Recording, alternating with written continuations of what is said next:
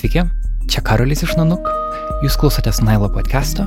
Šiandien dalinamės specialiu bonus epizodu. Tai, kas vyksta Vilniuje su viešosiomis erdvėmis, yra labai, labai liūdnas dalykas. Dėl to, kad miestiečiai yra netikrieji miesto šeimininkai, o kažkokie tai vargšeliai, kuriuos informuoja apie sprendimus. Liepos 17-ąją Vilniuje rašytojų sąjunga pakvietė kultūros atstovus kalbėtis apie norą nuversti paminklą rašytojui Petrui Cvirkai Vilniuje, dėl to, kad šis rašytojas kaltinamas kolaboravimu su sovietų valdžia. Renginys truko daugiau nei 3 valandas ir virto diskusija ne tik apie patį Cvirką, bet apskritai apie sovietmetį, apie mūsų teisę į miestą ir apie demokratijos būklę Lietuvoje. Mes dalinamės įrašu toks, koks jis buvo, visas 3 valandas neredaguotas, kaip unikalus dabarties liudimas. Ačiū garsistai Viltai Gustyti, kad visą tai rašė ir ačiū poetai Aušrai Kaziliūnaitai, kad leido šiam įrašui būti atliktam. Gero klausimo.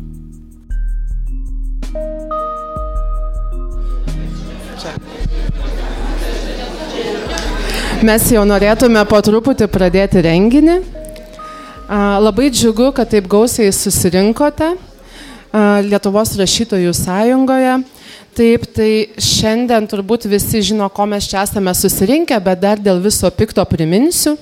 Tai iš tiesų Lietuvos rašytojų sąjunga, reaguodama į miesto savivaldybės ketinimą nukelti Petro Cvirkos paminklą, nusprendė suorganizuoti tokį pokalbį. Mes šio renginio nevadiname diskusija dėl to, kad jisai yra tiesiog suorganizuotas, norint pabrėžti tai, kad Lietuvos rašytojų sąjungos valdyba nubalsavo ir jos sprendimu buvo išsiustas prieš pusantro mėnesio laiškas Remigijui Šimašiui su išsakyta rašytojų sąjungos pozicija, kad mes vis dėlto rekomenduojame nenukelti Petro Cvirkos paminklo. Į šį laišką iki šiol oficialiai nebuvo atsakyta ir mes tiesiog nusprendėme surenkti tokį renginį, kuriame būtų išgirsta ir ta pozicija, kuri būtent yra artima Lietuvos rašytojų sąjungos laiškė išsakytai pozicijai.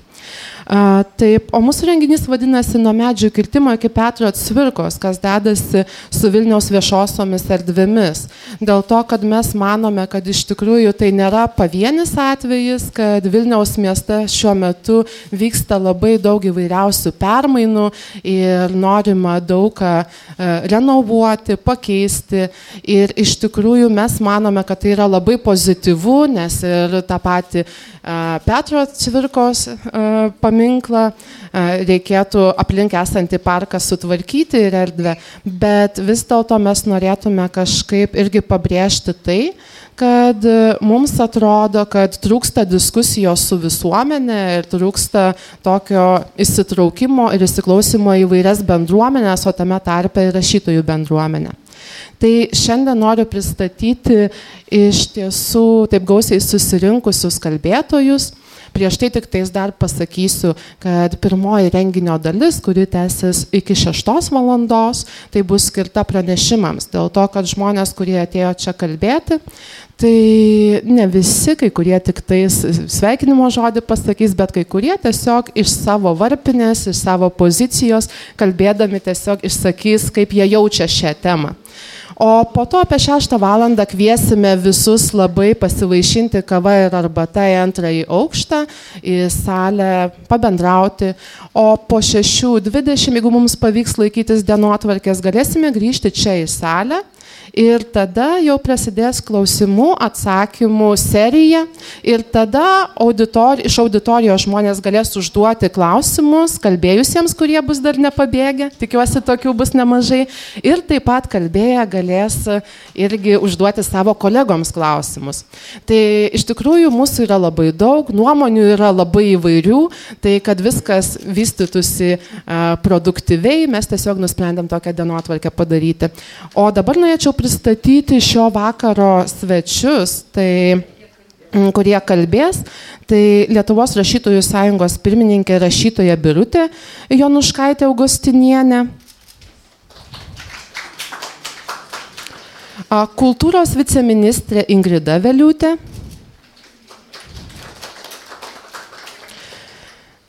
Lietuvos dailininkų sąjungos pirmininkė Edita Utarienė. Vilniaus miesto tarybos narė, kultūros ir švietimo komiteto pirmininkė Paulė Kuzmickienė.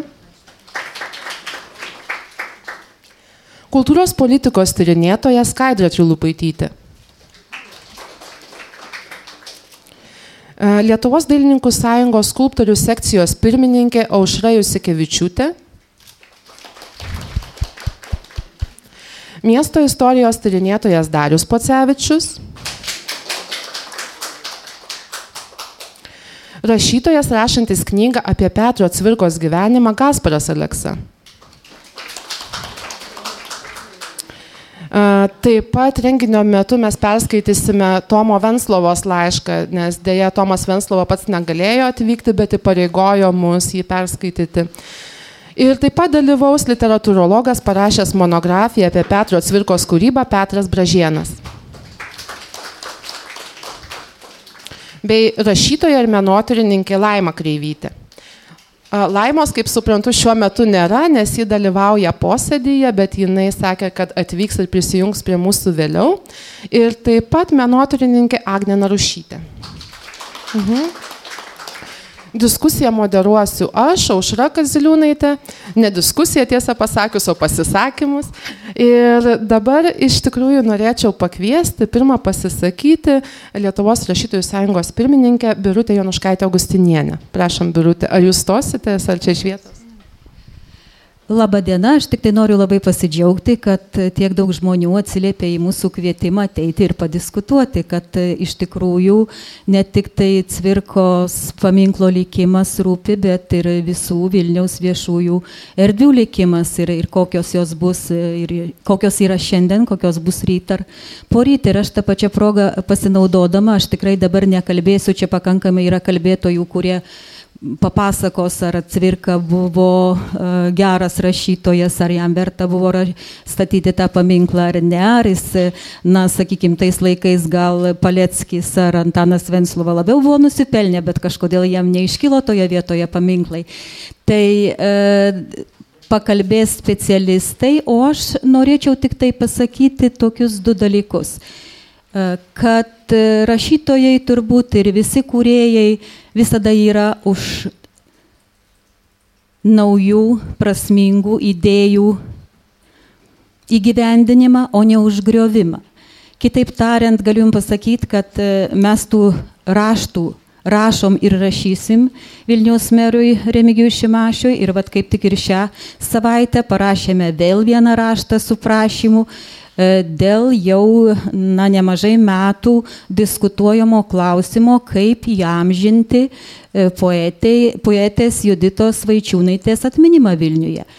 Likščiol, kaip žinote, buvo priimtas tik toks, sakyčiau, keistas sprendimas pavadinti jos vardu gatvę, kuri yra panerių seniūnyjoje, kažkur ten kažkoks žvirkelis tarp daržų ir šiltnamių poetei, kuri iki kaulų čiulpų yra miestietė poetė, aprašiusi, apdainavusi visą senamiestį. Tai mes vėl prašom ir siūlom, kad na jau jeigu neįmanoma kitaip, tai gal būtų galima bent jau sutvarkyti tą skverą prie e, Moniuškos paminklo, kur ant Benediktinų gatvės vieno namo kabo e, ta skulptūra, Henriko Rakausko skėtis skulptūra, prie kurios dabar net prieimo nėra, net jos niekas negali pamatyti. Kai mes ją kabinom, perkabinom nuo tos nelaimingos sienos, kuri ten buvo paskui prichvatizuota restorano, švelniai tariant. Tai e, tada buvo lyg ir įsipareigojimas savivaldybės žmonių, kad taip mes čia sutvarkysim tą aikštelę, išgrysim, kad būtų prieimas, kad būtų galima prieiti, paskaityti, pasižiūrėti į tą skėtį. Nieko likščiol nepadaryta. Tai ne, ten nereikia milijonų. Ten tik tai nuorodą padaryti arba dar siūlom, ką mes tame rašte. Pastatykim kalbantį suolelį. Prateskim tą gražią tradiciją, kur atsisėdus galima išgirsti būtų poetės įskaitytų eilėraščių ar, ar jos na, amžininkų ar apie tą laikmetį pasakojimų. Tai irgi būtų labai minimalus, labai nedaug finansų reikalaujantis, bet gražus, regimas ir girdimas ženklas skirtas e, šiai mūsų iškiliai, vienai turbūt didžiausių 20-ojo amžiaus pabaigos antros pusės poečių. Tai vienas dalykas. Kitas dalykas, kur aš šnieku dėl to, kad, na, jeigu mes norim nukreipti savo mintis ir gražinti tą miestą, tai e, darykim darbus, kurie netrodys ir gėdingi ir po mūsų likusioms kartoms. Arba, vat, turiu rankoj eskizą, paminklas Sigitui Gedai. Tiek, kiek mes galėjom, kiek suradom pinigų, lėšų, tą padarėm. E, jau yra akmuo, jau yra jam suteikta tam tikra forma. Dabar yra nepaprastai gražus Petro Repšio projektas. Aš čia jums galėsiu vat, pasiūsti įdomumo dėliai, pasižiūrėkit. Rašėm. Taip, mes, mes, mes ne į jūs kreipiamės pinigų, aš tiesiog jums pasakoju, kad kaip mes galime įprasminti viešasias erdves ir ką mes galim daryti vietoj griovimo mes visa visuomenė ir savivaldybė, kur gali nukreipti savo, kur gali nukreipti savo visas e, pastangas, negriaut, o kurt. Tai vad galit pasižiūrėti, tegul surenda savivaldybė ir meras vietą gerą Sigito Gedos paminklui, tegul randa lėšų vietoj statęs tiltą už 5 milijonus per Vilnelę. Čia nereikia 5 milijonų, čia reikia 20 kokių 2 tūkstančių eurų. Tai tokia mano būtų replika. Tik tai, žodžiu, kuriejai visą laiką už kūrybą, o ne už griovimą. O dabar atiduodu mikrofoną aušrai.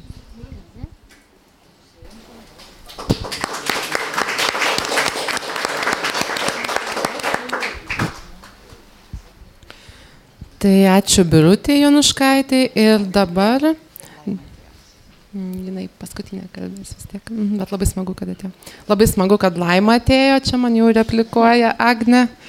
Tai gal įleiskite Laimą kaip nors ten pro visas kamerų užkardas.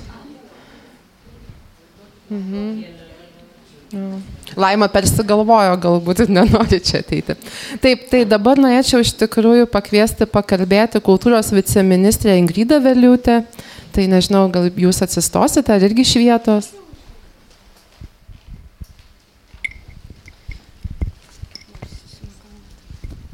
Tai labas vakaras visiems susirinkusiems ir na, toje rašytoje Mekoje turbūt nėra taip paprasta kalbėti žmogui, kuris yra šiaip rašytojų gerbėjas, bet pats nėra toks tikslinis rašytojas.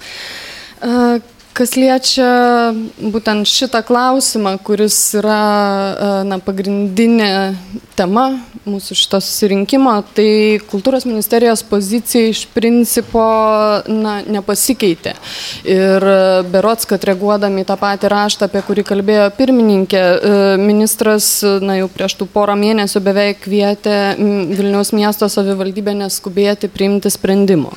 Ir na, iš principo renkti diskusijas būtent šito tuo klausimu, kur, na, tokia viena iš pirmųjų ir, ir gana svarbų žingsnį kaip tik ir padarė rašytojai. Tai nu, ta pozicija tokia ir yra, kad e, sovietmečio laikotarpio tyrimų iš principo, ir mes apie tai labai daug kalbame ne tik tai apie cvirką, bet ir iš, bendrai apie kitus Lietuvos paveldo objektus ir vietas, ir vietovės, ir planavimus, ir erdves, ir, ir taip toliau. E, tų tyrimų yra pernelyg mažai, jie yra nesisteminiai, jie yra pati valstybės pozicija, nėra iki galo aiški. Ir na, mes vis tik siūlytume neskubėti, išardyti, kaip kai kurie architektai man ir asmeniškai rašė, kad neskubėti išardyti vieną iš nedaugelio išlikusių būtent tą laikotarpį atspindinčių skverų. Ir e, vėlgi, kaip tas skveras galėtų atrodyti ateityje, e, kokios ten galėtų būti koncepcijos, kokios ten galėtų būti idėjos ir e, vėlgi tas pats cvirkos asmenyje, ar jisai turėtų likti, būti nukeltas ar, ar panašiai, tai yra pirmiausia diskusijų klausimas. Kitas dalykas tai yra idėjų konkurso klausimas, kas man atrodo na, visiškai kaip ir logiška tikriausiai seka turėtų būti. Ir man vėlgi labai panašus klausimas kyla kaip ir e, tyrinėtojai Rasai Antonavičiūtė, kurios straipsnį netaip, netaip seniai ir pasirodė e, spaudoje apie tai, ar ištri, nugriaudami paminklą ar išardydami skverą mes iš tikrųjų ištrinsime tą istorijos tarpsnį, kurį vienokiu ar kitokiu būdu jau pergyvenome, jį turėjome, ar tai tik bus patenkinimas tam tikrų žmonių ambicijų. Tai ministerijos pozicija lieka ta pati - neskubėti, diskutuoti, išsinagrinėti ir tada priimti sprendimą. Ačiū.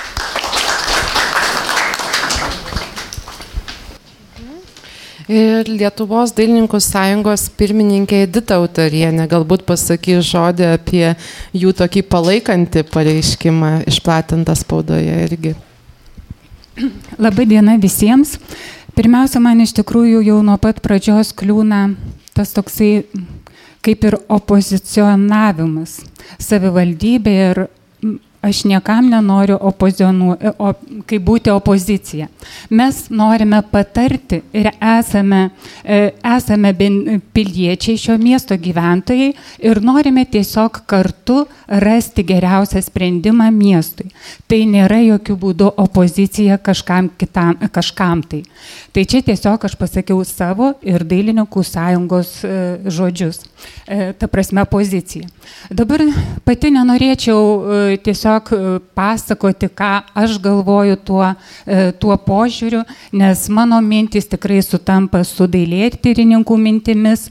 Mes buvome susirinkę, sušaukę e, susirinkimą kartu su dailėtyrininkais ir vedančiaisiais dailėtyrininkais, mokslo daktarais, kurie tikrai išmano urbanistinės erdvės, išmano tą visą situaciją ir paruošėme raštą, kurį išsiuntinėjome atsakingoms institucijoms, o taip pat jisai truputį platesni, e, platesniu, kaip čia, e, e, platesnis buvo išspausdintas įvairiuose laikraščiuose ir internetiniuose laikraščiuose taip pat.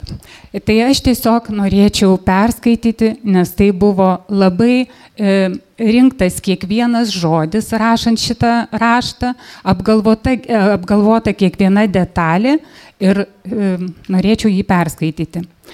E, Lietuvos dailininkų sąjunga, Lietuvos dailės istorikų draugija ir Tarptautinės dailės kritikų asociacijos Lietuvos sekcija kreipėsi, čia kadangi raštas buvo rašytas atsako, atsakingoms institucijoms, dėl būtinybės išsaugoti visą Petro Cvirko skverą su rašytojų skirta skulptūra dėl šių priežasčių. Pirma, Petro Cvirkos skveras gyvybiškai svarbi žalioji miesto zona, kuri priklauso tipiškoms plastiškoms vilnietiškoms erdvėms, augmenijos saloms. Aš truputį sutrumpinsiu. E, skveras suprojektuotas kaip terasinis perėjimas per rožių alėją iš susenamieščių besiribojančios žemesnės naujamieščio dalies į Taurakalnio keterą siekiančią Kosto Kalinausko ir Mikalaus Konstantino Čiurlionio gatvių trasą. Judėjimas per skverą patogus ir yra tapęs miesto gyventojų įpročių dalimi. Antra, Skvero architektūra ne tik politinis užsakymas, bet ir Vilniaus urbanistinio audinio modernizacijos materialų ženklas ir paminklas. Ji liūdija mums, kaip miestas suvokė 20-ojo amžiaus pirmosios pusės vidurio vystytojai ir gyventojai. Tai architekto Vladislavo Mikučianio kūrinys, tipiškas 5-60 mečio landšafto architektūros pavyzdys. Lietuvoje beliko tik keli panašus skverai Todėl Vilniškį būtina išsaugoti su visomis detalėmis. Skaldyto akmens tvorelėmis, apkraštuotomis terasomis, takais, suoleliais. Invazija įmanoma tik pagerinant vartotojų komfortą, sutvarkant apšvietimą, pastatant daugiau ir galbūt patogesnių suolelių bei šiukšlių dėžių, atidžiau suformuojant augmeniją. E, skvero architektūra liūdija 20-ojo amžiaus 5 ir 60-mečio modernizacijos procesus.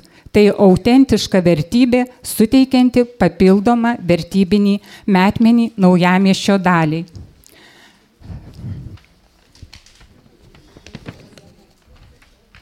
Trečia.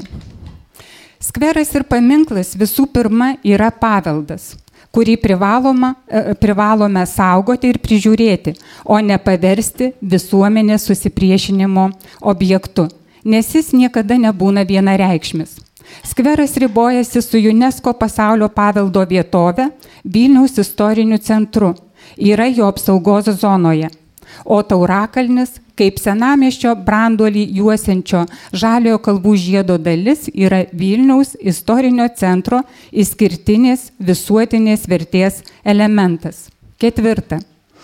Paminklas rašytojai yra skvero dalis. Diskusija dėl Petro Cvirko skvero pertvarkymo mėginama sukoncentruoti į būtinybę pašalinti savo simpatijomis sovietų agresoriams susikompromitavusio rašytojo paminklą.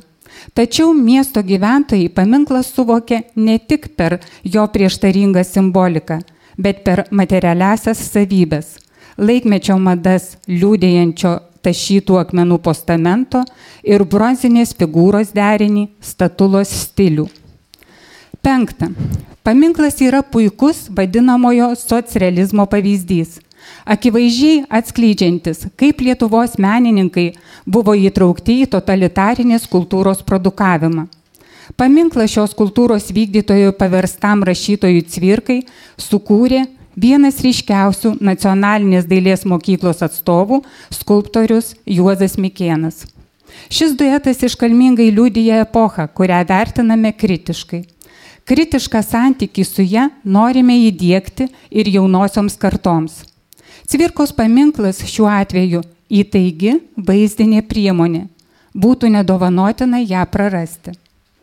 Šešta. Ši monumentali Mikėno skulptūra yra vienas iš nedaugelio socrealizmo pavyzdžių išlikusių originalioje aplinkoje. Nes daugelis kitų paminklų, kaip žinote, atsidūrė Grūto parka, pa, parke, kuri iš tikrųjų e, ta visa, sakysim, skvero ar jo aplinkos, urbanistinės aplinkos atkūrimas yra neįmanomas.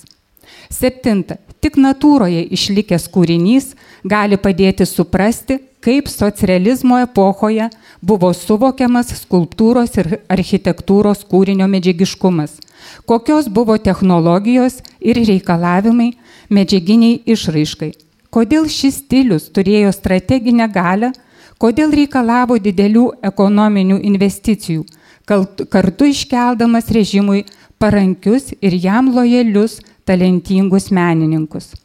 Tai štai tokį raštą mes išsiuntinėjome atsakingoms institucijoms, nenoriu vardinti, e, bet kartu šis, e, šis, ši diskusija, šis galbūt toks e, diskusija kelinti susipriešinimą žmonių, verčia visus susimastyti apie kiekvieno atsakomybę. Ir taip pat, aišku, mes,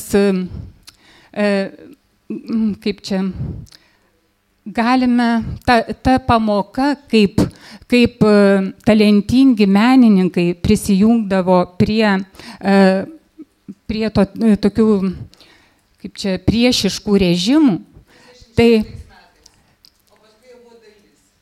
Taip, tai aš...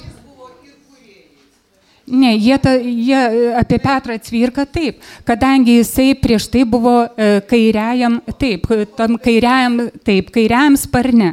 Bet po to... Taip, dabar žiūrėkit, kadangi aš tikrai nesu tyrinėtoja Petro Cvirkos ir man kaip dailininkų sąjungos pirmininkiai rūpi kultūros objektas ir skveras kaip kultūros dalis, Tai mes tikrai susirinkę dailėtyrininkai nesvarstėme e, e, Petro Cvirkos e, asmenybės bruožų ir taip toliau. Visą tai mes palikome tam, kas ir turi tą daryti. Tai istorikams ir istorijos tyrinėtojams, galbūt rašytojams.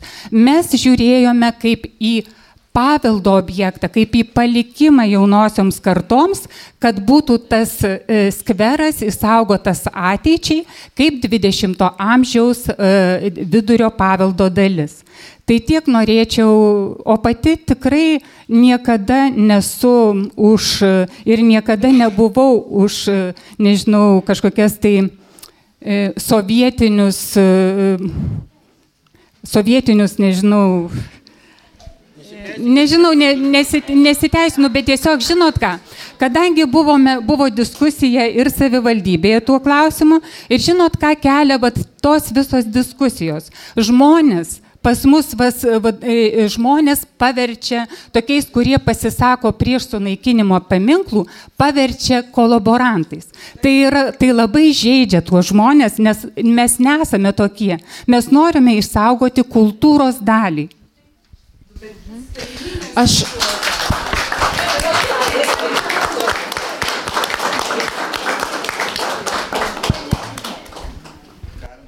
Iš tiesų negalima, nes aš kaip prieš tai sakiau, kad mes turime daug žmonių, reikia kalbėtojus gerbti ir prašom čia tiesiog suvokti ir mus, kad iš tikrųjų yra antra dalis, yra antra dalis, kurios metu mes visus klausimus tikrai labai mielai priimsim.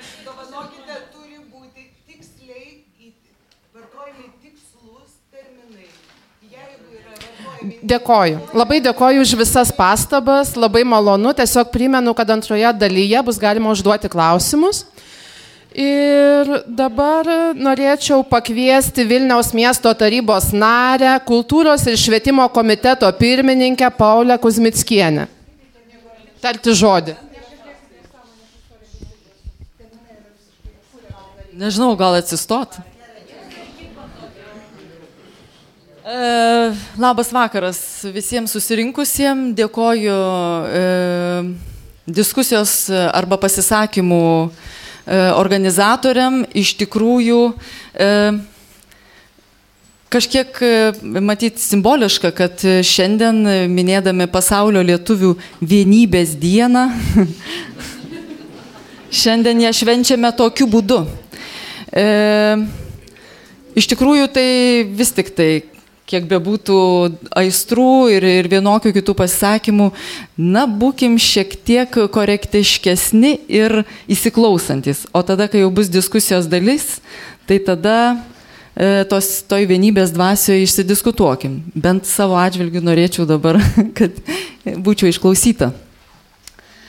E, Šiek tiek, e, be pradedant pasisakyti, ką, ką norėjau pasakyti, e, dėl ko ir atsistojau.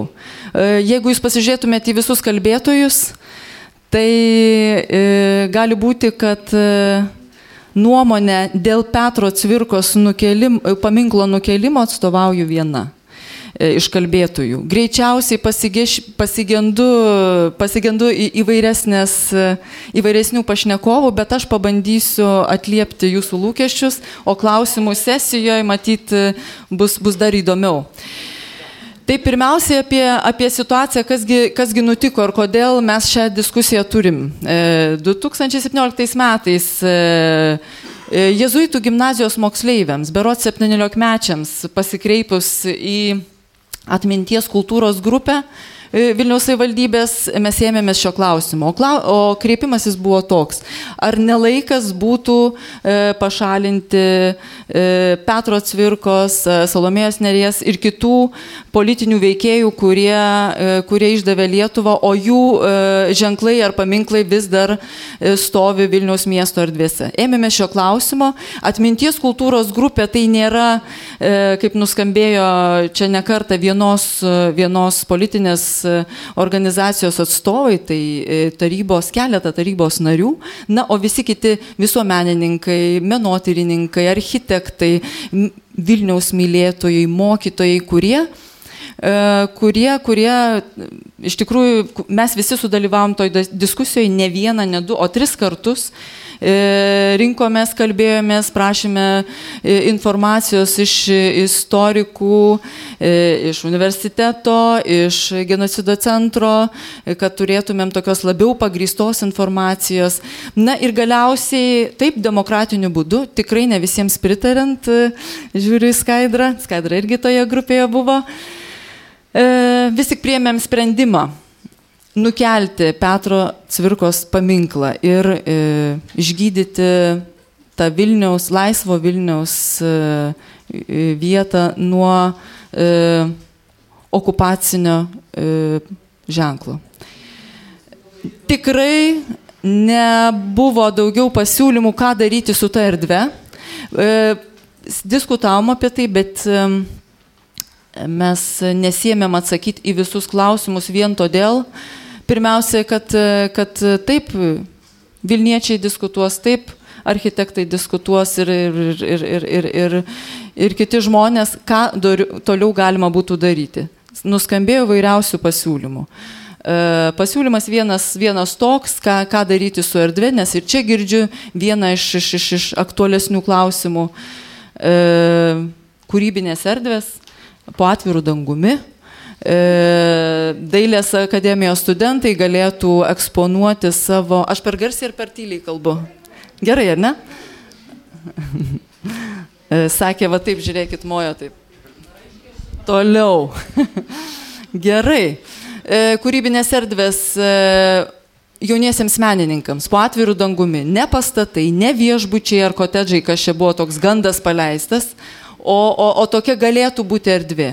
Nebūtinai Po, po diskusijų nuskambėjusių sulaukiau e, elektroniniu paštu tokio pasiūlymo. O gal padarykime ten cukrinių avinėlių e, pievą. Nu, e, įdomus pasiūlymas, šiek tiek susijęs ir su Petro Cvirkos e, vienu iš kūrinių, kurį, kurį iš tikrųjų ir mėgstama, mėgstam ir skaitom, matyti ir mokyklose dar jį paskaito. Gali būti ir taip, bet, e, bet šiai dienai tokio konkretaus pasiūlymo nėra. Yra tik supratimas, e, kurį mes įsirašėme į koalicijos e, sutartį, konkretų darbą. Tai e, skelbti konkursą e, tai konceptualiai idėjai, kuri greičiausiai atlieptų e, labai svarbius motyvus. E, taip išsaugojama augmenijos. Ten tikrai gražus, gražus medžiai ir, ir, ir visi tą galim paliudyti.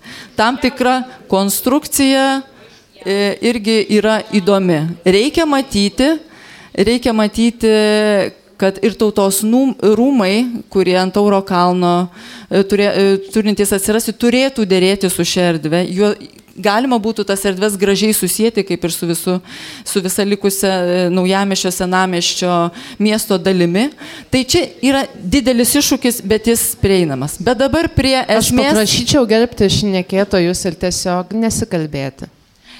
Bet dabar kodėl mes tokį sprendimą priemėm? Nes aš nuvažiavau jau į, į, į erdvės e, koncepcijų paieškas. Toje grupėje mes diskutavom, sutarėme labai vieningai. Pirmiausiai, mes apie Petrą Cvirką nekalbam kaip apie rašytoją, nes tas paminklas nebuvo statytas jam kaip rašytojui. Tai viena.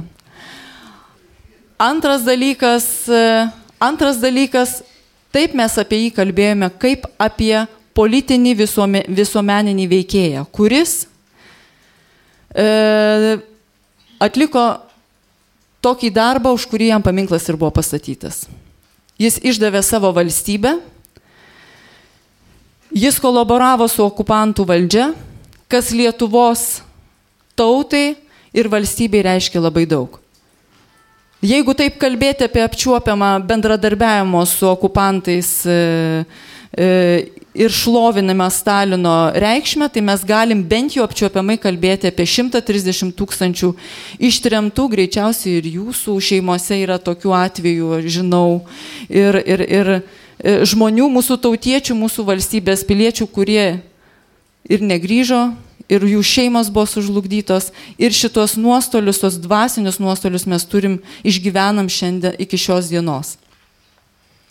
Apie tokį Petrą Cvirką mes kalbėjome darbo grupiai. Apie tokį paminklą, paminklą kaip pirminę tokią užduotį paminklo - atminti ir rodyti pagarbą žmogui už jo nuopelnus, kurie dėja yra susijęs su valstybės išdavystė, tai apie tai mes ir svarstėme ir mūsų buvo toks sprendimas. E, gavau labai rimtą pastabą ir nežinau, matyt verta ją įsiklausyti. Mes vis labai žaismingai sakom, pakankamai žaismingai. Už ką buvo Petrui Cvirkai pastatytas paminklas? Na, už tai, kad jis kartu su Salomė Nerim ir kitais važiavo parvežti Saulės iš Maskvos. Labai toks romantiškas, gal ir, gal ir pritinka, me, žinant rašytojo e, biografiją.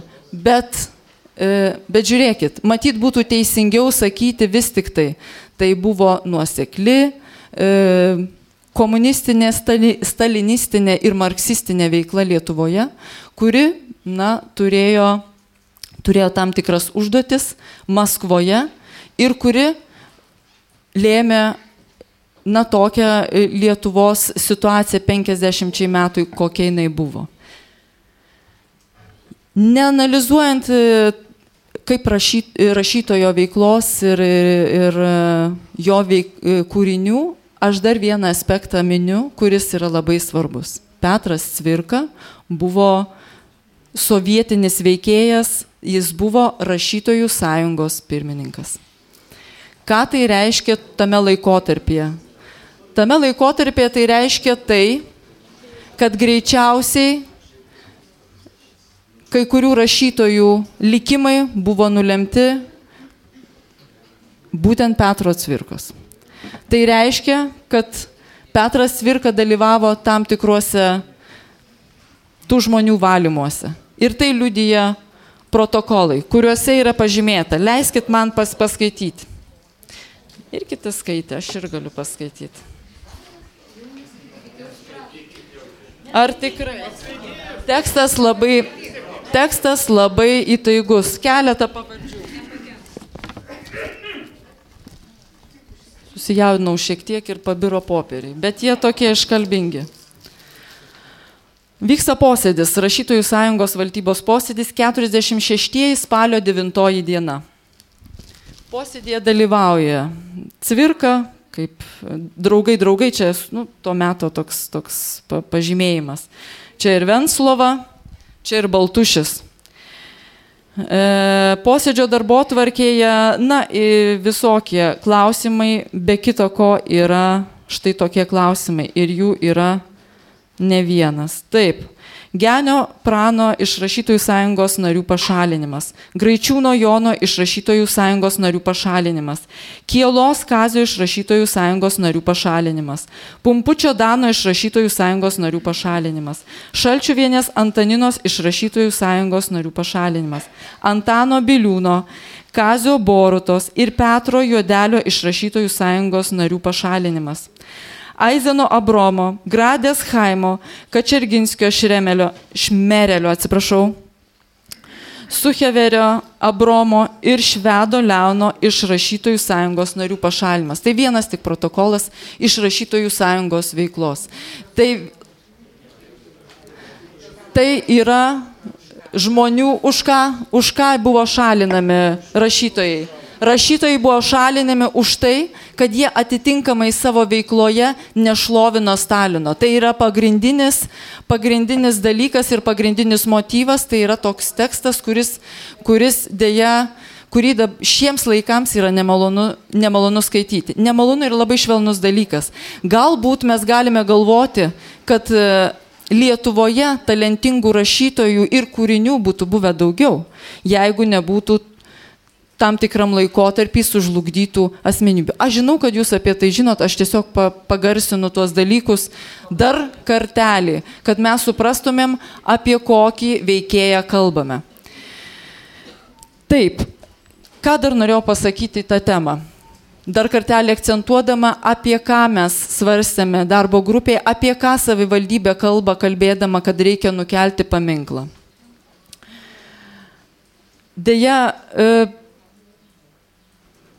vis tik tai savo pasisakymą norėčiau vienu tokiu esmingesnių e, skaitinių užbaigti.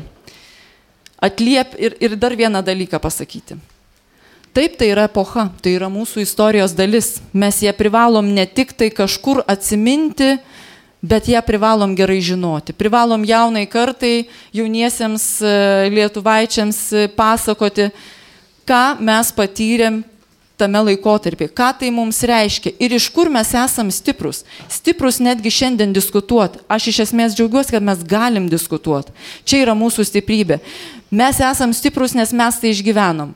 Kur tos istorijos aš jums linkiu, net jūs tai jau žinot ją, bet kur linkiu nuvesti jaunąją kartą ar atvykstančius lietuvaičių, užsieniečius į, į Lietuvą, kai labai norisi papasakot. Tai ne prie Petro Cvirkos paminklo, aš jums siūlau juos nuvesti į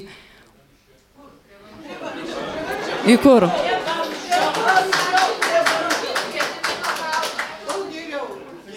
Į laisvės kovotojų ir okupacijų muziejų. Jūs ten geriausiai tose kamerose jūs, jūs galėsit papasakoti, ką reiškia valstybės išdavystė, kaip žmonės elgėsi su tais, kurie kovojo už Lietuvą, kurie stengiasi ją kurti ir kurie jie tikėjo, ką reiškia mūsų tautai tas didelis išbandymas ir dar yra gyvų liudytojų. Mes galim daryti susitikimus su jais, kurie papasakotų iš esmės, kokia mūsų istorija ir kaip mes sustiprėjome ją išgyvenantis. Mes stiprėjome ir iš tokių diskusijų.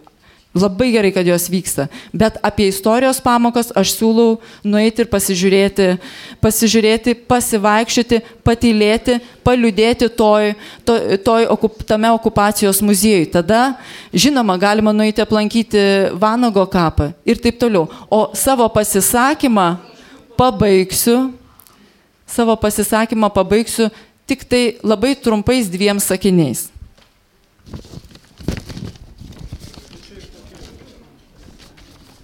Šiek tiek pažeidžiau reglamentą. Labai nedaug, bet tai ta visa esmė, man atrodo, labai gerai atsiskleidžia. O taigi čia yra nuskambėjęs kreipimasis nuo pirmojo Lietuvos TSRS tarybinių rašytojų suvažiavimo. Labai gražus kreipinys. Brangus draugė Stalinai tarybų Lietuvos rašytojai susirinkę į savo pirmąjį suvažiavimą senojoje Lietuvos sostinėje Vilniuje, didžiosios mūsų šalies pergalės dienomis, savo pirmuosius gilios padėkos ir meilės žodžius siunčia jums, didysis mūsų mokytojų, vadė ir bičiuli, tam, kuris ištrėmė ir naikino mūsų tautą, tam, kuris, kurio dėka 130 tautiečių mūsų nėra, tam, kuris sužydė mūsų širdį, ta dalis mus padarė stipresniais, na bet visgi istorija buvo tokia. Tai siūlau šiandienos diskusijoje dar ir šį aspektą panagrinėti. O siekiant, kad būtų į, įvairesnių nuomonių, tikrai kviečiu, kviečiu ir istorikus, politikus pakalbinti ir, ir, ir matyti jaunimą, kurie irgi atlieps Aha, ačiū labai temą. už jūsų ačiū pasisakymą. Labai. Atsiprašau, atsiprašau, taip ilgiau kalbėjau. Ne, ne, viskas gerai, ačiū. Tai. Mhm. Norėčiau tik tais dar kartelį priminti, kad vis dėlto galbūt kai kas vis dar maišo, bet šiandien mes ir nesakėme, kad bus diskusija dėl to, kad tiesą pasakius, ta viešoji opinija tikrai palaiko ir pasisako daugiausia už Petro Cvirkos nukelimą ir tiesą pasakius, na, bent jau tarybos šitas prieimimas. Tai, tai tiesą pasakius, mes tiesiog bandome kažkaip tą pusiausvyrą nustatyti, pasakydami, kad yra ir kitokių nuomonių. Bet labai Jums ačiū už Jūsų pasisakymą. Ir norėčiau tik tais, dėl to mes Jums leidome ilgiau pasisakyti, kad smagu išklausyti kitokią nuomonę. O kitiems kalbėtojams norėčiau priminti, kad vis dėlto gal laikykime tada to jau kalbėjimo laiko numatyto. Ir aš suprantu, kad labai sunku emocijos e, čia verda ir visa kita, bet gal galėtumėte truputėlį pagarbiau sekti kalbėtojus ir jeigu norite kažkokias diskusijas tarpusavyje kalbėti, tai galite už durų tai padaryti. Mm. Labai dėkočiau, jeigu norite šiuo metu klausytis, tai klausykitės, jeigu ne, tai galite kažkur pakalbėti, dėkoju. Ir dabar norėčiau pakviesti pakalbėti kultūros politikos tyrinėtoją Skaidrę Trilupaitytę. Labadiena ir dėkui prieš tai kalbėjusiems, o kadangi dabar jau matau įsisubavo politinio pobūdžio diskusijos, tai truputį nuleisiu visą šį renginį šiek tiek į techninių klausimų plotmę, nes ruošiau būtent pranešimą, kaip ir buvau prašyta, taigi dabar nesivelsiu diskusijas ir tyčia nekalbėsiu apie cvirką, nes manau, kad apie jį pakankamai daug buvo kalbėta ir bus kalbama.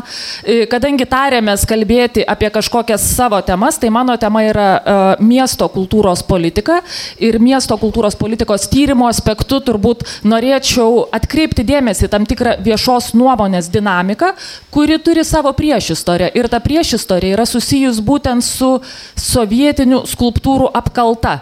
Kaip mes kalbam apskritai apie sovietinį laikotarpį, sovietinės skulptūras mieste ir visas tas reikalas įsisiubavo jau gerokai anksčiau. Reiškia, cvirka čia būtų vienas iš tokių momentų, apie kurį kalbam šiandien.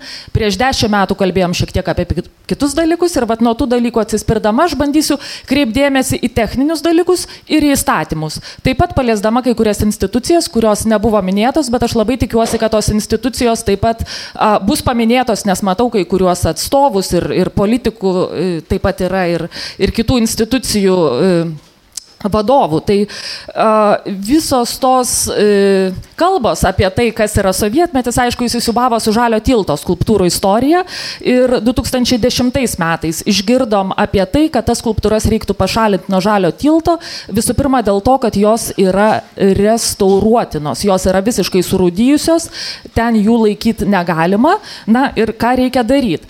Pagal įstatymus daug ko daryti negalėjom, nes savivaldybė privalo saugoti saugot paveldą ir tos skulptūros, kaip žinom, turėjo paveldo statusą ir meras, vicemeras savo rankom to daryti negali, turi būti skelbiami vieši konkursai.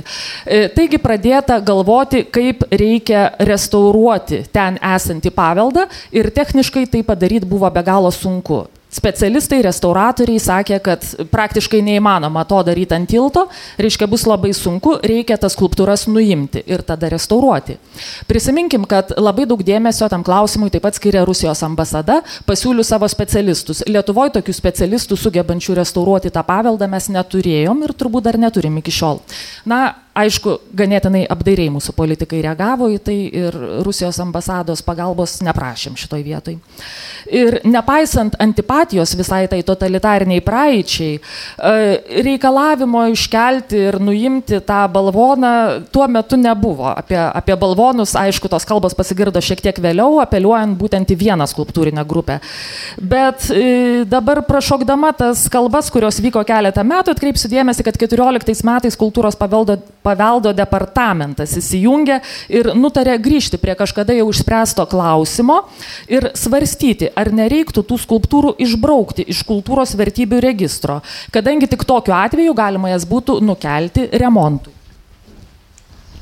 Restauratoriai ir technologai dar sėki pakartojo, kad per, žodžiu, stovint ten ant tiltojas, restauruot būtų tiesiog pernelyg sunku.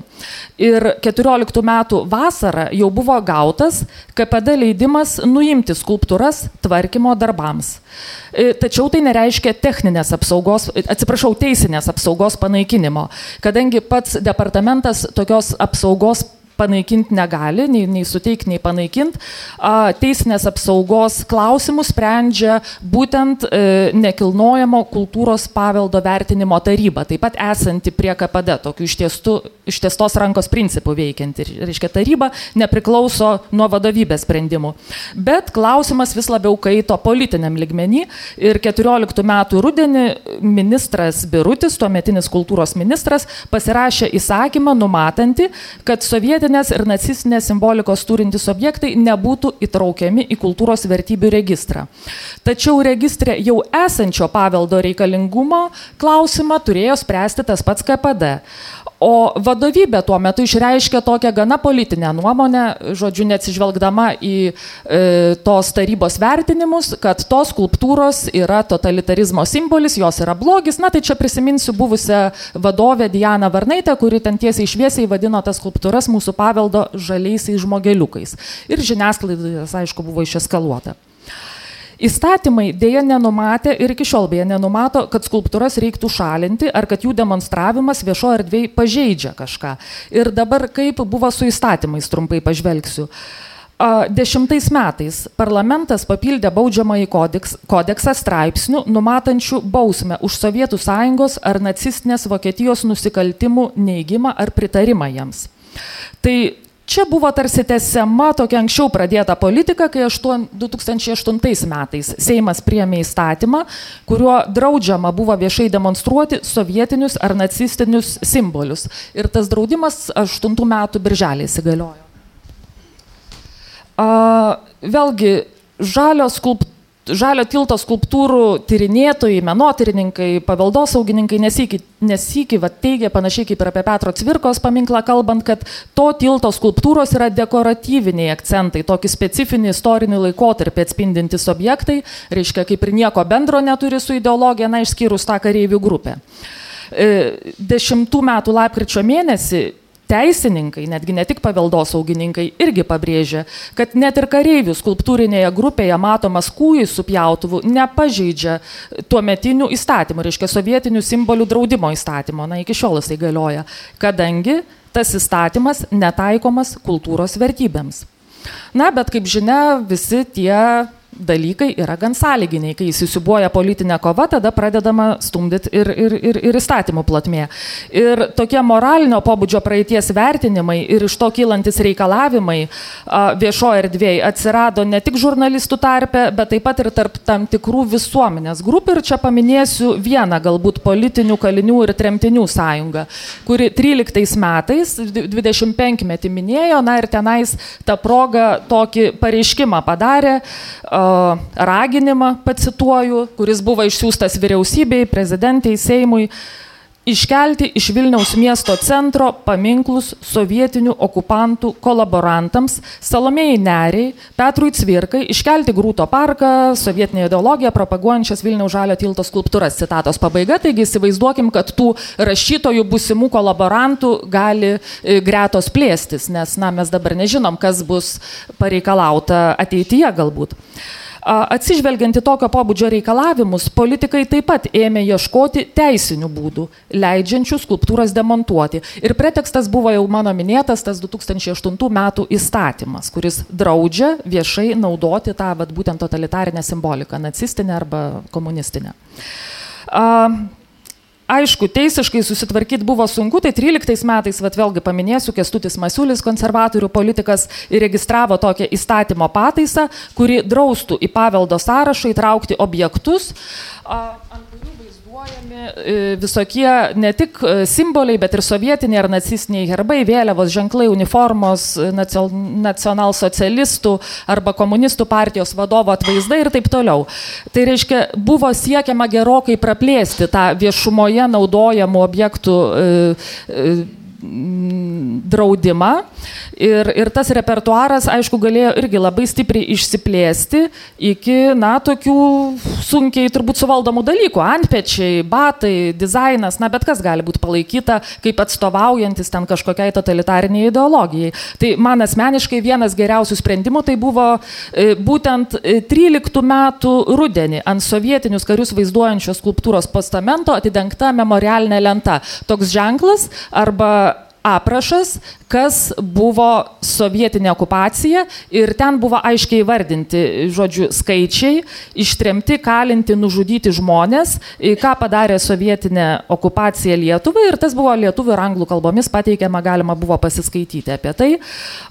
Vėlgi, Masiulis ten, kiek prisimenu, nebuvo patenkintas, nesakė, kad jeigu, jeigu jau norim tuos balvonus ant tilto laikyti, tai labai gerai toks užrašas, bet tada reiktų tų užrašų prirašyti ir prie besimokančio jaunimo, ir prie kitų grupių, ir prie prie valstiečių ir prie darbininkų, kokie jie buvo nelaimingi, kad jaunimas užsiemė propagandą, o ne mokslu, na ir taip toliau, ir taip toliau. Bet vėlgi matom, kad tai turbūt išsiplėstų iki absurdo, prirašant prie kiekvienos skulptūros po kažkokį traktatą. Na, tai yra tiesiog neįmanoma.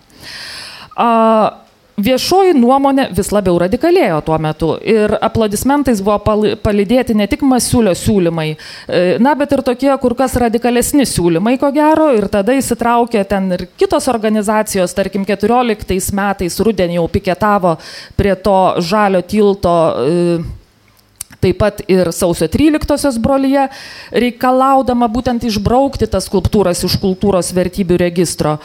O spalio viduryje Seime vyko tokia konferencija, kur skulptūrų šalininkai ten tiesiai išviesiai buvo kolaborantais pavadinti. Beje, iniciatyvų ėmėsi taip pat ir e, visuomenės informavimo priemonės. Laikraštis Lietuvos žinios savo internetiniam portale paskelbė tokią peticiją Lietuva be balvonų ir ten vėlgi buvo reikalaujama kuo greičiau nuimti žalio tilto skulptūras. Ir čia jau net neminėsiu aštriais pasisakymais garsėjančių įvairių tinklaraštininkų ir, ir visokių šposininkų, trolintojų ir taip toliau, na, kurie tą klimatą vis labiau kaitino. Tai jaunimo tarpe populiarūs žurnalistai, aišku, irgi liepia tos balvonus kuo greičiau nuimti ir taip toliau. Kas vyko 14 metais? Vyko tuo pačiu tam tikra konsolidacija prieš artėjančius rinkimus, nes 15 metais vyko savivaldos rinkimai. Taigi politinės partijos ir nauji visuomeniniai judėjimai, pavieniai lyderiai aktyviai ruošiasi pasisakyti įvairiais klausimais ir kiek prisimenu žurnalistam klausinėjant netgi partijų lyderių, ką jūs manote apie vieną ar kitą klausimą, kaip galimai busimasis meras, trečiuoju klausimu jau būdavo užduodamas klausimas apie tai, ką, ką galvojat apie žalio tilto skulptūras ir pagal šitą kaip lakmuso papirėlį galima buvo spręsti apie kandidato tinkamumą. Uh, Labai didelio spaudimo ir pasipiktinimo socialiniuose tinkluose ir žiniasklaidai sulaukė aukščiau minėtoji nekilnojamo turto e, ta vertinimo taryba, kuri 15 metų vasario mėnesį nutarė neišbraukti skulptūrų iš kultūros vertybių registro, reiškia nepanaikinti teisinės apsaugos. Bet šį klausimą jau buvo pavesta spręsti naujai 15 metais gegužės mėnesį sudarytai vertinimo tarybai, nes, na, vėlgi buvo tam tikras politinis spaudimas jau šiuo atveju. Kovo 15 jau buvo įvykę rinkimai, išrinktas naujas meras ir laimėjo liberalų sąjūdis, kuris nutarė tą bankrutuojančią tuo metu sostinę gelbėti įvairiais būdais. O naujasis vadovas Remigijus Šimašius ir prieš tai, ir po rinkimų ne, nedviprasmiškai kartojo tai, ką jis na, visada buvo sakęs, kad tuos balvonus reiktų nuimti pagaliau. Balandžio vidury, tarkim, išgirdom vėlgi, kad galima būtų skelbti naują konkursą, viešą konkursą būtent remontui, bet dėja e, tas pirkimo konkursas buvo sustabdytas liberalsajudiečių antipatija sovietmečio simboliais tapusiam skulptūrom, aišku, labai dėrėjo su tuo e, prieš rinkimus deklaruojamu taupimu, kad e, miesto biudžetas yra išeikvotas, turbūt buvo gana akivaizdu, e, bet taip pat ir pasak šviežiai išrinkto mero, tarybinės armijos kareiviai, čia jau cituoju, negali stovėti vien dėl to, kad jie gali užgriūti mum ant galvų. Na tai aišku, tą problemą reikia spręsti. Tikrai nesu nusiteikęs eikvoti miestiečių pinigų pinigų toms skulptūroms renovuoti vietoje. Kaip primenu, vietoje ir neįmanoma jau būtų remontuoti. Akivaizdu, kad jas reiks nukelt. Jeigu nukėlus, jas nukėlus, jos, jeigu bus restauruotos, atsiprašau, nemanau, kad jos turėtų grįžti, citatos pabaiga. Na ir balandžio 24-15 metų naujasis savivaldybės vadovas jau pranešė, kad miestas tikrai sustabdė konkursą dėl žalio tilto skulptūrų rekonstrukcijos, o ta skaidrumo ir taupimo politika taip pat labai gerai dėrėjo su oponavimu pirmtakui, būtent Zuokui, kuris, aišku, pagarsėjo kaip švaistantis lėšas meras.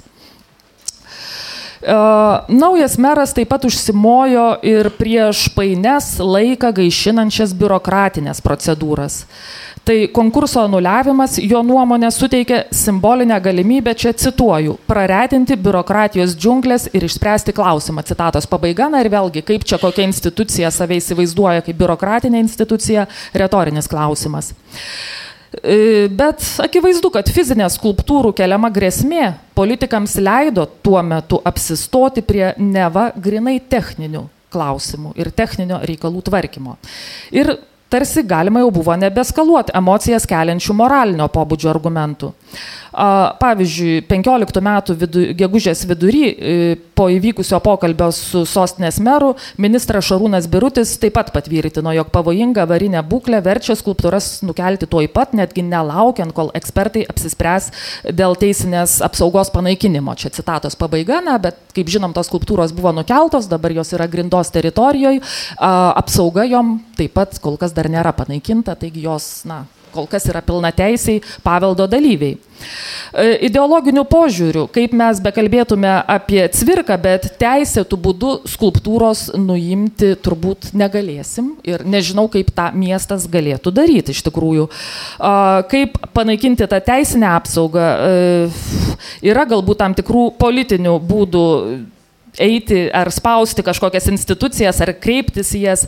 E, priminsiu, kad Kaune taip pat stovi Cvirkos paminklas, tačiau teisinė apsauga jam jau panaikinta 16 metais ir ją panaikino ta pati nekilnojamo kultūros paveldo vertinimo taryba.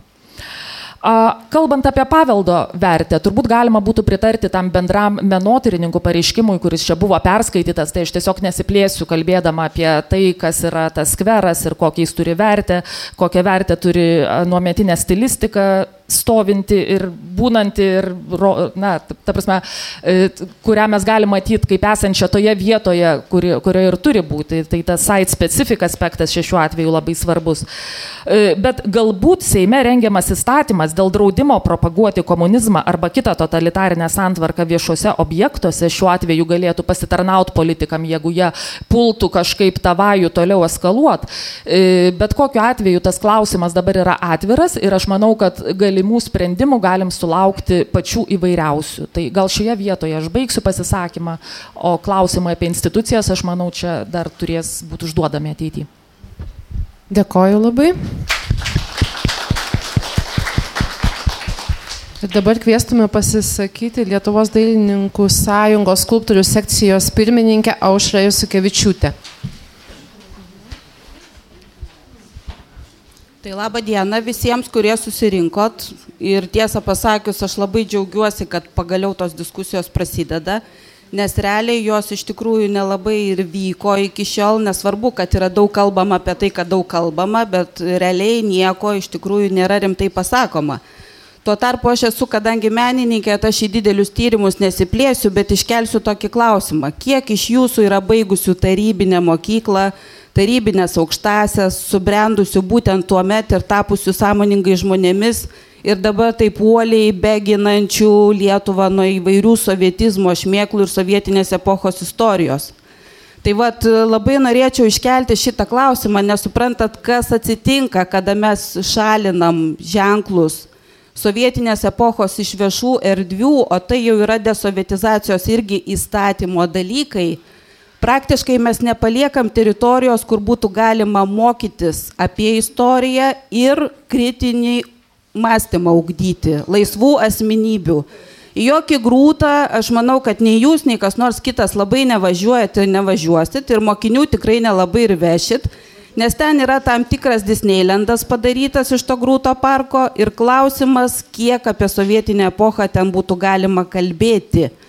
Tuo tarpu kadangi mano pačios tėvų visa karta praktiškai yra paskelbta kolaborantais ir mano mokytojai taip pat, aš beje irgi kraštelį tos epochos mačiau ir manau, kad aš atstovauju jau jaunesniai kartai, tai tikrai norėčiau paklausti, kodėl vietoj cirkos nebūtų galima pastatyti viešbučių, o kodėlgi ne? Kodėlgi verslo neįsileidus ir nepadaryti, neužplambuoti ten fantastiniais rūmais ir prašmatniais apartamentais tos vietos? Kamgi mums to žalios erdvės, atsiprašau, gerbiami miestiečiai. Mums reikia brūko, mums reikia asfalto. Taip, čia būtų mūsų, mūsų skulptorių ypač siūlymas. Beje, aš manyčiau, kad netgi galima būtų ir naujus paminklus pastatyti dabartiniams gelbėtojams nuo sovietinės epochos.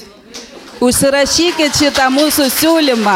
Mes galėtumėm jums padaryti nuostabių paminklų su rožytėm iškaltom ir ką tik tai norit galėtumėm padaryti.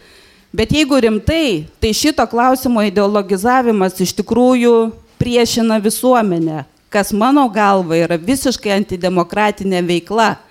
Kitas dalykas - slėpti tą epochą, kurią mes turim tyrinėti, nagrinėti ir būtent siekdami užaukti laisvai žmonėmis ir iš tikrųjų išskalbti savo galvas nuo sovietinio mentaliteto, siūlyčiau tikrai labai rimtai pagalvoti apie tai, kodėl mes tai darome sovietiniais būdais, kodėl mes tai darome tais pačiais būdais, kaip darė sovietai. Ir kodėl mes carinio paveldo neverčiam. Verčiam, prašom, nes mus žaidžia ir carinis paveldas mus žaidžia ir baudžiavos palikimas. Taip kad prašom, atkreipkite į tai dėmesį.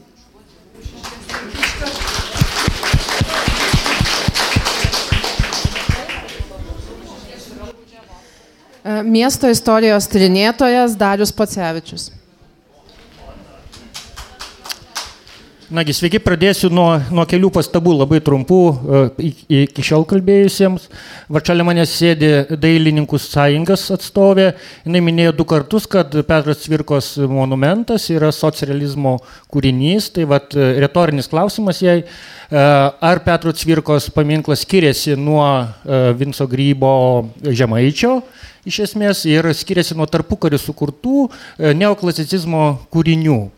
Antras dalykas, kalbėjo savivaldybės atstovė, daug kalbėjo apie tremtis ir apie, ką ten darinai, nu, žodžiu, politiką, politiką. Tai va, du retoriniai klausimai. Ar visiems tiems, kurie važiavo neva parvežti saulės, yra pastatyti paminklai? Antras klausimas būtų, kiek žmonių nuteista ištremti yra Petro Cvirkos sprendimu. Taip, e, dabar aš savo pasisakymą norėčiau padalinti į dvi dalis. E, pirmas būtų apskritai apie istorinės atminties naikinimą. E, istorinė retrospektyva, nes aš esu reliktų tyrinėtojas, o reliktai tai yra na, istorinės atminties ženklai viešoje erdvėje. O antras blokas būtų apie Petros Cvirkos gyvenimą ir mirtį Vilniuje, trumpai. Tai va, nieko naujo, pasaulyje nėra ir nebus. E, kiekviena valdžia naikina prieš tai buvusių valdžių e, viešosios erdvės ženklus ir kuria savus. Ir tai Vilniuje prasidėjo jau XIX amžiaus viduryje. Pirmą kartą buvo mano saušos vartuose. XIX amžiaus pradžioje buvo ten užrašytas lenkiškomis raidėmis e, užrašas ant aušros vartų, va iš šiaurinės pusės. E, matka ten, nu, žodžiu, neprisimenu šito tiksliai. Nu, šitą gailestingoji motina, ten Melskis ir taip toliau. Tai va, tai 63 metais jis buvo pakeistas lotyniškų Murovjovo sprendimu. E, tuo pat metu buvo pakeistos kelios pagrindinės gatvės. Vietovardžiai irgi, irgi yra prie, aš skiriu prie reliktų, prie viešosios erdvės ženklų. E, daug didesnis griobimo ir naikinimo atvejais įvyko keičiantis valdžiom po pirmo pasaulinio karo. Ir per pirmą pasaulinį karą tai yra e, trys labai ryškiai išreikšti ženklai, tai yra trys paminklai e, Muravjovai, Jekaterinai ir Puškinui buvo išvežti, jų nereikėjo naikinti, e, tačiau e, e, Lenkų administracija atėjusi, jie ką nugriovė cerkvutę, tokią koplytėlę, kuri buvo dabartinėje Kudirkos aikštėje, jie nugriovė dabar visai pamirštų penkių Vilniaus komunarų kapą, kuris buvo katedros aikštėje Katerinos paminklo vietoje. E, ir pakeitė daugybę gatvėvardžių, kurių, kurių ir naujamestė, kurios buvo naujai suteiktos gatvės, naujai pavadintos, jie pervadino savaip, sakykim, Sariciną pavadino Saracėnų, e, o e, Jurgio prospektą, kuriam, kurio, kurio yra istorinis pavadinimas būtent toks, pavadino Mitskevičius. Tai va, pradėjo tą gatvėvardžių kaitos karuselę. 39 metais Lietuvų administracija atėjusi dar labiau užsuko šitą e, atminties naikinimo ir savų, tai yra savų nespėjo sukurti labai daug. E, buvo kas, buvo e, Naušos vartų nuimtas baltas serelis, kaip, kaip Lenkų herbas, ant Gedimino kalno nugriautas ne va tai Lenkų kryžius, bet tai buvo Vivulskio sukurtas labai modern, tai yra tiems laikams labai modernus kryžius sukilėliams. XIX amžiaus vidurio sukilimo to ir kas dar buvo nuimtos apie 10 lentelių memorialinių, tame tarp jų buvo trys Pilsutskiui skirtos, nulaužytas erelis ant Konarskio kapo, dabartinė mūtinės gatvėje prie Konarskio turgelio, ne va tai palaikyta Lenko realiu, nors tai neturėjo nieko bendro su tuo. Na ir taip toliau.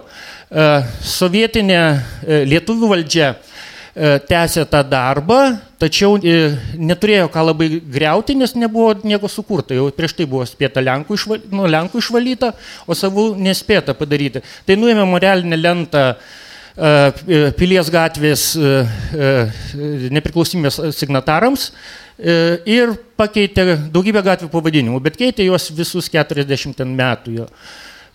Iš esmės tiek ir prikūrė daugybę savų Na ir e, didžiausia, aišku, griovimo banga atėjo 89-93 metais, e, kai ta pati, na, sakykim, lietuvių nacionalistai, e, tie patys, kurie buvo 39-ais naikino Lenkus, dabar naikino sovietinius ženklus Vilniuje. Ir tai buvo sunaikinta, aš bandžiau skaičiuoti, Jeigu priskaičiuotume meno kūrinius, kurie buvo įvairiuose interjeruose, eksterjeruose, e, paminklus, e, dizaino elementus, tai galima priskaičiuoti apie 2000 įvairių viešosios erdvės ženklų iškeliavo į nebūtį dėl, dėl tam tikrų politinių motyvų. Ir tai aš laikau nieko, nieko kitų, o e, istorinės atminties naikinimu, e, atminties trinimu ir naujos kanukų arba mankurtų kartos kūrimu. Ta karta, kuria, apie kurią kalbėjo 90 metais, jinai antraip buvo kitais būdais sukurta vėl dabar ir nekalbant arba kalbant tik blogai apie tam tikras epochas, pradedant nuo sovietmečio, paskui tarpukaris, paskui carinės Rusijos laikotarpis, Rusijos imperijos, apie juos kalbant blogai, gaminama nauja, nauja ta mankurtų karta, kuri neturi istorinės atminties ir neprisimena savo senelių, prosnelių ir, ir, ir kitų gyvenimų. E, apie Petrą Cvirką. E, e, su juo susijusios mažne šešios vietos Vilniuje. Pradėkime nuo šito namo. Jisai gyveno, vad kai einate į namą, į šitą pastatą, sukate į kairę, į šitą salę, sukite į dešinę, praeina trūbinė nedidelė, kairėje yra knyginėlis, o dešinėje yra tokias, na, kambarėlis, dabar ten buhalterė sėdi. Sekundėlę. Tai va, uh, jisai ten gyveno tame kambarėlėje, uh, nu, savo darbovietį, kadangi jisai, kaip ta, kai tapo rašytojų sąjungos pirmininku, uh, gyveno, beje, kaip skvoteris gyveno, nes oficialiuose sąrašuose šito namo gyventojų jisai nefiguravo. Buvo ten visokios administracijos darbuotojai sąraše, o jo, jo nėra.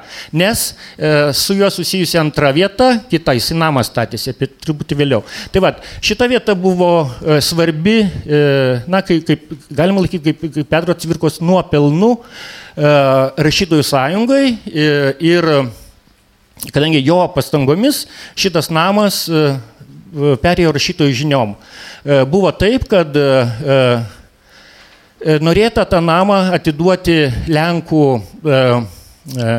kaip jie vadinosi, repatriantų komiteto žinion ir čia turėjo ir buvo 44, 5, 6 metais e, prie to namo stovėjo didžiulės eilės Lenkų ir jie registravosi čia, tie, kurie turėjo būti ištremti arba iškeldinti į rytų Prūsiją žemės, e, tie vietiniai Vilniečiai. Ir Petras Cvirkas dėjo daug, daugybę pastangų, kad šitas, šita įstaiga būtų iškelta e, ir įgyvendintas 44, ne 45 metų pradžios sprendimas toks formalus atiduoti kūrybiniam sąjungom, tai yra rašytojų, e, kompozitorių, dailininkų sąjungom, trim sąjungom šitą pastatą. E, kadangi jisai buvo iš pradžių, žinot, priklausė, bet yra raidės M ir kokia ten, o, Marija Oginska. E, tai yra Marija Oginskienė priklausė, jinai turėjo du tokius rūmus, vien, vieni plungėje buvo, tai juos rekvizavo, nacionalizavo Lietuvių e, administracija 19 ar 20 metais, atėmė juos, kadangi jinai buvo Lenkija. E, o šituos rūmus jinai pardavė 39 metais, labai protingai pasielgė, pardavė e, savivaldybei, magistratui, e, tai yra miesto valdžiai ir tada nieko nereikėjo. Ir tas mitas, kad Petras Cvirka iš Oginskinės, iš Oginskos už 5 rublius nusipirko šitą pastatą, yra mitas. Jisai klaidžioja tarp rašytojų sąjungos narių. Oginskinė jau buvo mirusi po Jis mirė per antrą pasaulinį karą ir 45 metų pradžioje, kai buvo priimtas sprendimas, e, nereikėjo to namo pardavinėti, nes jisai priklausė, perėjo į vykdomojo komiteto, tai yra miesto valdžios žinion toliau buvo. E, šitas, e, šita vieta toliau yra namas, dabar yra uždaroj teritorijoje, Tauro gatvė 14A, tai yra už Venslovų namų, už Venslavų muziejaus, už Antano Venslavos namo, yra skardis ir ten e, ant to skardžio viršaus yra namukas, toks labai gražus, raudonų čerpių. Ir tas visas teritorija yra aptverta, ten yra dabar NATO specialiųjų pajėgų planavimo e, bunkeris. E, o jisai kilo iš 56 metais baigti statyto vyriausybinės priešlėktuvinės gynybos lėktuvės. Jis buvo pastatyta dviejų aukštų, gelžbetoninė su visais ten saugumais ir jinai dabar iki šiol tarnauja NATO reikmėms. Ir tas namukas, kuriame norėjo įsikurti kaunietis Petras Cvirka, negyventi šitam kambarėlyje, o tokiam respektabiliam namukė būti. Tai jį belaisvė jau buvo atstatę, bet jis dėl savo mirties nespėjo tiesiog įsikelti į jį. Trečioji vieta yra Rožio lėja, ten, kur jisai mirė. Tai yra pagerinta arba spets poliklinika buvusi, tai yra dviejų aukštų namas, visai netoli Cvirkos paminklo dabartinio stovinčio. Ketvirtoji vieta yra po Cver, Petro Cvirko atminties gatvė, Petro Cvirkos buvo pavadinta, dabar tai yra Pamienkalnio ir Jesinskio gatvės, dvi, Pamienkalnio iš vis naujadaras, niekada nebuvo Jesinskio yra senas, senas tarpukario pavadinimas. Ketvirto, penktoji vieta yra, gal kas nežino turbūt, yra Lakštingalos paminklas šalia Konarskio turgelio. Tai yra 80 metais 80 metais Lietuvos pionierius laikraštis ir Lietuvos knygos bičiulių draugija inicijavo konkursą apklausti vaikus, koks literatūrinis herojus jums labiausiai patinka. Nu ir spėkit, ne berniukas ten kažkoks ten kulverstukas, o blemba šitas Petras Tvirkos, lakštingala herojus, partizanų pagalbininkas, kuris švilpavo miške ir skaičiavo ten vokiečių tankus ar būrius tenai. Tai va, ir jam buvo pastatytas Romo Dauginčio, tragiškai vėliau žuvusio e, paminklas ir tai dabar vat, pirmoje ir eilėje ir kairėje sėdintis nacionalistai galėtų greuti ir šitą laisvai. E, ir šeštoji vieta yra e, Trasų kapinės, e, tai yra kapas, Petro Tvirkos kapas. E, Na, antkapis su, su tokiu bareliefiniu jo atvaizdu ir taip toliau. Visai gražus paminklėlis. Tai va, akivaizdu, kad Petras Cvirka nusipelnė daug daugiau negu Vilniuje atminimo vietos ir atminimo ženklo negu, paminėsiu dabar labai eretiškai, negu Donelaitis ir negu Kudirka, kurie abu nesusiję su Vilniu niekuo, jie nebuvo čia Vilniuje ir apie Vilnių net neužsiminė savo raštuose. Nei Kudirka, nei Donelaitis. Jiems stovi, stovi paminklai. Galima diskutuoti dėl didžiulio paminklo, kuris, na, būna žemės maitintojas, Frankruk ir ten kitam, aišku, kad ne, neužrašyto aiškus nuopelnus. Uh, Šalia, vat, šalia mūsų už rašytojų sąjungos va šitos lango, už skverelį buvo 87 pradėtas projektuoti biustas Antanui Venslovai. Tai vad kažko panašaus, mano supratimu, buvo nusipelnęs ir Petras Cvirka šitoje vietoje biustuko jo, kadangi jisai na, prisidėjo prie to namo, na, kuris ir dabar vat, rašytojų sąjungos širdis yra.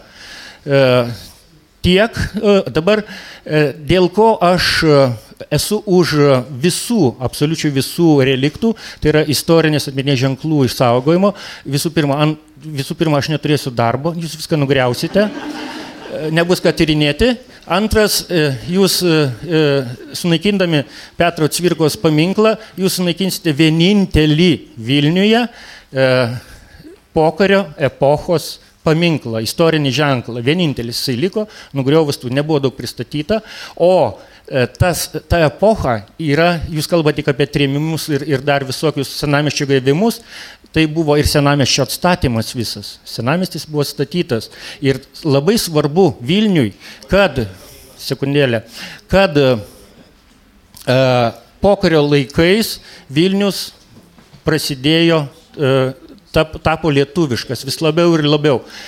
44-46 metais buvo išgabenti visi Lenkai ir į Vilnių būtent tais laikais atsikėlė mūsų seneliai. Ir vat jų vis daugėjo, daugėjo, daugėjo. Ir dabar jų anūkai va sėdi pirmoje eilėje ir labai gali kalbėti apie tą epochą. Paklauskite savo senelių, kaip jie iš Balbieriškio, iš ten Subačiaus kažkoks keliavo į Vilnių, beveik prievarta jos čia nes čia buvo Vilnius apgriautas ir niekas nenorėjo čia iš provincijos gyventi. Kaip jos čia trėmė, sakykime, ta, ta sovietinė valdžia. Na ir e, e, lietuvių vis daugėja ir daugėja. Taigi, e, ta pokario pirmieji dešimtmečiai arba penkiolika metų irgi yra svarbus ir jisai nėra vertinamas vienapusiškai, reikia vertinti įvairiapusiškai. Ačiū.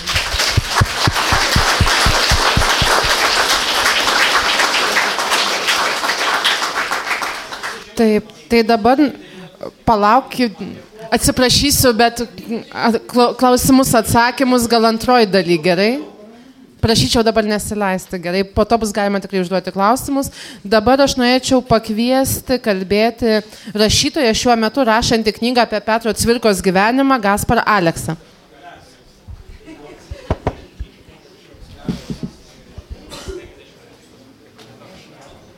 Pona ir ponios, man rūpi jūsų sveikata. Ar galėtumėte atsistoti? Nes ilgai sėdit, e, gręžia- e, grėsia trombembolija. Suprantat, atsistot, pasistiept. Prašom. Va, atsistokit, atsistokit. Va, va. Pasistiepkit keletą kartų. Va.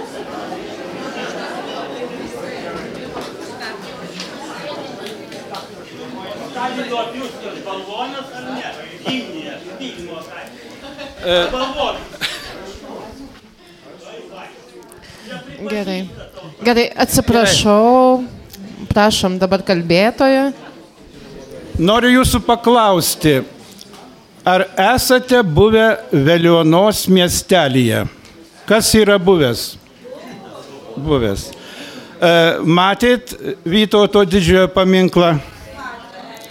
Kas yra buvęs Kudirkos naumiestyje? Esat matę Kudirkai paminklą? Kas esate buvę Helsinkije? Ar matėte Aleksandrui II paminklą okupantui Helsinkio centre? Baltą marmurinį paminklą. Nu, atsiprašau, aš nieko netraktuoju ir manęs versti į lietuvių kalbą nereikia. Man eh, Petras Cvirka yra lietuvių literatūros klasikas. Jo kūrybą ir asmenybę domiuosi 60 metų, nuo pat vidurinės e, metų. Gerai pažįstu tą aplinką, žmonės, pažinojau jo seseris. Taip. Visi tie pasisakymai ir ponios Paulės, ir žiniasklaidoje, kurie yra, jie grindžiami keliomis netitinkančiomis tiesos frazėmis, tezėmis. Čia galima įvairiai pervertinti, įvertinti, kodėl aš paklausiau apie tuos paminklus. Vytauto didžiojo paminklai, e, Kudirkos paminklai visą sovietmetį išstovėjo. Ir šita baisioji santvarka nenugriovė jų kažkodėl. Tada paieškokit priežasčių, kodėl. Nesiginčysiu dėl to, ar Cvirka kolaboravo su sovietų valdžia. Taip, kolaboravo. Neneigiu. E, prieš porą metų išleidau romaną apie Juozapą Zdebskį, e, kuris disidentas ir buvo sovietmečių e, nužudytas, persekiotas ir taip toliau. Mane sudomino ir Cvirkos asmenybė ir todėl ryžausi rašyti romaną apie Petrą Cvirką. Romanas vadinsis Baig cirkus Cvirka. Ir vat, jūs esat irgi cirkininkai tos situacijos.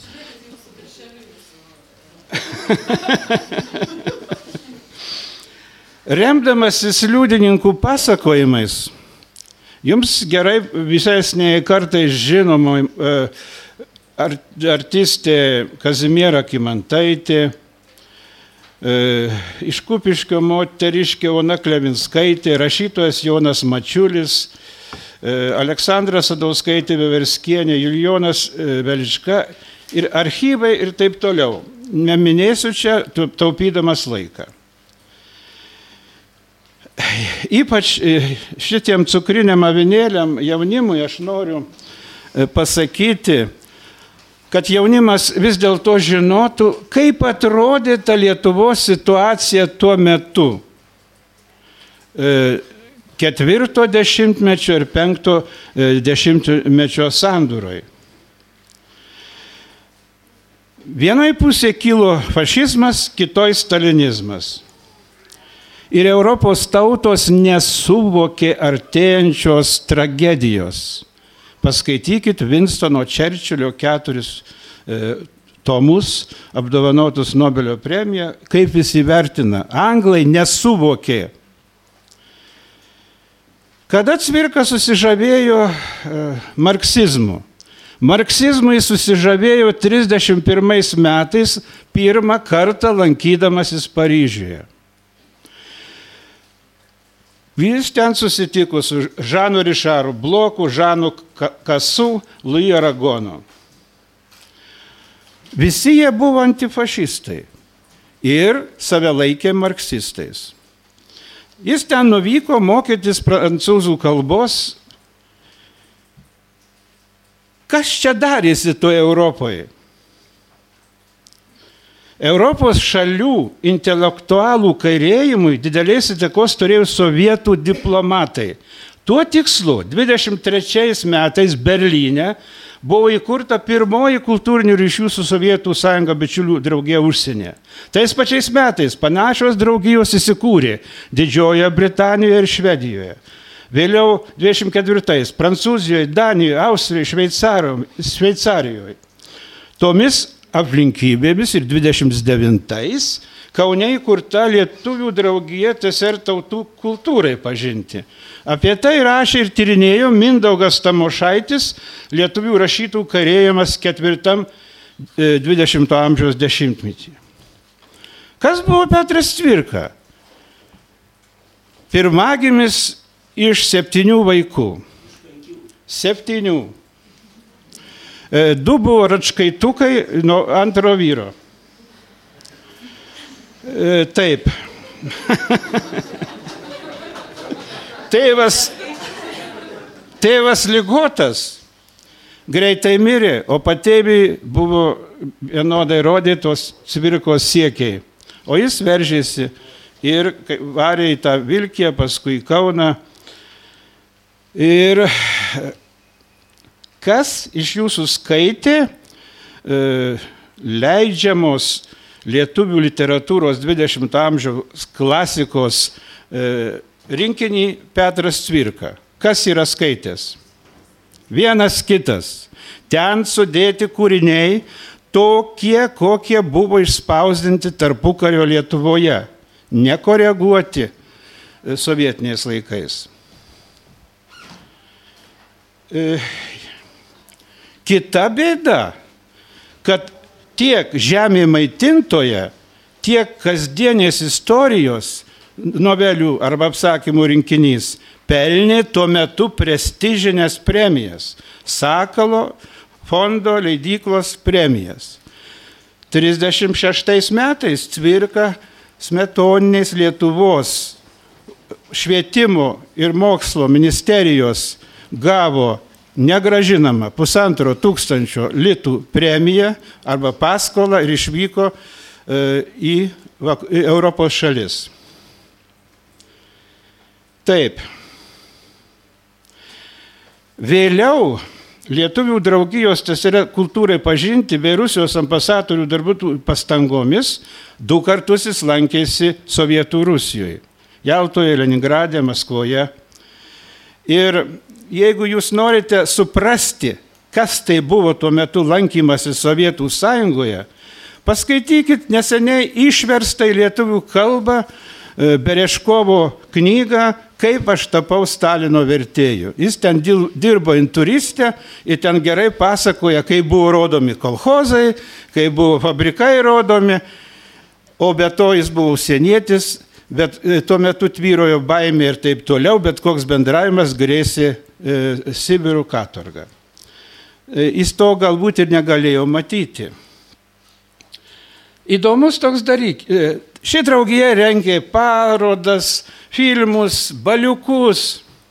Pavyzdžiui, 1940 m. kovo antroje pusėje atidarant Kauno Vytauto didžiojo universiteto pirmų rūmų didžiojoje salėje draugijos surinktą renginį, TSRS motinos ir vaiko paroda, pirmininkas Vincas Krėvė išreiškė viltį, kad ir Lietuvos visuomenėme gyvenime bus esminių permainų. Citata. Turiu pabrėžti vieną dalyką. Tarybinė vyriausybė ir visuomenė kuria naują gyvenimą, kuris skiriasi nuo buvusiojo. Šiame gyvenime neliko senojo prieškarinio režimo atgyvenų, todėl įkuriant kuriamas naujas žmogus. Mums lietuviams taip pat reikia kurti naują gyvenimą ir stengtis, kad ateitis nebūtų panašiai į praeitį. Praeitis buvo pamotė, ateitis turi būti motina. Vincas Krėvė. Tai galima paklausti, kodėl jis nenuėjo pas, į partizanus tas kreivė, kodėl jis taip kalbėjo. Kas valdė tuo metu Lietuvą? Mes galvojam, kad valdė Sniečkus, Gedvilas, anaip tol.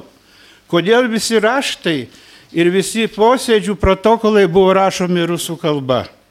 Todėl, kad Lietuvai valdyti po antros okupacijos buvo sudaryta visas sąjunginės komunistų partijos klosteliuose bolševikų biuras specialiai valdyti Lietuvai.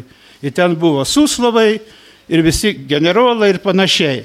Ir jų visi įsakymai buvo direktyviniai. Dabar įdomu e, toks e, įvykis, e, kadangi aš dabar gyvenu Veliuonoje ir gyvenu toje aplinkoje ir yra daug atsiminimų apie tai, e, tai burbinės miško tragedija. Jis daug kur yra, e, kaip sakant, aptariama. Ypač įdomus aptarimas yra Anušausko knygo, knygoje e, apie tarybi, tarybinių laikų genocidą. Kaip būdavo ten viskas daroma? Į mišką atvažiavo rusiškų kareivių su virtuve, apsiskelbė Vlasovo armija ir e, terrorizuodavo gyventojus, e, duokit duonos, duokit lašinių, duokit šnapso. Mes esam Vlasovo armija, mes remiam partizanus, nuveskit mus pas partizanus, jeigu neduodat, tai jūs esat ir Lietuvos išdavikai. Ir kas atsitiko? Tai buvo reguliarioji armija. Ji negali prišaudyti tiek partizanų, tai imdavo nuo lauko arentį iš namų žmogų ir jį sušaudydavo čia pat. Taip. E, Ir tas, e, pavyzdžiui, tos žmonės ten e, paskui atėmė jų arklius, su, jie turėjo atvažiuoti, suvarė į trobą, e, padegė, kas li- lipo lauk, tą stumė atgal, jie išmetė naginės ir batus, kad artimieji žinotų, kur jie sudegė. Tai vad, o kaip aprašo toks e, majoras Kerinas, Priartėjus prie Ulinskų namo operatyvinė grupė sutikta automatų ir šautuvų ugnimi. Mūšio metu aštuoni banditai įsitvirtinę name buvo nukauti, namas sudegė, trofėjai automatas, pistoletas, granata e, sudegė name. E, Ir suprantat, vėlioniškės moterys rašo cvirkai oficialų laišką ir prašo, e, kad leistų palaidoti tuos suniekintus žmonės, kad išaiškintų teisybę, kas čia įvyko. Yra dokumentiškai išlikęs ir cvirkos raštas, išverstas į lietuvių kalbą rašytas Paleckiui. Aš aišku, čia neskaitinėsiu. Bet ką tas liūdija? Tai buvo jau 45-6 metai. Ir jis tuo metu, e, aš įtariu ir sakau, Cvirka jau suvokė, kur jis pateko, kur įsivėlė, atsiprašant į kokį mėšlą įlindo. Ir vartant jo rankraščius e, e, literatūros institute, man buvo labai įdomu ten taisymai Korsako, Venslovos, kai jis mirė ir taip toliau. Nu, po mirties, aišku, išleido viską, kai buvo parašyta, ne, matyt, nenus, nesusigaudė. Įsivaizduokit, tai galima sakyti, kad jis charakterizuoja tam tikrą žmogų. Bet va toks tekstas iš upė negrįžta. Ir taip graudu, kai pagalvoji, nei pakasynų žmoniškų, kapo niekas nesužinos. Zenienė vėl nubraukė ašaras pirštų, Elziutė man sako, neraudok, mama, matysi, surinksim mes visų kankinių kaulus, iš pelkių, iš girių surinksim ir palaidosim gražiai, kai bus laisva Lietuva. Visus jų kapelius mes lietuvaitės gėlėm nubarstysim. Ištrauka iš romano Upinė grįžta rankraščiu. Tai palygykime tokį tekstą, sakykime, su Kaziu Jokubėnu Dziegoriukas arba paukšteliai, kur tik užsimenama, kad ten stribas pavogė laikrodį ir jau jam penki metai. Tais laikais, matomai, e, visi tie darbai nepraėjo be E, tų žmonių, kurie sekė, o sekami buvo visi, nesvarbu, ar tu te atsvirka, ar Vensluva, ar koks dar kitas. Nu, čia Darius Pacevičius aiškino, sakykit, Trys minutės. Man baigti. E, kaip, kaip rašytojas Petras Tvirka buvo nužudytas? Esu gydytojas turintis 40 metų darbo stažą. Praktiką įgyjęs Šakiuose ir Vilniuje. Pasak Jono Mačiulio ir Kazimieros Kimantaitės liūdėjimo 1989 metais Vėlionos Nobelės vakare, tuometinė rašytojų kąjungos sargi, turinti medicinos sesers įsimokslinimą, Kartais rašytoja pamaitindama paprasčiausią radzavinę košę, likus kelioms savaitėms iki cvirkos mirties, jie atkreipusi dėmesį, kad valgydamas jis iš mažo paketėlių burnon susiberia kažkokius miltelius. Jis paprašė parodyti, ką jūs čia gerėt, Jinai, kadangi medicinis išsilavinimas perskaitė Santoninas. Ir sako, tai nuodas, e, jūs e, Kiek laiko geriat? Antrą savaitę. Tai vad, paprasta, primityvų, jis seniai jau išimtas. Įdomiausia, kad apie Santoniną net užsimena šitas komunistų komunistas Henrikas Zimanas. Jis savo atsiminimuose rašo labai paprastai. Atbėgo į mano kabinetą Petras Virka ir sako, o jau pagaliau man surado lygą Tai kas čia tau? Ma, kirmėlis, geriau Santoniną. Aišku, jis neklausė, kiek dienų ar ten savaičių.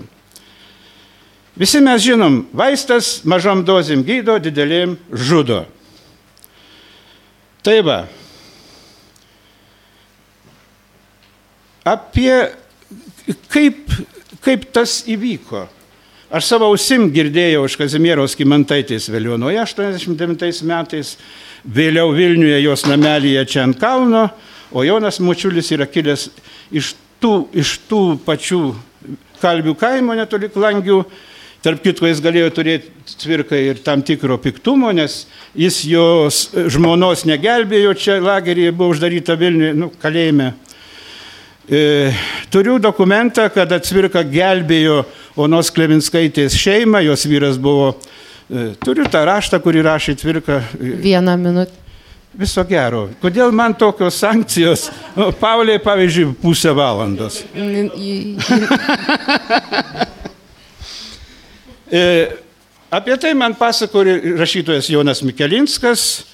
Per Antaną Pošką jis lankydavo dažnai Joną, Joną Šimkų ir sakė, Cvirka buvo jau nebeparankus E, išgėręs taip pat bušavodavo, pradėdavo keikti tuos karininkus ir, ir taip toliau. Sakyti, išvažiuosiu į Ameriką ir papasakosiu, kaip jūs ten, e, ką jūs daro toj Lietuvoje. Nu, yra ir kitų. Nu, aš drįstu sakyti, kad jis vis dėlto už savo klaidą sumokėjo brangiai. O jo kūriniai, kurie parašyti tarpukariu, yra lietuvių literatūros lobynas, Tie kūriniai, kurie parašyti karo metas arba po karo, nepasiekė to lygio. O jo antifašistiniai visokie straipsniai, mes juos turime suvokti kaip kova prieš fašizmą. E, Čia nieko nepasakysi, juk su fašistais kariavo ir anglai, ir amerikonai, o jis taip tarnavo tai nomenklatūrai. E, Jūs tikriausiai, kas čia tyrinėjai, vartėt Kazio Jakubėno bylą e, ir, ir kitas, ką jis rašytojų sąjungos pirmininku po garo buvo tik pusantrų metų. E, Jis, kada pasitraukė į sąjungos gyrumą, atitolo, jis jau nebebuvo pirmininkas, ten sukūrė Venslo ir kiti tą biurą rašytojus lietuvių ir taip toliau. Vienu žodžiu, aš manau, kad medžiai yra Vilniaus plaučiai, o paminklas istorijos pamoka. Ir aš manau, kad ten ne su lazeriais sakysia, nes tuo cvirkas stovi su knyga, o kad toks paminklas 20 važiavo į tą Maskvą. E, Nė vienam tokio paminklo nėra. E, Su Stalinu sus, cvirka nesusitiko, susitiko Venslova ir visi kiti. E, Salomėja parašė savo e, poemą apie Staliną, tikėdamasi, kad jai leis su Stalinu susitikti ir jinai papasakos, ką čia Lietuvoje daro tie visi e, kraugeriai. Koks buvo supratimas? Taip. O taip. Ačiū. Taip, tai tada ačiū viceministriai, kad buvot. Ir paskutinis žodis, dvi minutės, Paulė Kusmitskieniai prieš išbėgdama nori mums dar kažką atsakyti. E, Labai trumpai, kadangi turiu išeiti, o gerbiu visus kalbėtojus ir pašnekovus, jums linkiu, jums linkiu geros diskusijos, jūs ją turėsit e, tikrai e, dar bus įdomių pasisakymų ir, ir, ir laimos kreivytės. Kviečiu įsiklausyti į įdomios nuomonės. E, Dar kartą dėkoju už pakvietimą ir už diskusiją, už tai, kad Rašytojų sąjunga e, rūpi Petro Cvirkos e, atminimas, e, greičiausiai buvo pamiršta, čia per klaidą greičiausiai buvo pamiršta kovo mėnesį švesti jo 110 metų jubiliejų, greičiausiai viskas čia bus ištaisyta ir turėsim daugiau to galėjimo pavartyti kai kuriuos e, dokumentus, kurių, kuriuose, kuriuose vat, e, atsakant į istorinių e, e, reliktų kolekcionierių ir iš to gyvenant. Tik gerai, kad prisipažinot.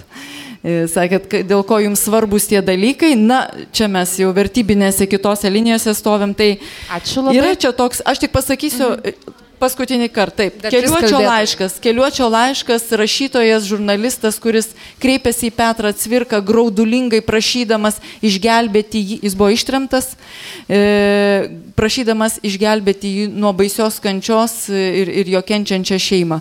Deja, nėra jokio atsakymo ar reakcijos iš Petro Cvirkos. E, įvertinkim visas aplinkybės, linkiu geros diskusijos.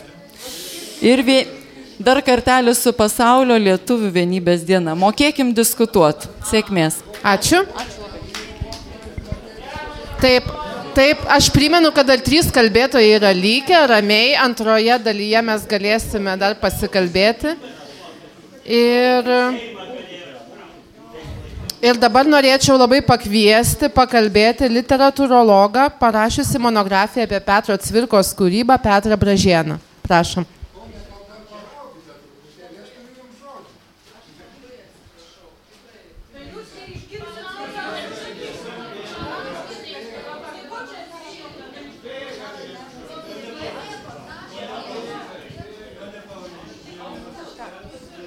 Tai atsiprašau, Paulė, jūs dar turit laiko?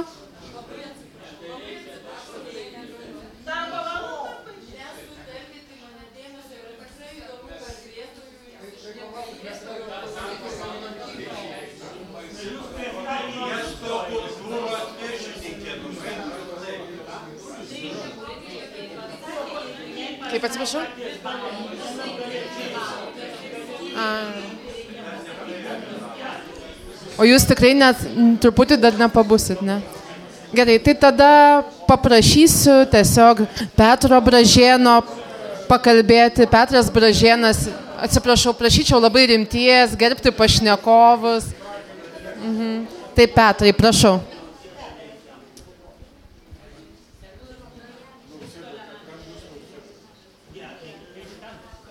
Gal ten reikia? Gerai, tiek mikrofoną tada.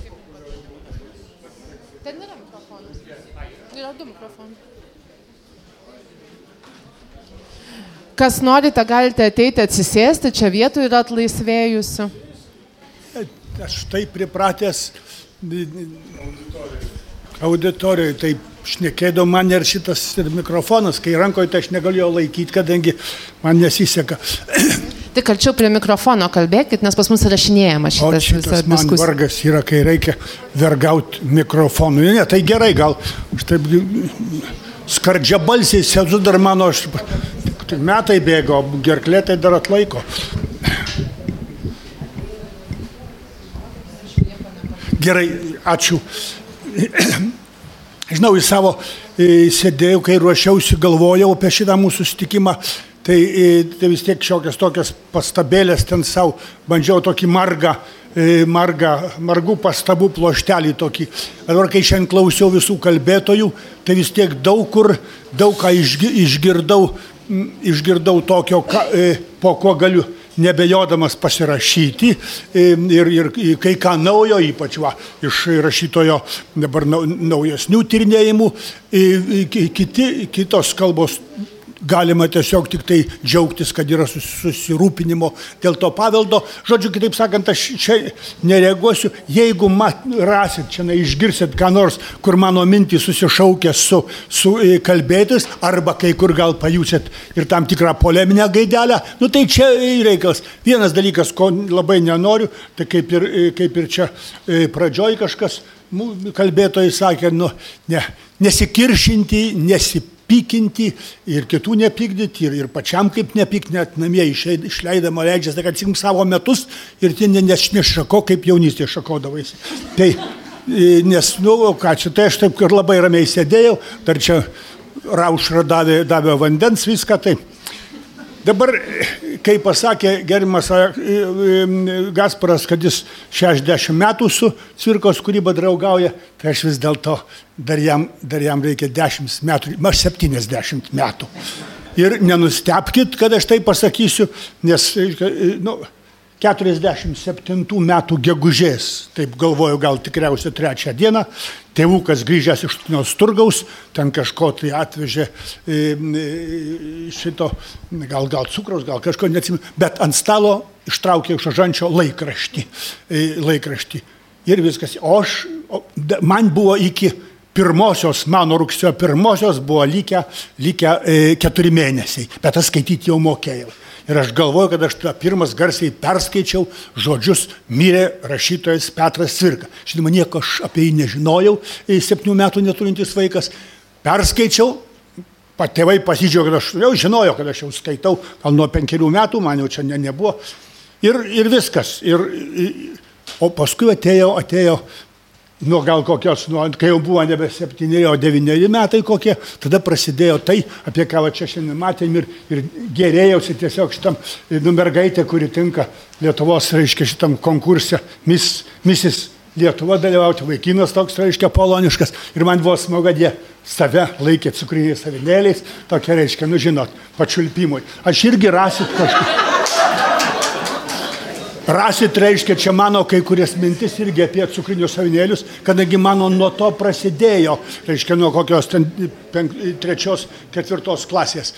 Tai, va, tai taip, kad, nu, o paskui jau prasidėjo viskas iš eilės, cukrinė vinėlė, rainiukai, o paskui e, Saulėlys Nikos valšyje, Frankas Krukas, žemmaitintoje ir, ir taip toliau iki, iki ažalo, e, ažalo šaknų. Žodžiu, Nu, taip jau man sutapo, kad, kad nu, aš, aš pirmiausia, tai turėjau irgi kaip daktaras, ai 40 daktaro, mano gal kokie 45 pedagogo e, metai.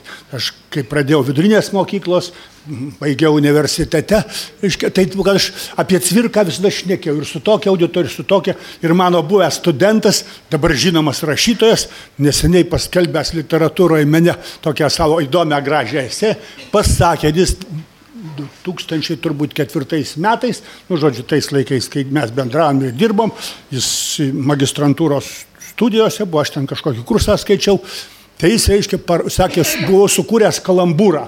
Bražėnas cvirkina studentus. E, Aš dabar čia radau, mačiau šitos, šitos parašyta praėjusiam literatūroje mene, čia aš nieko neįsigalvoju, taip kad gyvenime esu, esu žinoma, pats virkinės, nu ir, ir prieš 30 metų, keletą metų skyriau cvirkos kūrybos tyrinėjimui ir žinoma, dar kartą perskaičiu viską, todėl aš nebijau čia prieš jūs atsistojęs sakyti, kad tikriausiai vargu ar atsiras auditorijoje žmogus, kuris galėtų sakyti, kad didžiąją cvirkos kūrybos dalį yra perskaitęs mažų mažiausia penkis, šešis kartus. Ne todėl, kad viską aš skaityčiau, bet būdo eini į paskaitą į seminarą, tai kurį nors nuo to gelę skaitysi, ar, ar didį ir mažąjį, ar, ar, ar kokias kurpes, nesvarbu ką, bet tu vis tiek perskaitai. Primenu, kad dar ir... du kalbėtojai, tai... Ir, dar, dar du kalbėtojai laukia, tai primenu, kad taip koncentruočiau šiek Gerai, na, tai aš dabar, kadangi daug buvo pas- pasakyta iš, iš to, ką man lyg ir norėjosi, tai aš sma, smagiai galiu, reiškia, kaip ir mano amžius leidžia, prisiminimus leistis. Tai va, tai sakykime, šito nukreipimą e, nuo temos, dabar aš galvoju. Nu vis dėlto įsi- įsi- įsileisiu šitą, apie literatūrą man buvo sakyta, apie cirkos literatūrinį palikimą. Nu, Dieve mano, kaip galima va, šitokią progą imtis ir leisti iš kokį nuobodo akademinį išnekėjimą, kas yra. Aš galiu tik tai pasakyti, kad, kad jeigu surinkčiau viską, kas, ką, ką apie cvirką kalbėjo daug protingesni, didesni už mane žmonės, tai e, ir vardus juos vardinčiau, tai tai jau būtų patvirtinimas, koks jis buvo rašytojas. Kai garbinga e, miesto kultūros skyriaus, reiškia, ar, ar, ar komisijos vadovė sako, kad apie, apie rašytoją visiškai nešnekėjom, nu, tai žinoma, aš tada Tadagi mes negalim nei bartis, nei piktis, nei, nei, nei, nei ginčytis, todėl kad jeigu apie rašytoją nešneka, tai aš čia visiškai nereikalingas. Na, nu, o jeigu jau šnekam apie paminklus, tai aš vis tiek tada galvoju, kad, e, kad Nu, čia šiandien nuskambėjo viena mintis, man irgi artima gal skulptorė e, gražiai pasakė, tikrai užstatyti reiškia šituo, nu, aš manau, kad sarkazmą jos visi pa- pajutot, reiškia, ką jinai norėjo pasakyti. Tai aš neseniai išgyvenęs kitą panašią tokią dramą, kai, kai šitas pedagoginio universiteto, kuriam 22 metus atidėjau, rūmai kažkam ir labai patiko ir, ir, ir ten įsivaizduoti kažkokius kitus dalykus, paskui tiesa pasitraukė tie organizatoriai, vis dėlto atidavė ko- ko- kokiam laikui. Tenai. Tai man tokių skaudžių, tai ir čia dabar pagalvojau, kad, kad gal čia, ką mes čia žiūrim kartais ir patriotiškai, va, ko- kaip aš sakiau, tie amžini e, cukrinė vinėlė ar kas nors, kad gal didesnės, didesnės jėgos už tai yra. Kažkam šitas kampelis yra kažkokiem kitiem dalykam reikalingas. Ir šitas, šitas svirka, kurį gali čia balvonų vadinti kaip nori, jis, jis yra tik tai kliuvinys. Šitoks plotas, o tai dabar, nu kad ir didelis, tas e, šito gabalas bronzos, tai vis tiek yra, yra per didelis. Antras dalykas, aš vėl ruošiausi šiandien galvodamas, kad, kad reiškia, vis tiek gali būti kitokios nuomonės, tai, tai reiškia kiti žmonės, nu tie, kurie, apie kurie čia buvo minima, e, apie, apie e, ten e, tre- tremtus lagerius, jų žinoma, dėja. Jų, jų mažėja ir kiek aš jų pažinojau gyvenime ir šnekėjau, jie ne, ne, nebuvo, nebuvo labai kerštingi. Daugelis mano e, sakydavo, sakydavo, kad atsimenu, va, jau, jau kai laisvė patėjo šnekėti, tik vaikai sako, tik nekerštaukit, tik nešnekėkit, nepykit. Žmogus Magadanė atsidėjęs, reiškia, aliuminio ten šitam e, požemiuose, e, reiškia, labai artimas man žmogus. Ir tik tai ne- ne- nereikia, tik ne, ne, nedaryk šitų dalykų. Nu, bet sakykim, kad yra žmonių, kuris tas keršto jausmas, aš tas iš, iš, išgraužta, tą, reiškia, praeitį e, yra.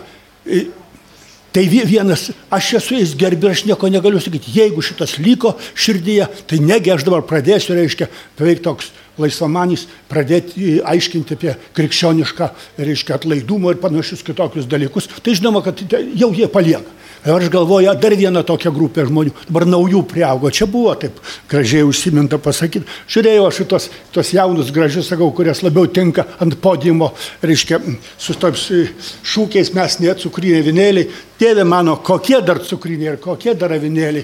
Pirmiausia, reikia, reikia skaityti cvirką. Aš nieko, aš sakau, žiūrė mano anūkų karta, jau beveik proanūkių karta. Man greit 80. Tai aš žinau, aš juos žiūriu tokius kaip į savo, savo vaikus. Ir, ir jau mane ta graužia, tada kirminas mes kalti, va šitie seniai 80 metų, kad, kad, mes, kad mes tiem vaikam kažkaip ne, ne, ne, neparodėm, kas yra cvirka.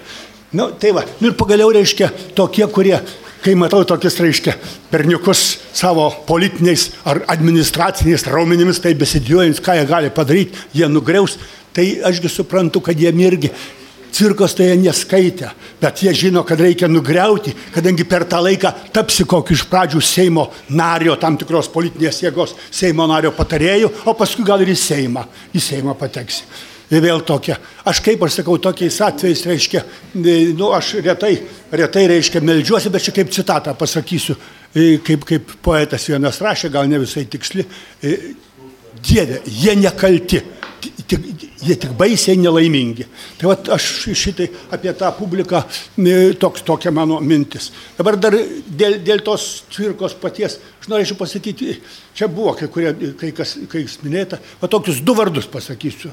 Juozą Putį, kurio turbūt nekelia bejonė, vardas jo literatūroje mūsų nulisto, ir Albertą Zlatorių, kurio irgi jau dešimtmetį gerą nebeturim, žmonės, kurie žinoma buvo opoziciškai nusiteikę visą laiką, niekada jokios duoklės ir jokio nusilenkimo tarybų valdžiai nedarė, e, buvo ir, ir vienas, ir kitas pakankamai ten ir, ir pasiekamas. Nu, ir suraskit jų, reiškia, paėmę, pavyzdžiui, Zlatorius, Yra kito, matau, neįžeisiu, neįžeisiu čia į kitų mūsų kolegų, literatūrologų, tai vis tiek rimčiausias lietuvių novelės trinėtojas, jos istorikas ir teoretikas. Reiškia, tai, ką jis, ką jis rašė, cvirkos politikos jis aišku nepriėmė. Jam buvo visiškai svetima natūraliai ir jis nesistingė neteisinti, reiškia. Bet, bet cvirkos prozą jis iškėlė daug net aukščiau už už tuos, kurie jam, sakysim, idėjiškai buvo ar artimesni. Aputis irgi, nu, sąjūdžio, sąjūdžio aktyvistas, tikrai jau toks su savo ir, ir saugumo ten šitas visokie dėliota jam e, paklausimai. Jis irgi, nu, galima jo knygoje surasti, ką, ką jis kalba apie, apie šitą. Čia tik tai tam dėl, dėl rašytojo. Kiek aš, kaip? Kelinskas ir kaip apie rašytoją, nu žodžiu, kad rimti rašytojai, tai galim pridėti kitus, nu, kam kas patinka ar ne, ten sakysim, rašytojų, kai renki ten Slūtskį ir Bubnį ir kitus tos vyresnės, tai jie žino visi savotiškai, kas, kas moktų vadina, kas, kas prisimena tuos laikus, kaip čia buvo. Tai va, tai jau kai, kai, kai reiks, aš, žodžiu, galėsiu šitą palikti popierius atiduoti, bet aš su malonumu galiu jau ir, ir nutraukti kas dar čia. Nu, sakysim, gal prieitų ir tokią vietą dėl to vertinimo. O dabar neseniai, kada čia, vakar gal ar užvakar, paskelbtas Marijos Ivaškevičiaus. Nu, čia žinau, kad jo yra gerbėjų nuo širdžių ir draugų, bet yra ir užsipuolančių jį ir visa kita. Aš esu gerbėjas, mano žemėtis, labai talentingas rašytojas. Dabar jis reiškia, pasako tokią frazę, kad Svirka buvo geras rašytojas, bet nedidis. Nu, nu, atgalvoju, jau sustikčiau Marių būtų čia nesakyčiau, nu, ar tau reikia, e, reiškia, šito žodžio dydis. Nu, kiek čia mes galim tais didžiaisiais, didžiaisiais e, vadinti. Ar be šito epiteto, arba čia kaltė, kad žmogus nedidis, kad užtenka, kad geras ir kad talentingas.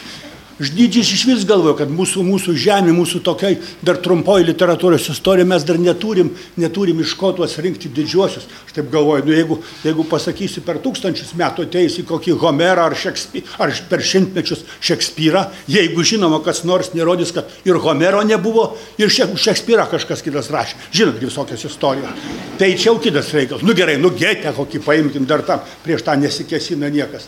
O mūsų tai nu geriausiu atveju, aš gal po, jau taip išdryščiau patriotiškai Donelaitį pavadinti, vis tai 300 metų jau praėjo, sukako. O kiti tai čia nereikia to didumo ir aš man nekaltėjau, žiūri, reiškia man, o, žiūri į Joniną Antaną ar Vladą Braziūną, nu, talentingi, didelį rašyti, kai numirs. Dabar kol gyvi, tai net ir didį netinka sakyti. O apie didžius ašgi nekalbu, reiškia. Taip, kad ir, ir, su, ir, su, ir su cvirka. Ne, ne, aš sakau talentingas, aš dydis nesakau. Ačiū labai. Aš, ačiū, ačiū Jums. Aš, aš, Taip, tai dabar labai norėčiau pranešėjas to, kad ats... pakviesti. Ačiū labai. Uh, tai norėtume dabar pakviesti pasisakyti rašytoją ir menotyrinkę Laimą Kreivytę. Sveiki. Man atrodo, iš šitos diskusijos e, turėtų išriškėti vienas dalykas, kad e, tos kategoriškos nuomonės, jos retai būna teisingos, o mes čia tarsi visuomenė ir čia susirinkę lik ir bandom vis dėlto užimti tas pozicijas.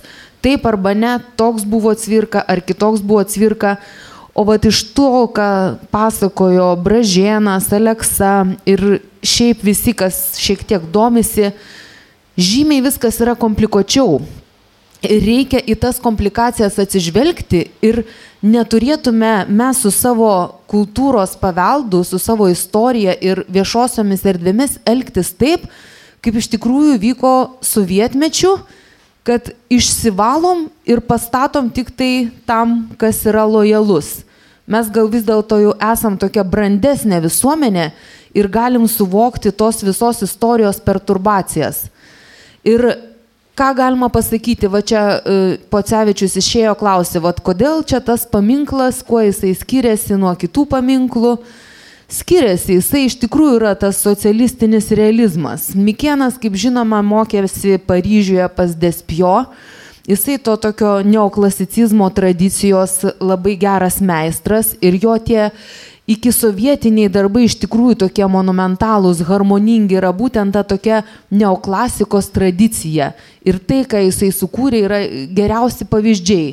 Mes prisimename, kad ir New York'e, kai buvo Lietuvos paviljonas, Lietuva tokia alegorinė figūra stovi. Ir, ir Paryžiaus paviljonė, ir Rūpintojėlį tą milžinišką sukūrė. Iš tikrųjų labai talentingas e, menininkas. Bet vad kas atsitinka? E, jisai irgi, kaip čia jau minėjo, domėjosi tą Sovietų sąjungą, buvo 36 nuvykęs ir netgi tokį tekstą išspausdino, ko ten mes galėtume pasimokyti iš Sovietų sąjungos, nes iš tiesų tada situacija buvo sudėtinga ir sunku buvo susigaudyti, ar į, į kurią pusę e, judėti. Ir aš dabar nenoriu į tą politiką eiti, bet noriu žiūrėti kaip menininkas, kaip Mikienas kaip menininkas, reiškia, per istoriją juda. Ir ateina dabar ta, reiškia, sovietų valdžia. Ir pirmas iš karto dalykas, ką jisai padaro, tai yra pergalės monumentas Kaliningrade. Toks visiškai iš tikrųjų socialistinis, idėjinis.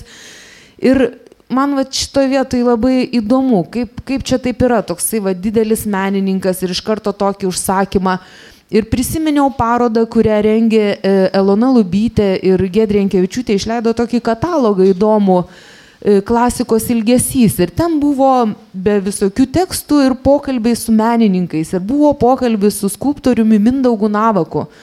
Tai jis įdomią tokią mintį iškėlė, sako, va tai kas čia atsitinka, skulptūra yra tas monumentalusis menas, jis yra brangus menas, o Tarp kitko, vat ir tarpukario valstybė Lietuvos daugiausia siuntė savo gabius jaunuolius ir rečiau jaunuolės studijuoti, kad jie galėtų atlikti valstybės užsakymą, kad jie galėtų tam tikrą, reiškia, savotiškai ir ideologiją skleisti. Ir skulptoriai ypač buvo tie tokie tam tikrą prasme amatininkai, gabesni, netokie gabus, kurie turėjo vykdyti tą užsakymą, jiem reikėjo tų užsakymų, tai Navakas į tą žiūri labai kritiškai. Bet tokia yra mūsų istorija, tokia yra mūsų istorija, tas pats Mikienas yra ir didelių darbų autorius ir sukūręs tikrai mūsų ne tik tai aukso fondą, bet ir padėjęs pamatus lietuviš, lietuviškai tai skulptūros tradicijai.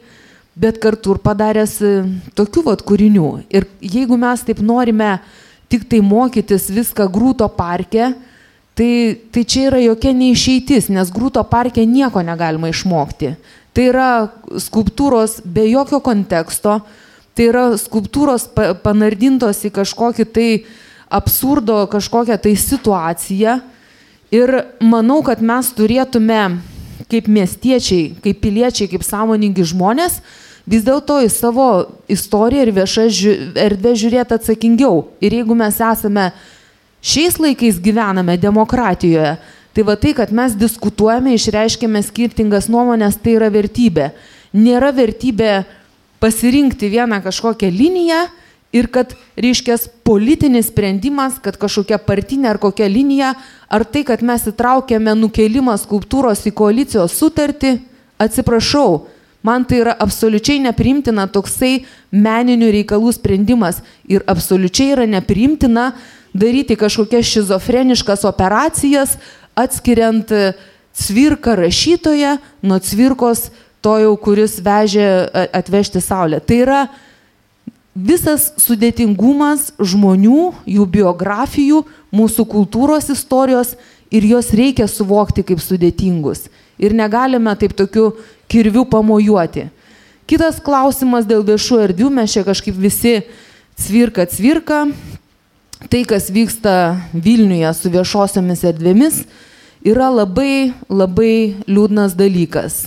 Dėl to, kad miestiečiai yra netikrieji miesto šeimininkai, o kažkokie tai vargšeliai, kuriuos informuoja apie sprendimus. Tikrieji šeimininkai yra turtingos bendrovės, kurios gali pretenduoti kažkokius plotus, pavyzdžiui, Žalgirio stadiono ir visų mūsų bendrą turtą paskui išstatyti. Tai reformatų skvere mes kėlėm tokį klausimą, vėl viskas buvo politizuota, buvome apšaukti kažkokių tarybinių laikų garbintojais ir taip toliau ir taip toliau, kol galų gale paaiškėjo, kad vis dėlto išauks ten kažkokie apartamentai. Tai ką aš galiu pasakyti? Vat yra miesto architektas, galėtų pasakyti, kokia yra miesto erdvių politika ir ar miestiečiai yra svarbu, ar tik tai kokios nors ten eikos ar, ar kažkokios. Tai čia manau, kad svirkos klausimas yra neatsiejamas su kažkokiais tais dalykais, kuriuos mes pamatysime, aš jums galiu garantuoti, po kokių metų, o gal anksčiau po pusmečio, po pusantrų. Nežinau, bet tikrai pamatysim.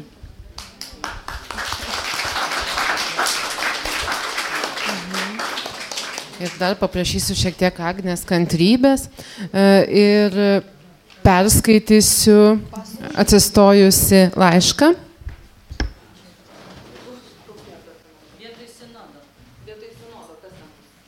Taip, tai primenu, kad po pertraukėlės galėsime visus klausimus atsakyti ir tikrai norime, kad pasiliktumėte ir pasikalbėtume. O dabar perskaitysiu Tomo Venslovos laišką, jis pats dėja negalėjo dalyvauti, nes yra išvykęs, bet labai paprašė mūsų paskaityti tokį ne per ilgiausią laišką. Tai aš pabandysiu tą padaryti. Taip.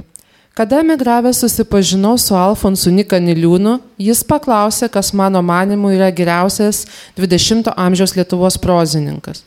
Čia kas nežino, tai prieš dvi dienas Niko, nuo Nikos Niliūno gimimo dienos sukako šimtas metų, tai va čia irgi to, dar vienas gražus apvalus skaičius. Taigi, kada emigravęs susipažinau su Alfonsu Nika Niliūnu, jis paklausė, kas mano manimu yra geriausias 20-ojo amžiaus Lietuvos prozininkas. Nelabai žinojau, ką atsakyti. Tada Nika Niliūnas pats pareiškė, be abejonės Petras Cvirka. Galima būtų tvirtinti, kad tai asmeninė nuomonė, bet vieno žymiausių lietuvių poetų ir kritikų, reto inteligentiškumo žmogaus, kurio ištikimybė nepriklausomai Lietuvai ir nusiteikimas prieš okupaciją nekelia mažiausio bejonių. Nuomonė šitą reiškia. Taigi, pradėkime nuo akivaizdaus fakto. Petras Cvirka yra lietuvių literatūros klasikas. Jo trys romanai - Frank Kruk, Žemė maitintoje Meisteris ir sūnus Dešimtis apsakymų, juo labiau novelės vaikams ir pasakos įeina į tos literatūros aukso fondą. Lygiai kaip geriausiai Salomėjos Neries eilėraščiai ar jų dviejų politinių antipodų Bernardo Braždžionio, Antano Vaičiulaičio geriausiai veikalai. Esti ir kitas akivaizdus faktas. Petras Cvirka, kaip Salomėja Neris ir daugelis kitų, 1940 metais ir vėliau pagarbino komunizmą. Taigi susitepė kolaboravimu. Tačiau juos susitepė ir Vinsas Krevė, ir Vinsas Mikolaitis Putinas, ir Justinas Marcinkievičius, kurių nuopelnais lietuviškieji patriotai nebejoja. Ir tai paprastai atsakoma, gal ir taip, bet Cvirka ir Neris atvežė į Lietuvą Stalino saulę. Beje, paklauskime save, o jei nebūtų vežę, jei Neris nebūtų parašiusi poemos apie Staliną, o Cvirka savo tuo metinių straipsnių ir apibraižų, ar Lietuvos likimas būtų pasikeitęs bent per colį. Tada jis nepriklausė nei nuo Cvirkos, nei nuo Neries, pagaliau nei nuo Justo Paleckio ar Antano Sniečkaus. Priklausė tik nuo Kremliaus, susimokiusio su Berlynu Aišku, būtų buvę daug gražiau, jei minėtieji asmenys nebūtų pasielgę taip, kaip pasielgė. Bet tai tik jų reputacijos, o ne Lietuvos likimo klausimas. Manau, kad tokių asmenų vardais nedėra pavyzdžiui vadinti mokyklų, tačiau nedėra greuti ir jų paminklų. Jie vis dėlto turi nebejojamų nuopelnų, o šie mano manimų žymiai pranoksta jų nuodėmės. Kultūrininkus reikia vertinti ne pagal jų pažiūras ar politinės klaidas, o pagal indėlį į kultūrą. Petras Cvirka ir Salomėja Neris nepadarė tikrų nusikaltimų. Tarkime, nepasirašinėjo įsakymų tremti ar juo labiau šaudyti žmonės. Netgi to neskatino. Tvirtinimai, kad Cvirka įskundė Kazį Jakubėną, kas be ko 1940 metais nusiteikusi taip pat prosovietiškai kaip ir Cvirka, tai liūdija jo parašyta daina Negryžta diena, kur praėjo.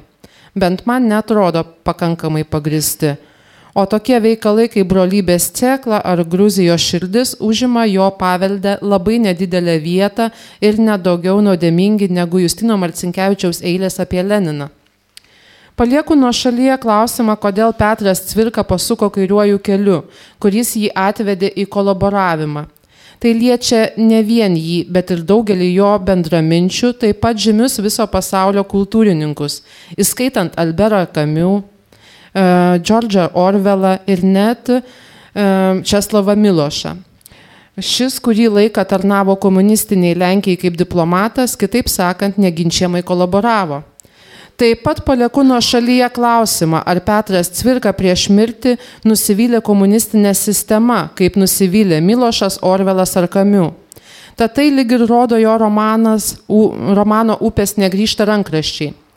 Apie Salomėją Nėri ir ko ne visų jau sutarta, kad nusivylė, nors tai irgi nėra įrodyta. Lieka svarbiausia - greuti paminklus. Išskyrus tikrų nusikaltelių paminklus yra pigi pseudopatriotinė praktika, kurią pridarėtų vadinti išvirkščių bolševizmu. E, pridursiu, kad Petro Cvirkos paminklas žymaus skulptoriaus Juozo Mikėno kūrinys ir aplink jį esantis skveras Vilniaus anaip tol negadina, bet apie tai jau yra pasisakę kompetentingesni už mane asmenys. Sakoma, citata, Sovietų valdžia pastatė paminklą ne cvirkai žymiam rašytojui, o cvirkai kolaborantui. Citatos pabaiga. Norisi paklausti, na ir kas? Ar sovietų valdžios sumetimai mums ir dabar privalomi? Ar negalime suvokti to paminklo kitaip, o tik tuo būdu, kurį norėjo primesti sovietai? Svarbu ir tai, kad Vilniečių apklausa parodė, e, kad didelė dalis Vilniečių paminklo nuimti nenori, nukelti nenori. Nejaugi svarbiau atsižvelgti ne į šį visuomenės balsą, o į palyginti negausius, bet rėksmingus populistų balsus ar net į kurios nors partijos poziciją. Man nėra lengva ir gal net ne visai etiška skelbti šį tekstą, nes Petras Cvirka yra mano giminė, nors ir gana tolimas. Vis dėlto ryštosi tai daryti, nes reikalas liečia ne vien jį, bet ir kai kurias neigiamas ir net pavojingas Lietuvos gyvenimo kryptis. Tomas Venslova.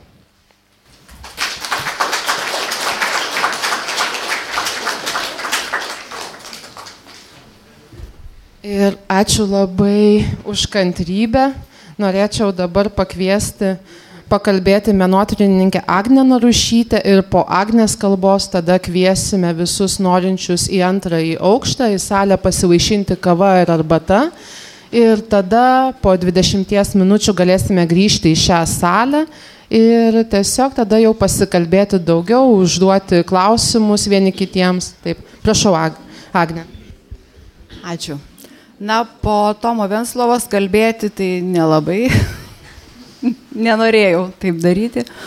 Bet tenka, tai galiu tik pasakyti, kad ilgai nevarginsiu jūsų, kaip ir visi planavau trumpiau šiam vakarui. E, dabar e, toks, nu, kadangi pamačiau, kad sąraše paskutinė, supratau, kad viskas bus pasakyta ir man beliks apibendrinti, iš tikrųjų taip ir yra. E, pasakyta čia buvo tiek daug, noriu prisiminti Dailėtininkų draugijos ir Dailininkų sąjungos ir AIKOS pasirašytą tekstą. Aš dviem iš tų organizacijų priklausau ir ten išsakytos ir mano mintis, neverta kartoti apie architektūrinę e, tos erdvės vertę, apie skulptūros vertę, garsaus menininko sukurtos, sukurtos skulptūros vertę. E, na ir labai džiaugiuosi, kad sėdėjau tokiam e, sambūrėje, kur buvo išsakytos, kur kalbėjo žmonės, tikri e, rašytojo cvirko specialistai, nes, na, nu, nuo mokyklos laikų aš jo nebeskaičiau, nebesidomėjau, irgi galvojau apie jį kaip apie kolaborantą. Žodžiu, e, na, kaip sakant, yra įdomesnių dalykų, pasaulis atviras ir mes jį ryjom kiek tik tai galėjom atsiverus sienoms. E, ir štai dabar labai buvo įdomu išgirsti tai, ko na, apie ką anksčiau nebuvo pakalbėta, kai dabar jau galima atvirai apie tai kalbėti ir daugiau jau yra žinoma. Tai esu dėkinga kolegomis. Ir man būtent e, tos kalbos įrodė, kad iš tikrųjų negalima vienareikšmiškai kažkaip tai e, braukyti asmenybių, e, kažkur išmesti iš, iš istorijos šiukšlyną, jo labiau, kad e, mano pačios e, tyrinėjimai, aš kaip fotografijos tyrinėtoja, e, tyrinėjau ir tarpukario Lietuvos istoriją, ir taip pat ir pokario E, reiškia, ta, to penktojo dešimtmečio, kuris buvo ir karas, ir pokaris. E, tai lygiai taip pat galiu pritarti kolegoms e, rašytojams ir literatūrologams, kad e, tas laikas anaip tol nesileidžia tie tas ilgas laikas, abi sistemos nesileidžia būti vertinamos vienareikšmiškai. Mes linkę idealizuoti tarpukarį ir linkę demonizuoti sovietmetį, ir beje, aišku, sovietmetį yra už ką demonizuoti. Čia aš e, nu, tuo niekiek nebejoju. Esu varčiusi KGB bylas ir tai yra šiurpi patirtis. Bet pavyzdžiui, tarpukaris, kai jį pasigilini, būtent ketvirtasis dešimtmetis, tai ekonominė krizė, socialinė atskirtis, kalbėti daug ko negalima, nes draudžia smetonos valdžia. Nu, trys punktai kai ką galima atpažinti netgi ir dabar. Ir pavyzdžiui, kai įsigilini į tą laikotarpį, tu supranti, iš kur atsiranda tokios idėjos kaip Paleckio ar Cvirkos, norai kažką keisti. E, mes tokių dalykų galime išgirsti ir dabar, tiesą sakant, ir juos lygiai taip pat nekreipiam dėmesio, kaip ir tada daug kas nekreipė dėmesio, ir tada žmonės nežinojo, kaip bus. Vat kai skaitai, kai gilinėsi į istoriją, tu tą suvoki, kad tie žmonės nežinojo, kaip bus, o kai jau įvyko, tai visi gelbėjosi savaip, cvirka įsivaizduoju irgi gelbėjosi savaip.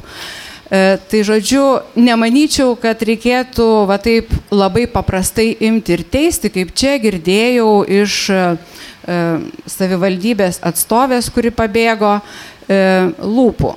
Labai paprasta pacituoti kažkokį tekstą apie Staliną, kuris tuo laiku buvo privalomas. Tu jo neparašysi, varysi į Sibirą. Tai ta prasme, apie ką mes čia kalbam. Taip vien, vienareikšmiškai žvaistyti citatomis čia ir yra va, tas toks pigusis populizmas.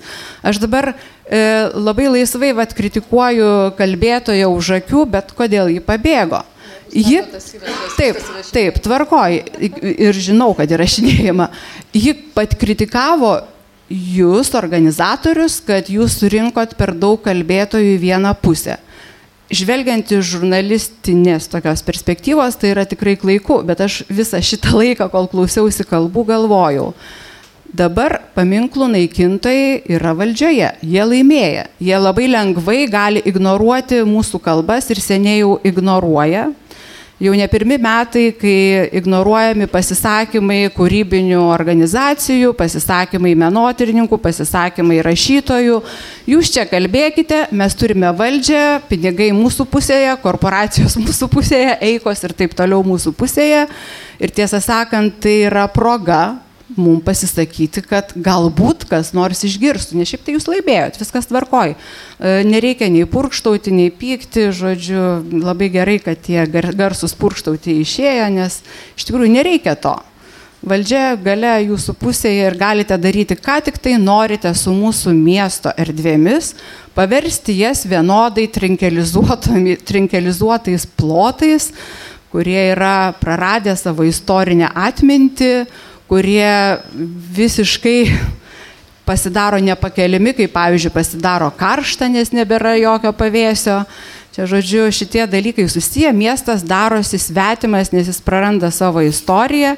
Ir dabar, pavyzdžiui, tas paminklas, kuris dar tebestovi, jis šitiek iššaukia kalbų. Ir manau, kad mums būtent reikia tokių vietų, kur galėtume ateiti ir ginčytis apie istoriją, nes ta istorija nėra paprasta Ir šitas paminklas mums primena, kaip va tokie žmonės kaip mes, užėjus siaubingiam dalykam, keičiantis sistemom, keičiantis ideologijom, grasinant tankais, tremtimis, tremimais, sušaudimais ir panašiai, kaip jie apsisprendžia, kas kokių vertybių laikosi, kas jų nesilaiko.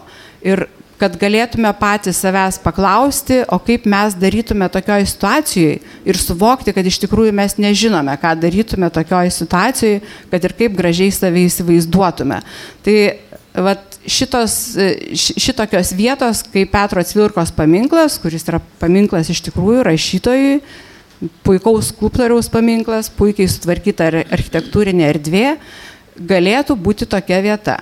Bet, žinoma, čia prisimenu gerbiamos skulptorės aušros pasiūlymą, iš tikrųjų mes gal ten pastatykim stiklinį dangoraižį, nes tai yra paminklas mūsų laikui, kai yra tik pinigai vertybės ir plus dar tas pigusis populizmas ir kažkoks ten pseudo nacionalizmas, nežinau kas dar, visokių terminų prigalvota, bet dabar visas pasaulis klega nuo neapykantos kalbos Ir, na, mes čia, taip sakant, jos turime irgi pakankamai ir neapykanta leidžia labai lengvai greuti paminklus.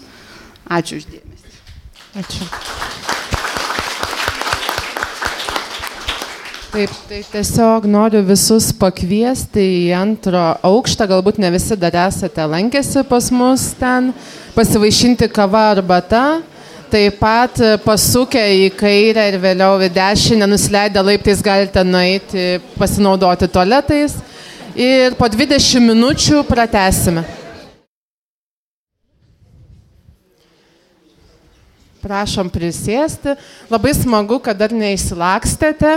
Ir mes pratesim savo renginio dalį. Pirmoje dalyje buvo pranešimai, pasisakymai, o šioje dalyje E, prieš tai kalbėję žmonės tikrai mielai. Taip, atsakys į jūsų klausimus ir taip pat skatinčiau ir kalbėjusius vieni kitiems užduoti taip pat klausimų įvairiausių. Man atrodo, kad tikrai turime apie ką pasikalbėti. Gaila, kad savivaldybės atstovė jau išbėgo, bet e, dėka Nailo podcast'o komandos, kurie įrašinėja visus mūsų šios dienos pokalbius ir pranešimus ir pasisakymus. Manau, šie įrašai tikrai ir savivaldybės atstovus pasieks ir plačiąją auditoriją taip pat. Tai kas turėtų klausimų? Ar komentarų? Va dabar pasitikslinau apie tą kalbėtoją, kur minėjai, tai yra Paulė kultūros ir švietimo komiteto pirmininkė.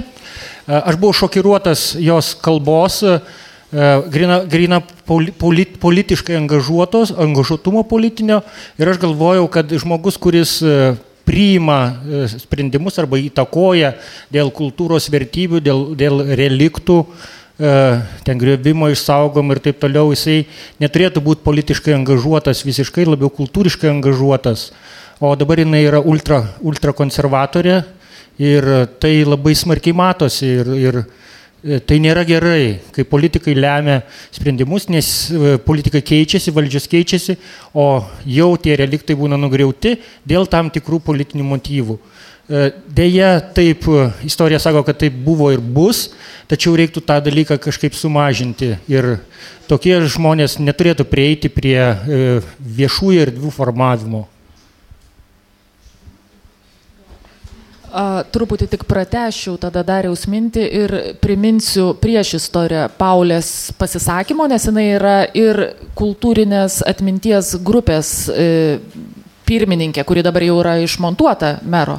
E, bet tas klausimas kilo į mūsų grupę atnešus laišką iš jezuitų gimnazijos moksleivių, kurie ten labai drąsiai ir ištingai reikalavo tą paminklą šalinti. Na, žodžiu, tie moksleiviai irgi buvo atėję į vieną posėdį ir pasakojo, kaip jiem yra skaudu Vilniaus centre matyti tą paminklą. Na, panašus jaunuoliai čia irgi sėdėjo su plakatais.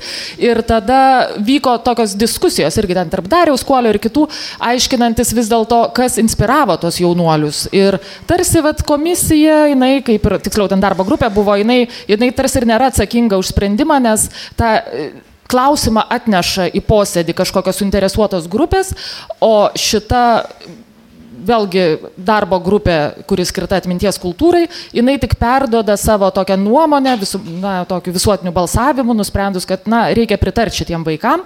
Ir tada jau duoda, teikia tą klausimą tarybai ir jau Vilniaus miesto taryba, jau ta tikroji valdžia, tada jau turi teisę spręsti. Bet dabar, kas su tais moksleiviais dirbo, yra dar vienas klausimas. Ir ten sakė, irgi stovi tokia pakankamai rimta politinė grupė, na, galima sakyti konservatoriai, turbūt tiesiai šviesiai, kurie yra jau rimtesni dėdės klasės, ne 12 klasių moksleiviai. Ir tada prasideda va, tas žaidimas, nes na, jaunimas nori, jis yra gerai pasikaustas, retoriškai, labai gražiai kalba, o realiai turbūt už tų, už tų ir kitų dėdžių stovi dar kažkokie dėdės, kurių jau mes nežinom. Ir tada prasideda tie vidiniai klausimai, kam to sklypo reikia.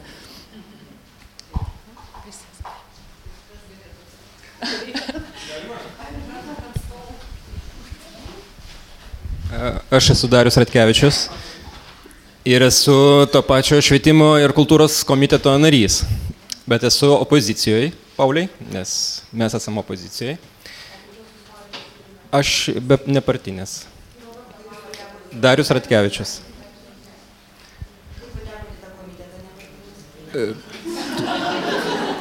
Turbūt, jeigu stebėjot rinkimus, tai dabar yra komitetai nebūtinai tu turi būti partinis, o komitetai susirenka ir kaip komiteto narys e, aš ir patekau.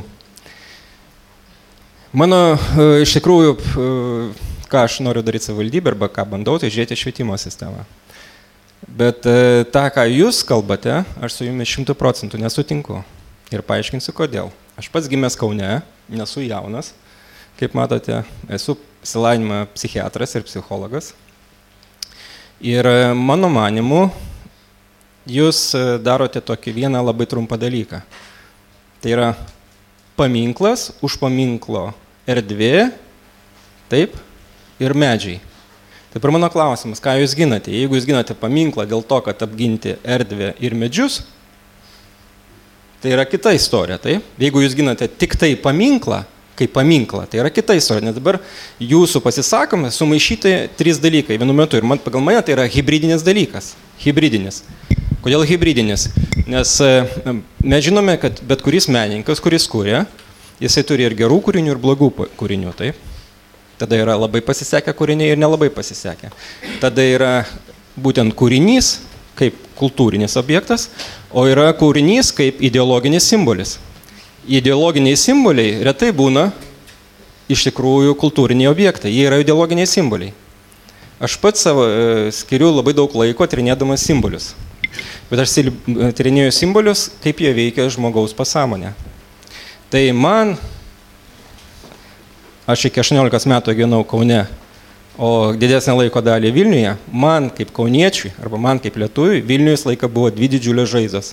Tai tas tiltas, kurį jūs vis minėte su sovietiniais kareiviais, ant kurie stovi, ir Cvirkos paminklas, nes šalia gyveno mano teta, kurią aš lankydavau. Man tai yra žaizdos, man tai yra stigmos. Tai, taip, man tai yra stigmos, žaizdos ir mes, aš jums kaip psichiatras galiu pasakyti, mes galime gydyti savo pasąmonę. Vienu būdu pripažindami, kad tai yra stigma, aš pripažįstu, kad aš kolaboravau ir aš išvalau istoriją. Ir daugiau manęs nekankina. Arba aš neigiu, kad aš kolaboravau ir tada aš ginu kolaboravimą, gindamas tokius panašius. Tai mano manimu, kada Lietuva išsivalys nuo šitų simbolių, mes galėsim vietoj jų geriau pasakykim to, ko trūksta, nes Cvirkos paminklas stovi tikrai istoriškai netoj vietoj. Jį gal reikėtų pasakyti prie stalinijų namų, kur mokslininkų namai Stalino pastatyti, dar kažką, tai ten jam būtų erdvė, laikotarpio erdvė. Bet ten, kuris dabar stojo, tai aš nesutinku, ten iš tikrųjų jam nerdvė tenai. Klausimas, koks paminklas tiktų tenai. Mes Basanavičiaus paminklą pastatėme tik kada? Šiemet, tiesa? Kudirkai kada pastatėme? Mes dar savo, savo herojų, savo kultūrinių herojų net statėme, nepastatėme. Jų trūksta. Ir vaikams sakom, dabar diskutuosim prie cvirkos paminklo su vaikais, vaikams cvirka jau nebeįdomus. Jis mums dar įdomus, nes mes jį atsimenam, o vaikai nei cvirkos, nei žemaitės, nei kitų nebenori neskaityti, nes nebeįdomu, laikmečių netitinka. Tai jum blogai, vaikam neįdomu, irgi blogai, aš irgi sakau blogai. Atsiprašysiu labai, leidžiam pasisakyti, pabaigti ir tai, tada, manau, atsakymams tai bus replikos. Jeigu mhm. aš siūlau Ką jūs siūlote? Mano klausimas būtų toksai. Kuo skiriasi ideologinis simbolis nuo kultūros, tikro kultūros meno paminklo, kurios reikia mhm. saugoti, o kurios reikia naikinti. Kuriam kalbėtojui adresuojate klausimą? A, bet kuriam, kuris norėtų. Kas norėtų iškalbėjusi? E, šiuo atveju ir apskritai e, tuos dalykus labai sunku e, yra skirti, nes Cvirkos atveju tai yra skulptorius Korifėjas, akivaizdu, e, Mikėnas, e, kuris daręs skulptūras tarptautiniam parodom tarpu kariu ir paskui sovietmečių irgi prie elito, pats, pats, pats skulptorius, taip sakant, geresnė už jį nebuvo ir tada, ir iki 39 ir vėliau. Tai jisai, jo kūryba be abejo turi būti pripažinta menu, bet kokiu atveju ar jisai e, nulipdė vieną žmogų ar kitą žmogų. Jisai, e, kaip, kaip elgėsi tie neoklasicizmai arba naturalizmo to stiliaus e, srovės atstovai. Jiegi žaliojo tilto skulptūrosgi pasikvietė kažkokius tai pažįstamus studentus tenai ir iš natūros juos lipdė. Tai va, tai ten nėra kažkokio ideologijos tenai ir stilizuotų kažkokių ten. Tai va, o ten yra sekundėlė. Tai va, ir Petras Tvirka, kuris buvo draugelis to Mikėno, jo, jisai nulipdė savo draugą. Nu. E, užkėlė ant, aišku, didžiulę postamento ir dėl to jisai, dėl savo dydžio, jisai dabar galbūt e, e, turi tam tikro ideologinio atspindžio. O šiaip tai jis yra grinai natūralus žmogelis, nutapytas iš natūros, nu, nulipdytas. Ir e, ideologinis ir tas, šiuo atveju labai sunku tą ribą brėžti, jos praktiškai nėra. Tai norėčiau tik tais trumpą repliką dar jums irgi kaip psichologas, sakėte, esate. Tai labai įdomu, kaip jūs žiūrite į visą šitą klausimą, dėl to, kad taip pripažinti, bet kaip psichologas turėtumėte irgi žinoti tokią savoką kaip represavimas. Ir norėčiau jums pačiam užduoti tokį labiau retorinį klausimą. Ar jums netrodo, kad tas bandymas sunaikinti visus laiko, ženkl, laiko ženklus be išimties, ar jis jums nepriimena noro represuoti patirtį, ją pamirštant, jos nepermastant? Nes, vad pavyzdžiui, tai, ką prieš tai kalbėjo irgi savivaldybės atstovė, čia Paulė Kuzmickienė, tai iš to bent jau aš susidariau tokį įspūdį, kad tikrai norima kuo mažiau kalbėtis apie Petrą Cvirką, kuo mažiau kalbėtis ir diskutuoti nepatogius dalykus susijusius su to laikmečio dvasia, bet kuo greičiau tiesiog nukelti ir nuimti. Man tai primena represavimą. Atleiskit, aš čia jums pasakyčiau tokią nuomonę. Mhm. E, kultūrinės, kultūrinės dėmesys išliks laikotarpio. Tai stalininių namų mes nenugriausim, tiesa, jie visi išliks, staliniai namai. Nenugriaus, jie išliks. Žiūrėkite, Hruščiovkių, Hruščiovkių mes nenugriaunam. Jas tik tai... Kas jas greuna, kas? Aš, aš už. Gerai, gerai. Mano nuomonė, Dabar už ramiai, ramiai, nesimušam. Ir, ir kas norėtų dar tada užduoti klausimų? Gal galėtų Sigita čia iš rašytojų klubo ateiti ir panešioti mums mikrofoną? Atsiprašau. Mhm, gal galit panešioti? Mhm. Ačiū labai. Labą dieną, aš esu Vilnietis, kaip ir jūs visi. Telefoną įsijunkit. Mhm. Nu, prašom, išjungkit. Jūs, nu, taip. Kodėl aš čia atsiktinai e, nežinoju apie jūsų šitą susirinkimą? Mes visi praktiškai vieno amžiaus, pažiūrėkit, 70, 75 daugiau ir truputį mažiau, iki 54. A, jaunimo nėra, jaunimas stovėjo ten gatvėje, kada aš eidavau pas, ten prie jaunimo, priejau ir sakau, kas čia yra, a čia ta diskusija eina. Nu ir sakau, kaip dėl vyrai, jaunimas. Tai jaunimas pasakė, a jis mums, atsiprašau, nereikalingas. Viskas. Jūsų, jūsų laikai, jie pasakė, baigėsi. Tai vat mūsų amžiaus laikai baigėsi. Kapinės mūsų laukia, čia mums nėra padaryti. Nu, pašnekėsim, ateisim porą kartų. Nu, bet ko aš dar norėjau pasakyti. Vat pažiūrėkite, prieš mus yra taip. Eilutė stovi, Salomėja Nėris, kur jis stovi, pati žinot. Kam šitas paminklas reikia? Mikrofoną kalbėti. Aha, vot irgi kalta. Kuo su pirštu prieini, visi, tai išeina, kad jūs visi kalti, todėl kad buvo mūsų era, mūsų laikas.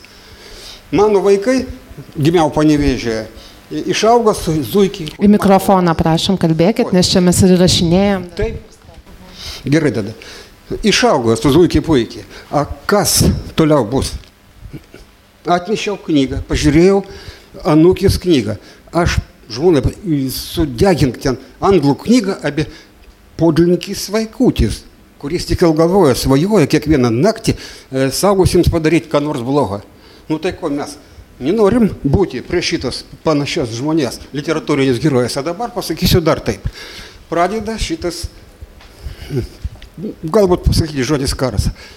Jums niekam, ne- jūs niekam nereikalingi, kaip ir aš.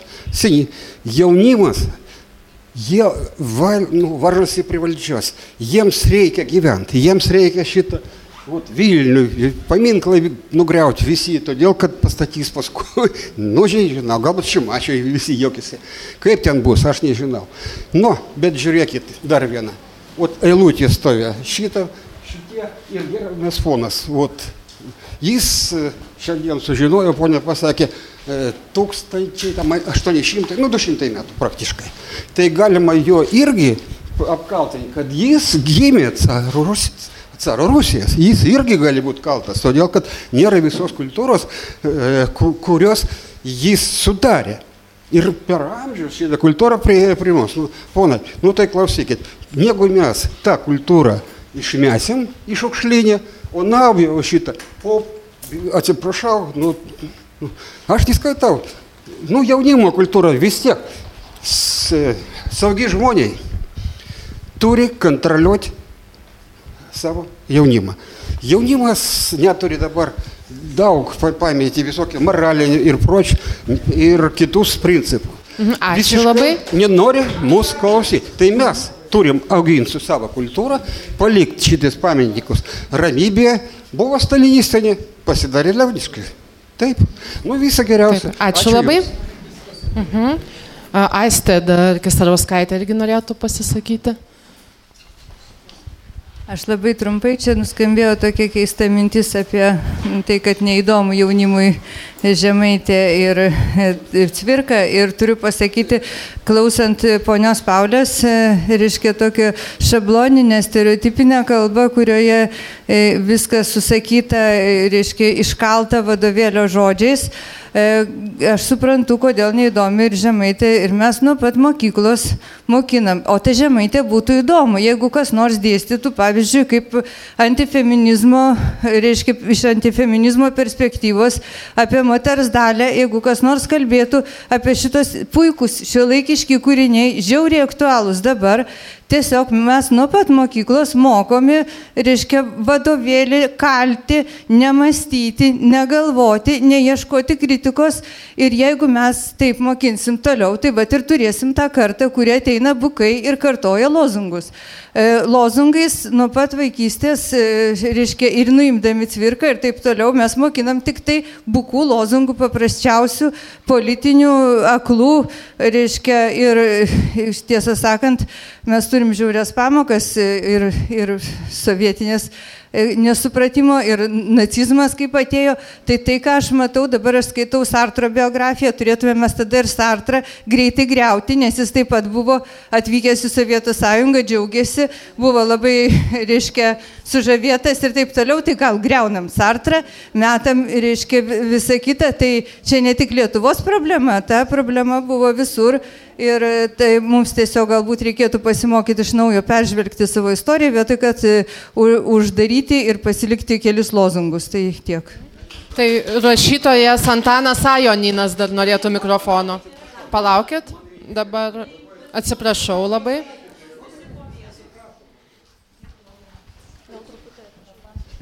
Nu, aš, aš nežinau, aš čia šiaip tai daug visokių turėčiau minčių, ką pasakyti, bet e, ponui iš savivaldybės kažkaip kaip, kaip kauniečiui tai atrodo, kad kažkaip tai yra tas paminklas, tarkime, kažkokia pikdžaizdė, kuris labai nedėra toje vietoje ir jį reikėtų pastatyti šalia stalininių namų. Tai va aš siūlyčiau nueiti prie tą, prie tą paminklą ir pasižiūrėti, į ką tas paminklas žiūri.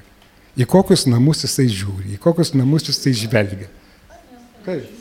Ne, ne į rašytojų sąjungą. Jisai, jisai žvelgia į, į, į Jogailos ir e, Pamėnkalnio kampą, kur yra būtent sovieto laikotarpio sovietiniai namai.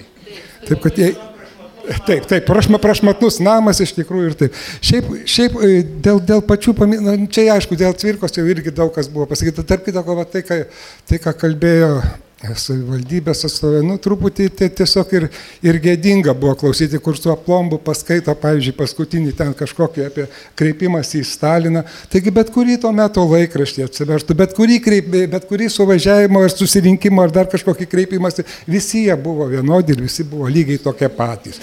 Šitą, Ir šitą, tai, tai, kad, tai, kad su, su kažkokiu tai pasipiktinimu, kai kaip netikėta kažkokį dalyką, štai kokį posėdis buvo, kur šalinami šitie rašytojai ir perskaitė tų, tų šalinimų rašytojų. O ar pasidomėjo ta e, savivaldybės darbuotojai, iš tikrųjų, kur tuo metu buvo tie rašytojai, kurie buvo šalinami? Bet dalis išvežti, dalis buvo iš viso, sakysim, koks Zutskeveris jau nebuvo, taip, dar, dar šitą, tai, tai, o, o šitą e, buvo ir galų gale, ar tą sąrašą sudarė rašytojų sąjunga? Juokinga galvoti, kad tą sąrašą sudarė rašytojų sąjunga. Tai to, to, tokiais, tokiais argumentais šnekant, nu, aišku, čia, čia gali viską prišnekėti, bet, bet man atrodo, kad tai buvo jau pakalbėta truputį ir, ir, ir kitaip, iš kitos pusės pažiūrėta. O šiaip dėl paties paminklo, tai paties paminklo pavadinimas, kas yra pats paminklas? Paminklas lietuviškas žodis, sako, tai yra paminintis daiktas. Tai nėra kažkokios garbinimo stabas, tai yra paminklas, paminėjimui. Jeigu, jeigu tai taip pat ir rusiškai pametnik arba ten latviškas paminėklis, šita, vokiškai šitas žodis, šitas daiktas vadinasi dar gražiau, denkmal, tai reiškia pagalvok. Pagal, tai štai paminklas yra tai, kas mums primena ir verčia pagalvoti. Ir jeigu mes norime sunaikinti tai, kas mus verčia prisiminti ir pagalvoti, ar tai yra pats teisingiausias kelias, nežinau. Dabar norėtume pakviesti irgi pasisakyti Kasparą Počių. Man tai iš, iš esmės labai gaila e, visų, šitų, visų mūsų, kurie dabar dalyvauja diskusijoje, gaišta savo laiką, reiškia, e, kalbasi apie istorinę atmintį, ne, nes mes tik kalbame, ne daro kiti. E, aš manau, kad e, e,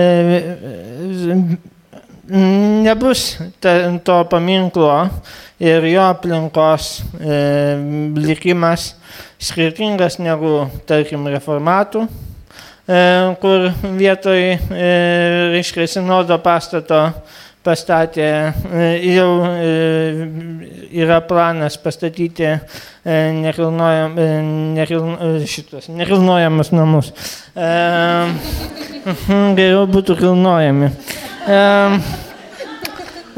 Šitą geriau ir šiaip mane, mane stebina, reiškia, kaip, kaip šitas miestas yra visgi valdomas. Reiškia, jisai valdomas uh, metant akmenis į e, avilius, į bičių avilius, e, bandant sukelti kuo daugiau susipriešinimo ir tuo pačiu kažką, reiškia, tyliai puoselėti savo planus. Tai man atrodo, kad šitas miestas yra, na, Nežinau, man atrodo, yra netgi e, šita savivaldybė, nu, jinai elementariai, nu, net, nu, netenka pasitikėjimo per savo tokią politiką, nes, nu, jokiam kitam, e, ta prasme, e, aš teko gyventi ne Lietuvoje, užsienyje ir teko stebėti, kaip valdomi, nu, tvarkomasi miestuose, tarkim, tame pačiame Londone. Reiškia, ten, ten bet koksai kritinis, reiškia, bet, bet kokia kritinė situacija, bet kokia krizė bandoma kažkaip iš karto ne, ne, nekiršinti, bet lyginti. Reiškia, problemų yra daug ir, ir, ir ten yra žymiai didesnių įtampų negu čia ir ten e, bandoma kažkaip derinti, e, reiškia, e, įsiklausyti įvairių, tarkim, grupių nuomonę. Lietuvoje matau, kad šitiems politikams, kurie mus valdo, visiškai pakanka visiškai pakanka savo pačių nuomonės ir, ir kiti, kiti nereikalingi. Ir, ir, ir tam tikrą prasme šita diskusija, kokia jinai būtų plati ir, ir, ir svarbi, e, apskritai apie kultūrinę atmintį kalbant, jinai reikalinga tik mums. E, ta prasme, Ir todėl mes esame paraleliniuose pasauliuose su Lietuvos valdžia. Ačiū. Ačiū.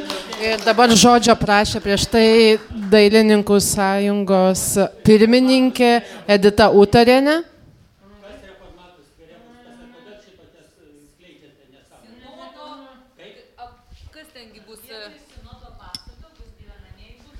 Taip, o tai nematėte, skalbimų galima nusipirkti.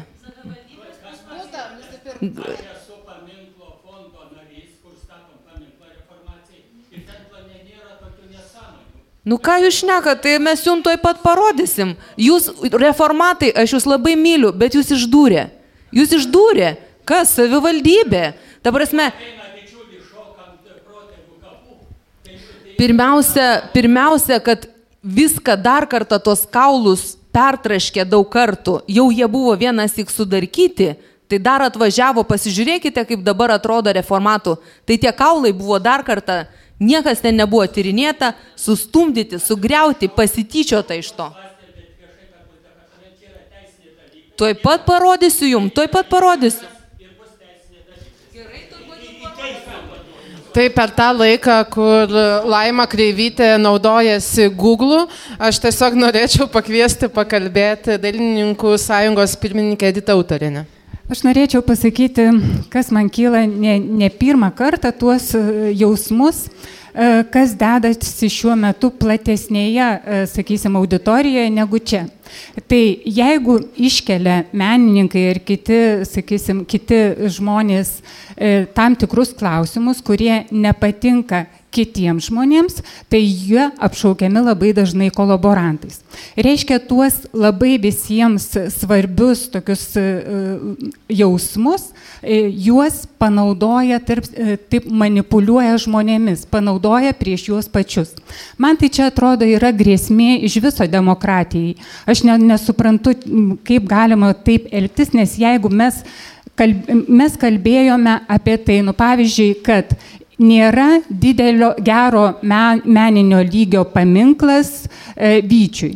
Ir kad dėl to nenorime to paminklo Vilniuje ir tiesiog, kad reikia skelbti kitą konkursą. Tai, tai buvome apšaukti vėlgi kolaborantais, nes nenorėjome paminklo Vyčiui dėl jo meninės vertės tiesiog mus, mūsų neįtikinančios. Ir dabar visur, kokį klausimą beiškelsi, visur tu gali atsidurti toje kitoje pusėje, kolabo, e, reiškia kolaboranto pusėje. Aš pati ne vieną kartą patekau į tokią situaciją ir mane iš tikrųjų tai labai žaidžia.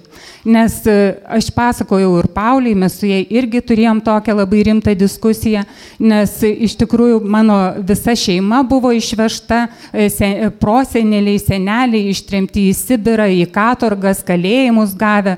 E, ir e, aš savo senelio netgi neprisimenu, nes keturių metų buvau aš, kai jisai grįžo iš katorgos ir, ir e, numirė. Net laikęs, nu, ta prasme, sveikata buvo mm, jau iki tam tikro lygio nuvaryta. Tai tie, bet aš prisimenu iš savo promočiutės, kaip jinai sakė tuos žodžius, kad reikia atleisti, jiems Dievas atlygins ir kad nereikia to keršto. Aš dabar galvoju, kas dedasi Lietuvoje šiuo momentu, jeigu prieš mus, e, jeigu mes kritikuojame mums atrodytinus taisytinus dalykus, e, mus vadina kolaborantais. Man tai mane asmeniškai tai ypatingai žaidžia. Taip, ačiū. Ir Violeta Šablinskaitė irgi norėtų pasisakyti. Sveiki. E, turėjom Lietuvoje tokį šūkį mes be Vilniaus nenurimsim. Paskui turėjom šūkį Vilnius mūsų, mes rusų. Dabar, manau, mes turim šūkį Vilnius nebe mūsų. Todėl, kad Vilnius kažkodėl yra traktuojamas ne kaip visos Lietuvos Vilnius, ne kaip mūsų sostinė, o kaip Vilniaus tarybos miestas, kuriame jie gali tvarkytis kaip savo asmeninėme darže auginti ten kopustus, e, statyti e, šuniui būdas ir, ir, ir daryti kitus dalykus. Aš norėčiau oponuoti gerbiamam psichiatrui, kuris pasakė, kad šiandieniniam jaunimui nei cvirka, nei žemaitė, e, tą sąrašą dar galima būtų tęsti, čia galima būtų minėti ir Baltušį, ir, ir netgi tą patį Marcinkievičių. E, šita literatūra yra nebeįdomi. Iš tikrųjų, tai labai priklauso nuo to, kas tą literatūrą jaunimui dėsto ir kaip ją dėsto. Ir sakykime, e, mano krašte, aš dirbu Vėlionos bibliotekoje, aš puikiai žinau, kaip yra skaitomos Petro Cvirkos knygos. Ir aš puikiai žinau, e, kokios moksleivių delegacijos atvyksta į Klangius, į Cvirkos tėviškę. Ir Kaip tai traktuoti? Kaip blogį? Tai yra e, tam tikras, nu, tai yra požiūris į literatūrą, kaip mes tą literatūrą aiškinsim.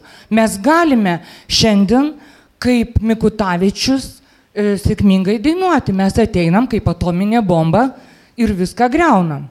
Bet iš tikrųjų tai e, pasaulis ne nuo mūsų prasidėjo, ne mumis pasibaigs. Ir mes negalim e, paimti vienu brūkšniu, nubraukti visko, tas kolaboravo, tas ta. E, apie cvirką kalbėdami mes pirmiausiai turim kalbėti apie jo kūrybos literatūrinę vertę. Deja, e, kaip aš begerbčiau Marių Ivaškevičių, aš labai pritariu e, kolegai Petrui Bražinui, vis dėlto jo pasisakymas buvo, manyčiau, neetiškas. Galų gale, jeigu jis pasakė, kad tarpu kariu buvo ir įdomesnių, geresnių rašytojų, tai bent jau tada turėjo išvardinti tas pavardės. Nes taip tai ir lieka neaišku, kas ten vis dėlto buvo už cvirką geresnis. Ačiū. Ir Laima Kreivytė? Čia iš karto e, atsakant, nu tai vat Mariu Ivaškevičių vienaip atrodo, čia jau cituotas Tomas Venslova mano, kad vis dėlto Svirka buvo, uh, tiksliau, Tomas Venslova nurodo į Alfonso Nykos Niliūno nuomonę. Bet aš norėjau dar atkreipti dėmesį, čia jau buvo paminėtas, uh, tarp kitko, Pocevičiaus tas paminklas Lakštingalai, kur išrinko, kas norėtų maždaug kokį herojų jam žinti. Ir buvo pasakytas paminklo autorius Rimantas Daugintis. Ir reikia pasakyti, kad šitas skulptorius nepriklausomybės pradžioje, jisai irgi susidegino protestuodamas prieš, prieš visas tas neteisybės politinės ir panašiai. Mes turim tokius sudėtingus dalykus. Iš vienos pusės mes sakom, cvirka šioks toks, o štai yra skulptorius, kuris įamžino tą herojų, pastatė šitą paminklą, tas paminklėlis yra toksai iš tikrųjų nedidelis, nelabai matomas, jisai yra čia ties Konarskio turgeliu, ne visi gal atkreipia dėmesį. Bet tai yra, reiškia, svarbus Rimanto dauginčio darbas. Tai vad, vėlgi, mes taip bandydami savo istoriją, taip surušiuoti į teisingą ir neteisingą, mes kasame salduobę ir mes iš tikrųjų visų greičių einame į tokią santvarką, iš kurios džiaugiamės pabėgę, nes tai ir yra sovietinis direktyvinis mąstymas, kai partijos linija yra svarbiau už bet kokias diskusijas. Birutė Januškaitė. Aš turiu klausimą. O, Gasparas, kur yra, nematau, ar nėra Gasparo. Tai tada, Violeta, e, jums turiu klausimą e, apie tą... So...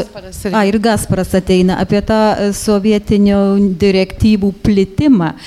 1984 metais buvo įsteigta literatūrinė Petro Cvirkos premija.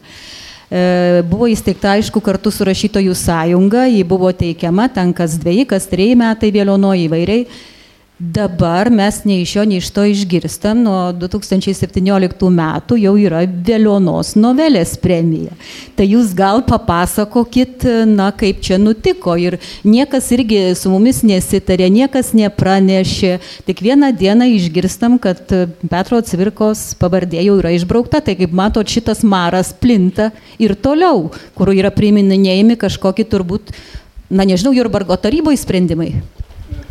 Pradėkime nuo gražesnių dalykų. E, Vėlionoje yra 15 laureatų ažolynas, e, kur ažoliukus sodino ir, ir birutė sodino, ir aputis sodino, ir daugelis iškilių prozininkų, ir šlepikas ir taip toliau.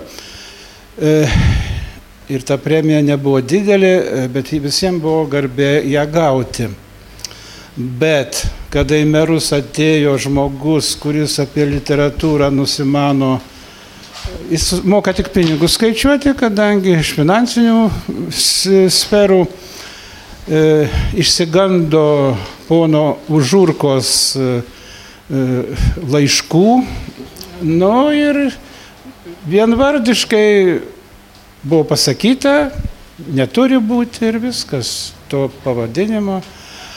O šiaip aš žinau ir Tomo Venslovas nuomonę, jis, kaip sakė, nieko jūs čia neapginsit, jokie psichiatrai čia neapgins jo ir greičiau mus apšauks psichiniais ligoniais, kurie ginam ir jis bus tikrai nukeltas. Ai, e, aš netikiu niekaip Tai yra užsimota, įtraukta į koalicijos sutartį, tai yra aišku nurodymas iš aukštų partijos arba šulų ir čia viskas aišku. E, nu, aš manyčiau, kad ir žmonėms, ir rašytojo šeimai nusibodo šitas trolinimas, e, patyčios, iš tikrųjų veši patyčių kultūrą, mo muziejaus to, tie projektėliai, kur ten lazeriai akys ir taip toliau. Jeigu menu mes, taip, menas yra viskas. E, Kristus myžaluose menas, vamzdis menas. Nu, menininkas gali, ką nori daryti. Bet e, Vėlionos krašto žmonės renka parašus, jeigu jau jūs griausite, tai atiduokit jį Klangių kaimui, kur stovi etnografinė cvirkos vadyba ir e, mes ją puoselėsim. O... Taip. Ir tada norėtume, dar žodžio prašo Aušrėja Sukevičiūtė. Aš norėčiau ponui atsakyti, nes mes vis dėlto taip ir neatsakėm jam į klausimą, kągi mes čia ginam. Iš tikrųjų, aš pagalvojau, kad tai yra beproto svarbus klausimas, nes visa šita mūsų diskusija tarsi eina pro šalį tada. Iš tikrųjų, mes ginam ne tik paminklą, ne tik istorinę atmintį, mes ginam ir skverą taip pat. Ir taip pat žaliuosius plotus mūsų visų miestų ir miestelių. Visa šitas Vilniaus klausimas yra žymiai platesnis.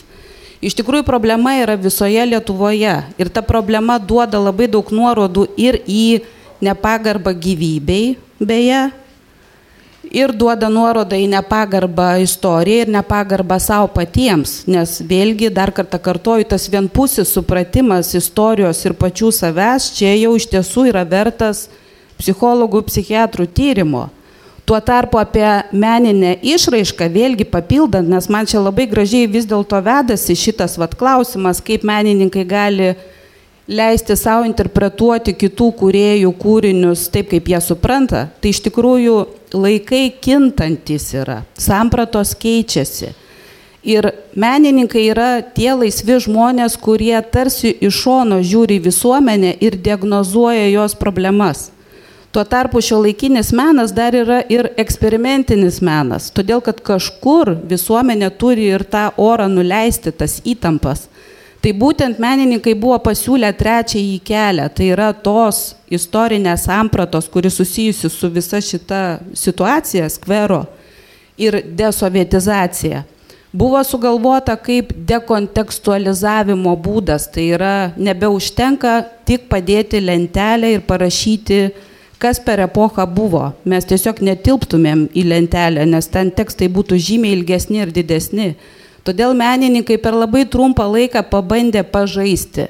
Taip, tai atrodo labai gal net ir nerimtai ir kartais įžeidžiai, tačiau būtent menininkai turi tą vidinę laisvę daryti taip, kaip jiems atrodo. Jiems nereikia klausti leidimo ar pritarimo, jie turi teisę mąstyti laisvai, nesvarbu, kaip politikams ar visuomeniai tai gali atrodyti šokiruojančiai. Bet juk jie nesiūlo, ką nors pasmaukti, nušauti ar kažkaip kitaip. Ta prasme, jie savo ribose tai daro. Ir todėl va, šitas va, rūpestis mūsų, aš nesutinku, kaip jūs sakot, kad jie nugriaus. E, manau, kad tai yra mūsų valios reikalas. Jeigu mus valdo valdžia, tai reiškia, kas darosi su mumis pačiais. Jeigu mes galim šitokiu būdu pasiduoti politikų provokacijoms ar mąstymui. Ką, mus į Sibirą išveš, jeigu mes galvojam kitaip, ar kas nors gali mums, juk tai yra mūsų valioje neleisti, neleisti, pakeisti, ištrinti, paduoti mums vieną istorinę sampratą arba vieną mitologizaciją, nes aš tai pavyzdžiui čia absoliučiai matau tas pačias formuluotės, kurios buvo komjaunimų posėdžių protokoluose. Tai yra tos pačios frazės, ponai, atkreipkite dėmesį, kas nors galėtume tyrimą internetinį padaryti, tų tarybinių formuluočių ir dabartinių formuluočių. Nėra laisvo kalbėjimo, nėra to laisvo galvojimo. Tai reiškia, kad mūsų pačių kritinis mąstymas patiria didžiulį pavojų ir todėl politika daro su mumis, ką nori.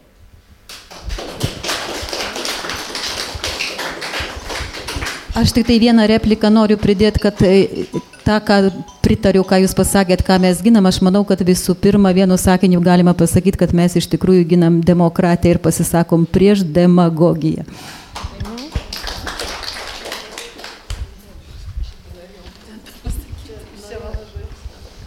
Aš esu Edita Kavaliauskinė, Antakalniečių bendruomenės pirmininkė. Turim tokį sėkmingą atvejį kad savivaldybė sustabdė savo planus sapiegų parke. Nežinau, ar tas atvejis toliau tęsis sėkmingai. Ir aš noriu kauniečiui pasakyti, mano tėvai kažkada tai 59 metais paskatinti Baršausko atvyko į Vilnių. Aš gimiau čia 60 metais, visą gyvenimą pragyvenau Vilniuje, porą kartų buvau išvykus gauti išsilavinimą Kaune, į Kauną. Bet aš noriu pasakyti, kaip jūs taip laisvai galite politikai sakyti, kad atėjom, mes turėdami kažkokį psichologo išsilavinimą, bet dabar va, domime švietimo sritim, mes politikuojam taryboje ir mes nusprendžiam, kad mums reikia nugriauti žalio tiltos kultūros ir ten pasodin, e, pastatyti nežinia ką. Mes galim pajudinti Petrą Cvirką, klausykit, mes visi gimėm su šitais medžiais, su šitais paminklais ir e, arba mūsų, tarkim, mūsų, kai mes gyvenom, jie buvo pastatyti ir mes juos palikim, mes tik juos saugokim kitom kartom. Mes neturim, mes neturim jų smerkti ir, ir sakyti, reiškia, kad jie yra blogi, nes... Rimties prašyčiau. Mes ne, negalim vertinti, nes gali vertinti menotyrininkai, kurių kažkaip tai tarybos nariai neklauso, ir rašytojai, kurių irgi tarybos nariai neklauso, ir kas jiems leido spręsti apie šitos paminklus Vilniuje. Ir jeigu mes ką ginam, aš dabar čia klausau visų žmonių pasisakančių, man tiesiog baisu dėl to, kad mes visi kažkaip teisinamės, teisinamės savo, turintis tokį išsilavinimą, turi, turintis tokius, tokius, kaip čia pasakius, mm, patirtį, Ir teisinamės prieš ką? Prieš tai, kad paliktų Vilnių tokį su jo erdvėm, su jo paminklais ir nenaikintų. Nes visgi nieko naujo nesukūrėt, tik tai greunat viską ir trinkeliuojat. Ir tai, ką aš matau Gedimino prospekte, ne, jeigu neturit pinigų sutvarkyti kaip reikiant, tai geriau nejudinkit to, kas yra kitų žmonių sukurta. Viskas. Ačiū. Prašau. Gučas restauratorių sąjunga. Prieš porą metų aš čia e, tokioj su vienu nekilnojamo tursto e, verslininku geriau kavą šalia kavinės ir jis man pasakojo, reiškia, e, samprotavo, kiek kvadratinio metro kainas Tvirko skvero, kiek Tauro kalno. Jie pasidalino, tas, ne, ne tas, kurio kalbėjau, bet tas Tvirko skvero, tas Tauro kalną. Reiškia, o paskui, kai kils skandalas, jie susikeis ir tada bus viskas gerai. O tai šitokia, šitokiais yra, reiškia, šitas e, esmė. Dabar e, tie, tie vaikučiai, kurie kreipiasi, tai aiškiai darbininkų laiškas protestuojantis prieš kokį nors tenai Sakarovo, ar ko neskaitė, ko nežino, ko negirdėjo, prieš tą jie protestuoja. Kas juos paskatino? Juos paskatino tas, ką paskatino tas, kas nori statyti ant Tauro kalno. Nu, kam čia, kam čia daug kalbėti? Reiškia, dabar aš e, studijavau maždaug Hruščiovo laikais, pradėjau, baigiau prie jauno Breždevo. Buvo tokie, nu, komjaunimo susirinkimai, nykus komjaunimo sekretoriai ir sekretorės, kurie paskui darė karjerą. Bet tokio nykumo kaip šita ponia iš savivaldybės aš nesu matęs, nesu girdėjęs. Tai yra absoliutus, reiškia, e, kaip sakyt, jau e, jau e, galima sakyti kriterijus smukimo, reiškia tuščios frazės, reiškia, nu, jūs viską girdėjot, kam čia man kartoti. Ir dabar aš, ką mes galim daryti, tiesa dar apie tą paminklą galiu pasakyti, reiškia, visa kompozicija yra be priekaištų. Stovi ten kažkur pažaliavęs paukščių nutupėtas, jis ten gerai atrodo. Niekas tenai, nei, nei, nei koks nors e, Paleckis ten mitingų rengia, net bėga su Georgijos juostelė, šitasai pasiuntinys e, Rusijos su, su šito, kaip tas, Tomaševskiu. Žodžiu, stovėtų savo ir būtų, viskas gerai. Atsiprašau, čia tas man kvarktelėjo kažkodėl. Kažkam nepatiko. Nepatiko. Tai va. Tai, tai reiškia ir, ir būtų viskas, viskas gerai, jokių bėdų, bet reiškia faktiškai yra ta situacija, kad apskritai, kaip sakyti, E, didysis kultūros sulaukėjimas, kaip kažkas yra pasakęs, reiškia e, bendras degradavimas. Galų galia, na tarkim, švietimo ministerija, kultūros ministerija, dainų daidelės konkursas. Taip, vaikučiai turi gražiai dainuoti savo balsais, pradėta nuo etinės muzikos. Prie ko priejo? Prie popso. Išeina švietimo viceministrė ir sveikina vaikučius ir linki e, išaukti iki Eurovizijos. Tai reiškia degraduoti, ne, tai švietimą, tai reiškia degraduoti degraduoti iki visiškos, reiškia, dugno kultūrinio. Arba kultūros ministrė, ponia, tada vienintelė liet- moteris buvo, sveikina e, muzikos akademijos studentus, vokalistus baigiančius studijas ir linki pasiekti tokių aukštumų kaip Urmana ir Mikutavičius. Tai va, tai kultūros ministrė. Tai va šitoj situacijoje, suprantate, reiškia, mes, mes nebeturim su kuo kalbėti. Dabar e, e, kas yra Liepos antra pusė. Mes, e, reiškia, aš jau pastebėjęs visą krūvą keulystės daromas Liepą, kai iš, iš, išeina atostogų. Praeitą vasarą buvo ten kuriami kažkokie koncepcijos absurdiškos, pami, reiškia, paveldos Liepos mėnesį. Liepo, per, dai- dainų, per dainų šventę buvo paskelbta kažkokia muziejų reforma. E, Tokia e, vėlgi beprotiška. Ir reiškia e, nuomonė, atsiliepimai iki rūpiučio pirmos. Suprantate, tai reiškia viskas čia yra tiesiog sistema. Kai nori prikeulinti, tai tada daro vidurvasarį. Reiškia. Dėkoju uždėmesi. Ačiū. A, mhm. Ka- Kas norėjo žodžio? Jūs norėjot? A, Tai Austina Kienė. Na, aš norėjau pasisakyti apie tas aiškinamasias lenteles, kurios tarsi pasirodė jums tokios netalpios, gal neperspektyvios, o man atrodytų, kad jos gal yra ir neblogas dalykas. E, Nes man atrodo, kad e, mes nesistengiame tų paminklų perprasminti, suteikti jiems naujos prasmės. Ir matyt, tai ir rodo, kad mes e, nejaučiam tos miesto tradicijos ir netesiam tradicijos. Nes tradicija taip ir gyvena, kad kažkas yra pritaikoma. Kažkas iš, iš senesnių sluoksnių tiesiog įmama suvokti kitaip, ar į tai pradedama žiūrėti kitaip, vertinti kitaip ir tada nebereikia greuti. Ir iš tiesų tai vyksta labai sunkiai ir jeigu nugriausim, nebūtinai ta vieta bus dar kitaip įprasminta. Tarkime, reformatų skvere buvo nugriautas paminklas raudoniesiems partizanams, bet tada iškart netėjo didelis supratimas apie tą vietą ir būtent jos svarbą reformacijai.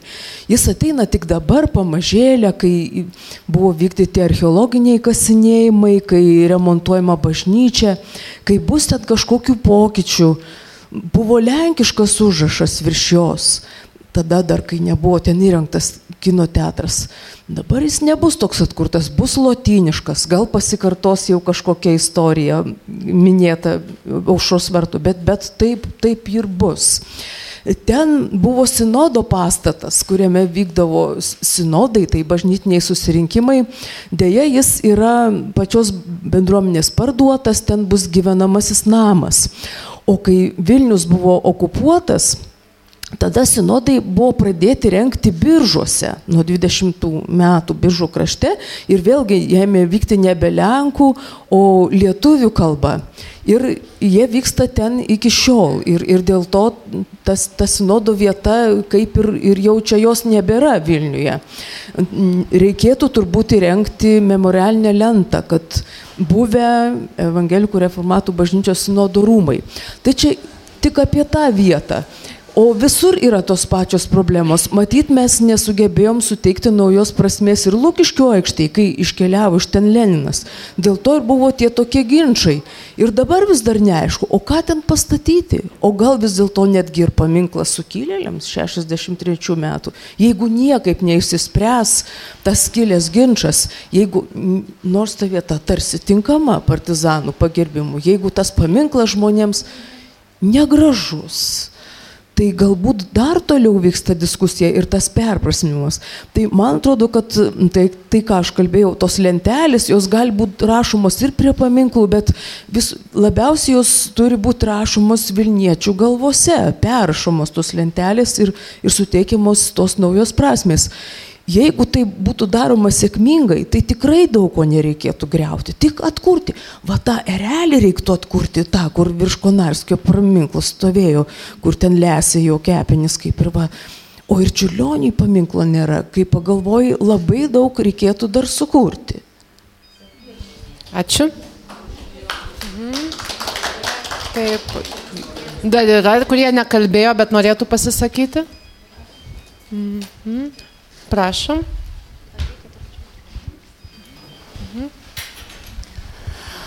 Man tai atrodo, kad e, Vilniui trūksta tos tendencijos, nu, kai yra tvarkomas naujai, kad būtų išlaikoma Vilniaus, nu, tokia esybė, nes uh, naikinant paminklus ir kuriant tas tokias europietiškas aikštės, tai uh, Vilnius praranda savo identitetą ir, ir tą pačią istoriją. Uh, taip pat dar norėjau pasakyti, kad labai įdomiai buvo panaikintos uh, žalio tilto skulptūros, kai iš pradžių a, buvo e, jos laikomos kaip vertybė kultūrinė, o po to buvo tiesiog pakeista, aš neatsimenu kaip e, vadinasi, ar taryba, ar kas, žodžiu, tie žmonės, kurie sprendžia apie kultūrinę vertę, jie tiesiog buvo pakeisti. Ir tada buvo nubalsuota taip, kaip reikia.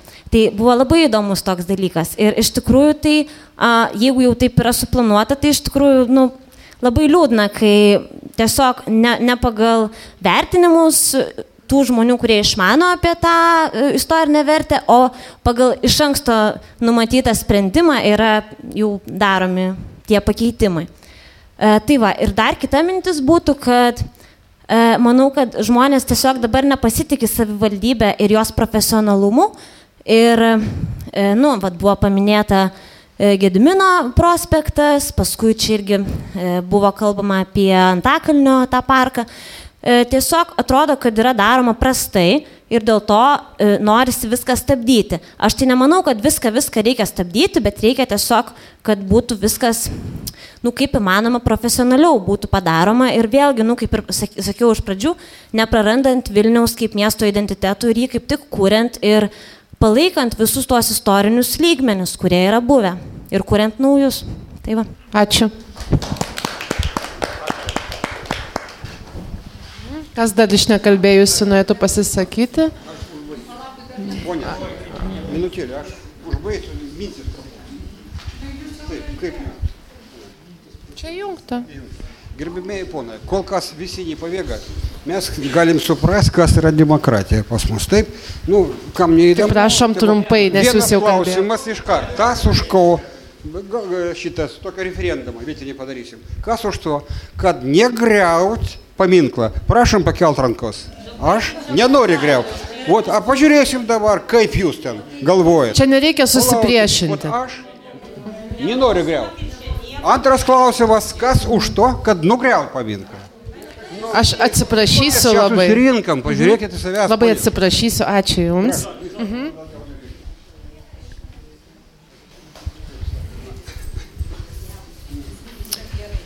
Esu Arvidas Valionis, žmogus iš praeito tūkstantmečio, tad atleisite, aš kaž- kažką pradėsiu netaip šnekėti. Pirmiausia, šios diskusijos, jeigu girdėtų Arvidas Šliogeris, savaldybės atstovės kalbą, jis yra pasakęs labai aiškiai, žmonės negyvenę tame tūkstantmetyje negali ta- to, to vertinti, jie ne, ne, be patirčių. Savaldybė dirba taip, kaip sovietmetį dirbo proletkultas. Čia yra proletkultinė kultūra. Paminklo grabimas, kaip greunamas cvirka, tai yra proletkulto kultūros neo, ne, neo bruožai. Žiūriu šioje salėje iš karto jau, ten pašnekovo to nebėra, kur paklausiau, jau skleidžia gandus apie reformatų sodą, kad ten bus statomi apartamentai. Aš esu reformacijos paminklo fondo valdybos narys ir žinau, kur statoma vis projektas. Jokių, pami, ne, nebus jokių pastatų tame so, reformacijos sode. Čia yra, taip, taip mes, taip mes kūrėme mitus, susi, su,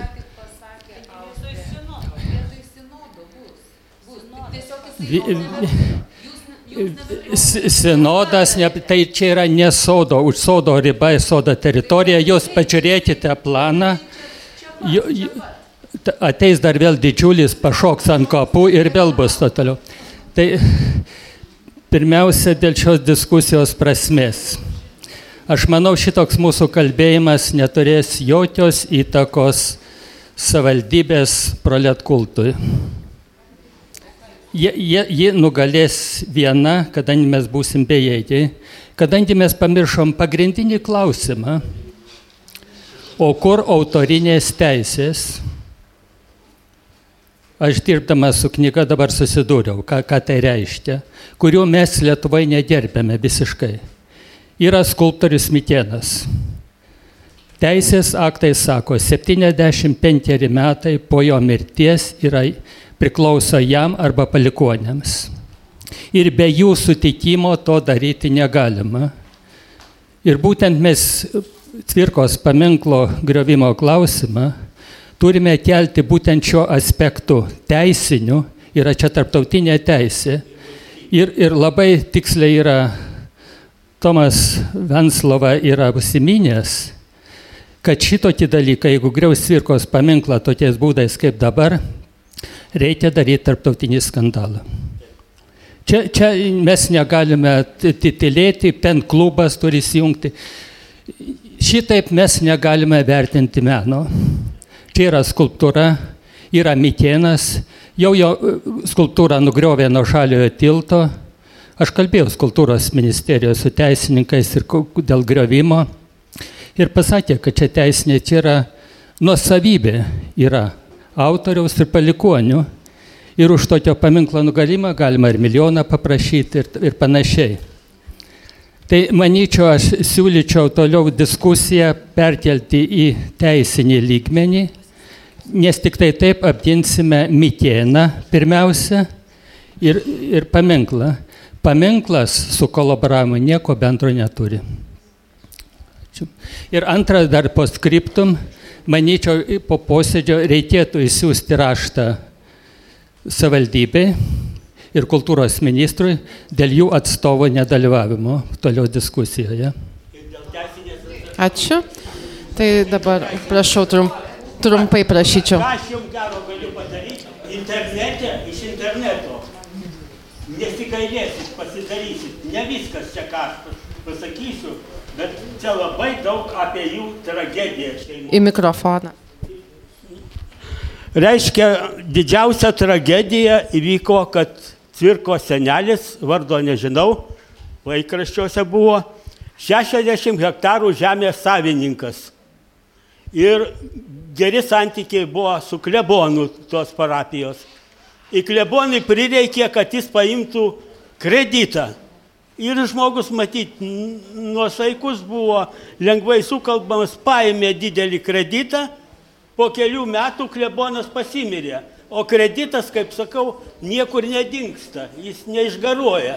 Ir tų šeima taip sunyko, kad, pavyzdžiui, tėvas jau uh, uh, Melionos pradžios mokykloje cvirkai besimokinant, jau mirė labai jaunas dar, o šitą.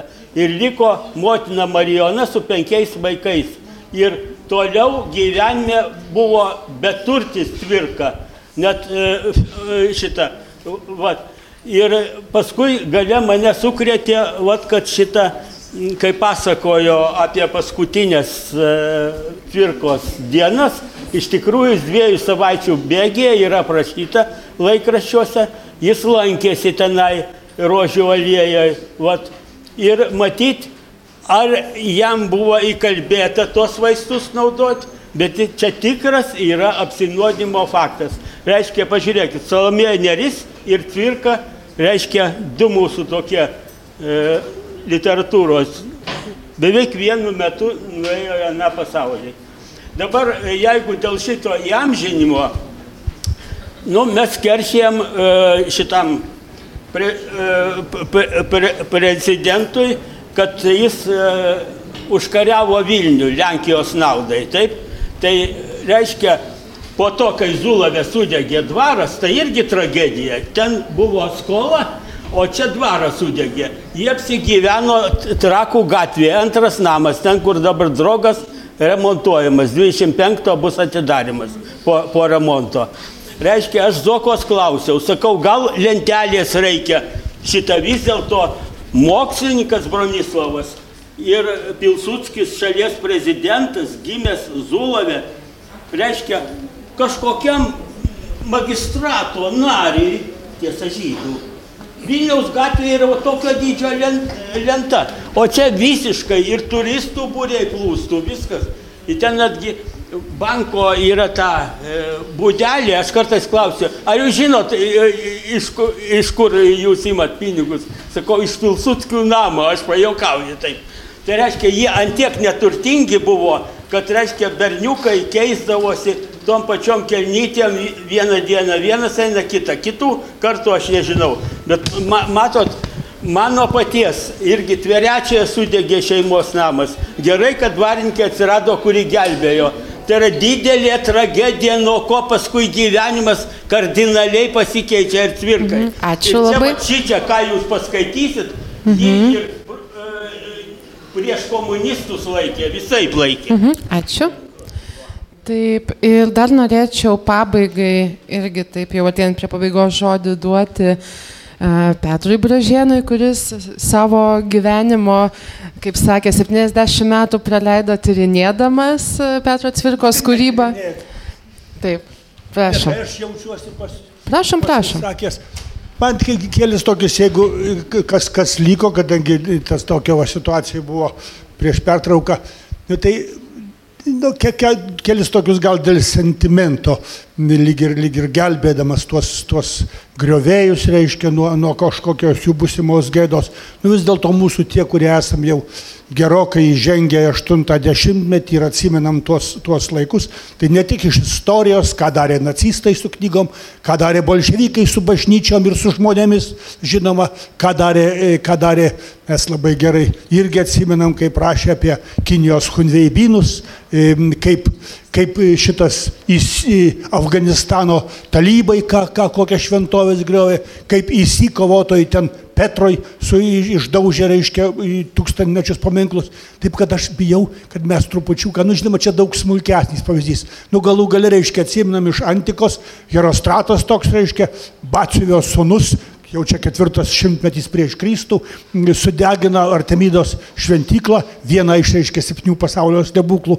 Tai aš ir čia galvoju, kad mūsų tokia yra, tokie mažyčiai herostratukai auga. Vat sugriausim, ką nors paliksim. Tai aš juos, jeigu taip, taip tėviškai, man kas čia ne- nebekas liko ir aš ne, nebijau nei, nei pensijos iš manęs atims, nei pareigų reikia, nei nieko. Tai bet aš jiem tik tai juos nuo, nuo busimos kėdos taip saugot.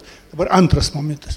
Mano karta puikiai dalyko žino, kad rašytojus išbraukti kuriam laikui, net 50 metų yra galima. Mes išaugom be, be e, aiščio, be braždžionio, be vaičiulaičio, netgi su iš, iš, iš, iš, e, taip išoperuotų, sakysim, e, Maironiu ir tuo pačiu Baranausku ir, ir, ir, ir, ir, ir kitais. Nu ir nieko išgyvenom, 60-mečiai, 50-mečiai būdami pradėjom skaityti tą išėjos literatūrą. Taip, kad ir, va šiandien čia kalbėjo Violeta rašytoja apie, apie šitą skaito vaikai, kas, aišku, kad, kad daug kas neskaito, čia daug dalykų, čia irgi nėra ko čia šnekėti. Yra, reiškia, Visos kitos technikos paėmė, reiškia, kitus dalykus, literatūra nebėra šiandien jaunam žmogui. Ašgi turiu savo anukus jau studentus ir, ir puikiai žinau, nėra tas, kas mums buvo, kai literatūra buvo vienintelis džiaugsmas anam, anam e, e, pokario, pokario tais metais.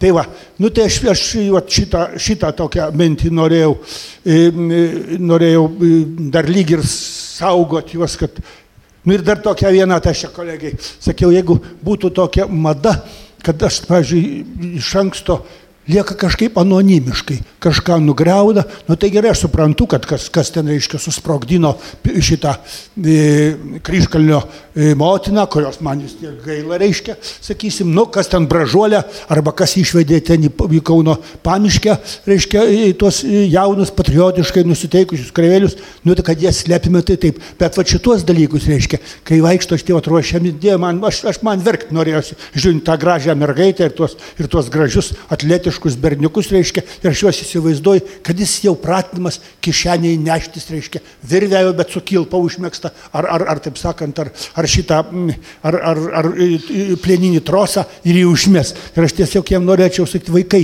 jeigu jums net ir leis kuriam nors, aš prisimenu sąjūdžio tą mergaitę iškeltą, arba su vėliava, arba ant rankų, reiškia, norėjau pasakyti, kad jeigu jam kuriam nors ir suteiks už aktyvų dalyvavimą, iš rankas iškėlus, vis tiek reikia būti treniruotam, išbūti dvi valandas su savo plakatėliais kažkieno padarytais. Tai sakau, net jeigu jam leistų užmesti šitą kilpą, tegul ir ne ant gyvos sprando, bet reiškia ant bronzinio, Tai, tai niekas, nu nebent koks nors skandalų mėgėjas žurnalistas paminės vieną kartą, paskui jie išnyks, niekas ne, ne, nebusgi šito herostrato taip įrašytas, reiškia. Labai beviltiškas darbas. Tai va tokie, tokios lyg ir kekelis. Nu ir dar vienas, va čia, o, e, daktarai reiškia, kadangi jis, nu pasakė, nu žinoma, mane, mane skaudžiai žaidžia tas dalykas, aš, aš nusiteikęs ant nieko, nieko nepykti, aš, arba aš daugiau su gailėšiu tokiu žiūriu, kad žmonėm, nu, pavyzdžiui, jeigu dabar e, vaikštant po Vilnių ir matyti, reiškia, cirkos paminklą kaip, kaip žaizdą, nu tai aš daktarė, nu, dėja man, aš tikrai e, žadu, kad jūs su kolegom tu pasižiūrėt, kad kas nors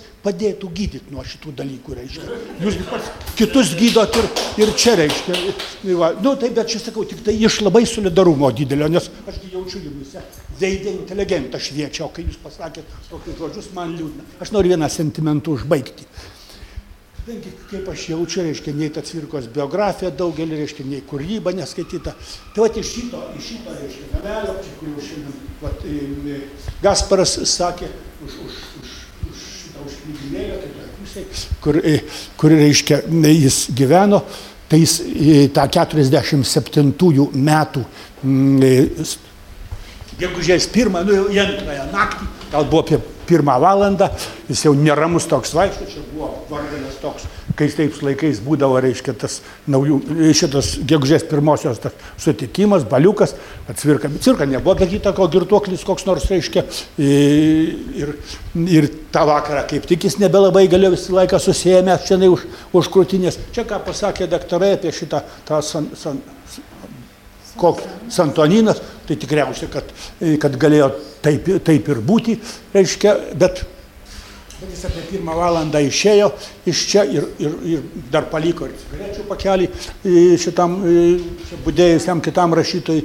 ir iškeliavo, tai įsivaizduoju tą per, per Vilnių šitą gegužės antrosios jau paryčiais, jis eina va šito, nu kažkur, pro, pro, kur dabar vaikų tas pasaulis buvo, pro čia reiškia praeina tai tą rožolėją ir iš ten jau jo nebepaleidžia. Ir aš kai visada pro čia važiuoju, tai man toks vat, yra, reiškia, simboliškai, kadangi e, daktaras simbolių trenės, nu, įrašykit pavyzdėlį, kas man, vat yra šitas, aš kai einu, tai taip ir galvoju, o vis dėlto cvirka, nors jis jis norėjo ištrūkti iš ten, kaip liūdė buvusiai žmonės, bet jam daktaras pasakė, gerai, tave rytoj išleisim, o rytoj jis turi važiuoti pasinešę žmoną į Kauną, reiškia, jau neišleidžia. Jis už pašneka dar pajokauja ir, reiškia, ir užmiega, ir paskui staigiai sukriokia ir viskas cirkos nebėra.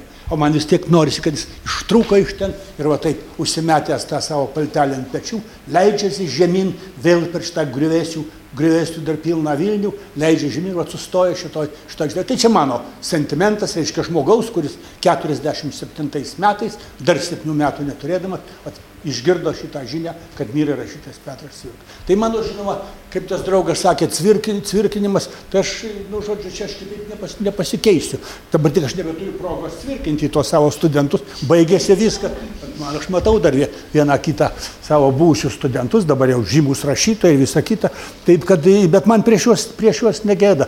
Aš atsimenu dar ir, ir, ir tuos dalykus, kai man prieja studentės, reiškia, po seminaro apie cvirką, kai jos perskaitė Žemę maitintoją ir kai iš mokyklos atėjo su nuostata, kad, nu, taigi kolaborantas, kaip ir nėris ir visą kitą, nu, buvo ir tokių, reikėjo išgyventi. Aš nebijojau šnekėti ir aš to jiems sakiau. Ir kai jos perskaitė cvirką man per pertrauką, reiškia, po seminaro, nu, aš nesakysiu ten tų, tų kokių žodžių, padėkos, aš jau negalėčiau tiksliai pacituoti, bet žodžiu, ačiū, kad, kad reiškia, atvėrė tokį dalyką. O kai, arba kai novelės paskaitė kai kurias, nu, tai jos, jos gali šiandien, cirka nesensta proza, jos jau gali skaityti ir, ir tai va tokie mano, mano, nu, ačiū, kad dar kartą davė. Tai jis ištrūko prieš dvi savaitės, o antrą kartą neįstrūko. Nu, tai aš kalbu apie paskutinį. Ačiū labai. Ir tada pabaigai dar duodam žodį menotrininkai rašytai Laimai Kreivytai. Aš gal apnešiu, nes čia. Tai aš tik norėčiau e, pabaigti ir padėkoti visiems, kurie išsakė nuomonę, taip pat ir priešingas nuomonės, nes būtent dėl to tos diskusijos ir gali vykti, nes, nes jeigu visi kalbėtume daugumą, mes turim tokią nuomonę, bet ateina žmonės, pasako kitą nuomonę ir tai yra svarbu. Mes turime girdėti vieni kitus. Ir labai ačiū už visus pasiūlymus ir patarimus, taipogi ir, ir tą teisinį argumentą, kurį reikia būtinai išnaudoti. Bet norėčiau nepamiršti ir to vertybinio, kad e, mes taip lengvai savo miesto neatiduotume ir vis dėlto susivienytume. Nes vie, viešosios erdvės, jos dėl to ir yra viešos, kad jos priklauso mums visiems. Ir neturėtų tai būti, kad e, kažkur viršuje nusprendžia ir gali jas laisvai kažkokiam verslui perleisti. Taip tiesiog negali būti. Tai nėra demokratiška. Negali kažkas nusipirkti mūsų visų miesto. Arba kažkokios jokingos čia prieš keletą laiko ten savivaldybės labai buvo populiarios frazės verslininkai mums tokią čia nuostabią dovaną daro, čia mums kažkokį planą pabraižė, čia mums kažkokias trinkelės padarė ir nu tuo pačiu dar paskui paaiškėjo, kad jie ir tą konkursą laimi tie verslininkai ir visą tai padaro. Nereikia mums jokių dovanų. Mūsų miestas yra iš tikrųjų didžiulis, mums reikia kažkokių tikrai svarbių vertybinių susitarimų. Ir, ir viskas, ir reikia kartu solidariai už tas savo viešas erdves kovoti. Tai ir tiek norėjau pasakyti. Ačiū.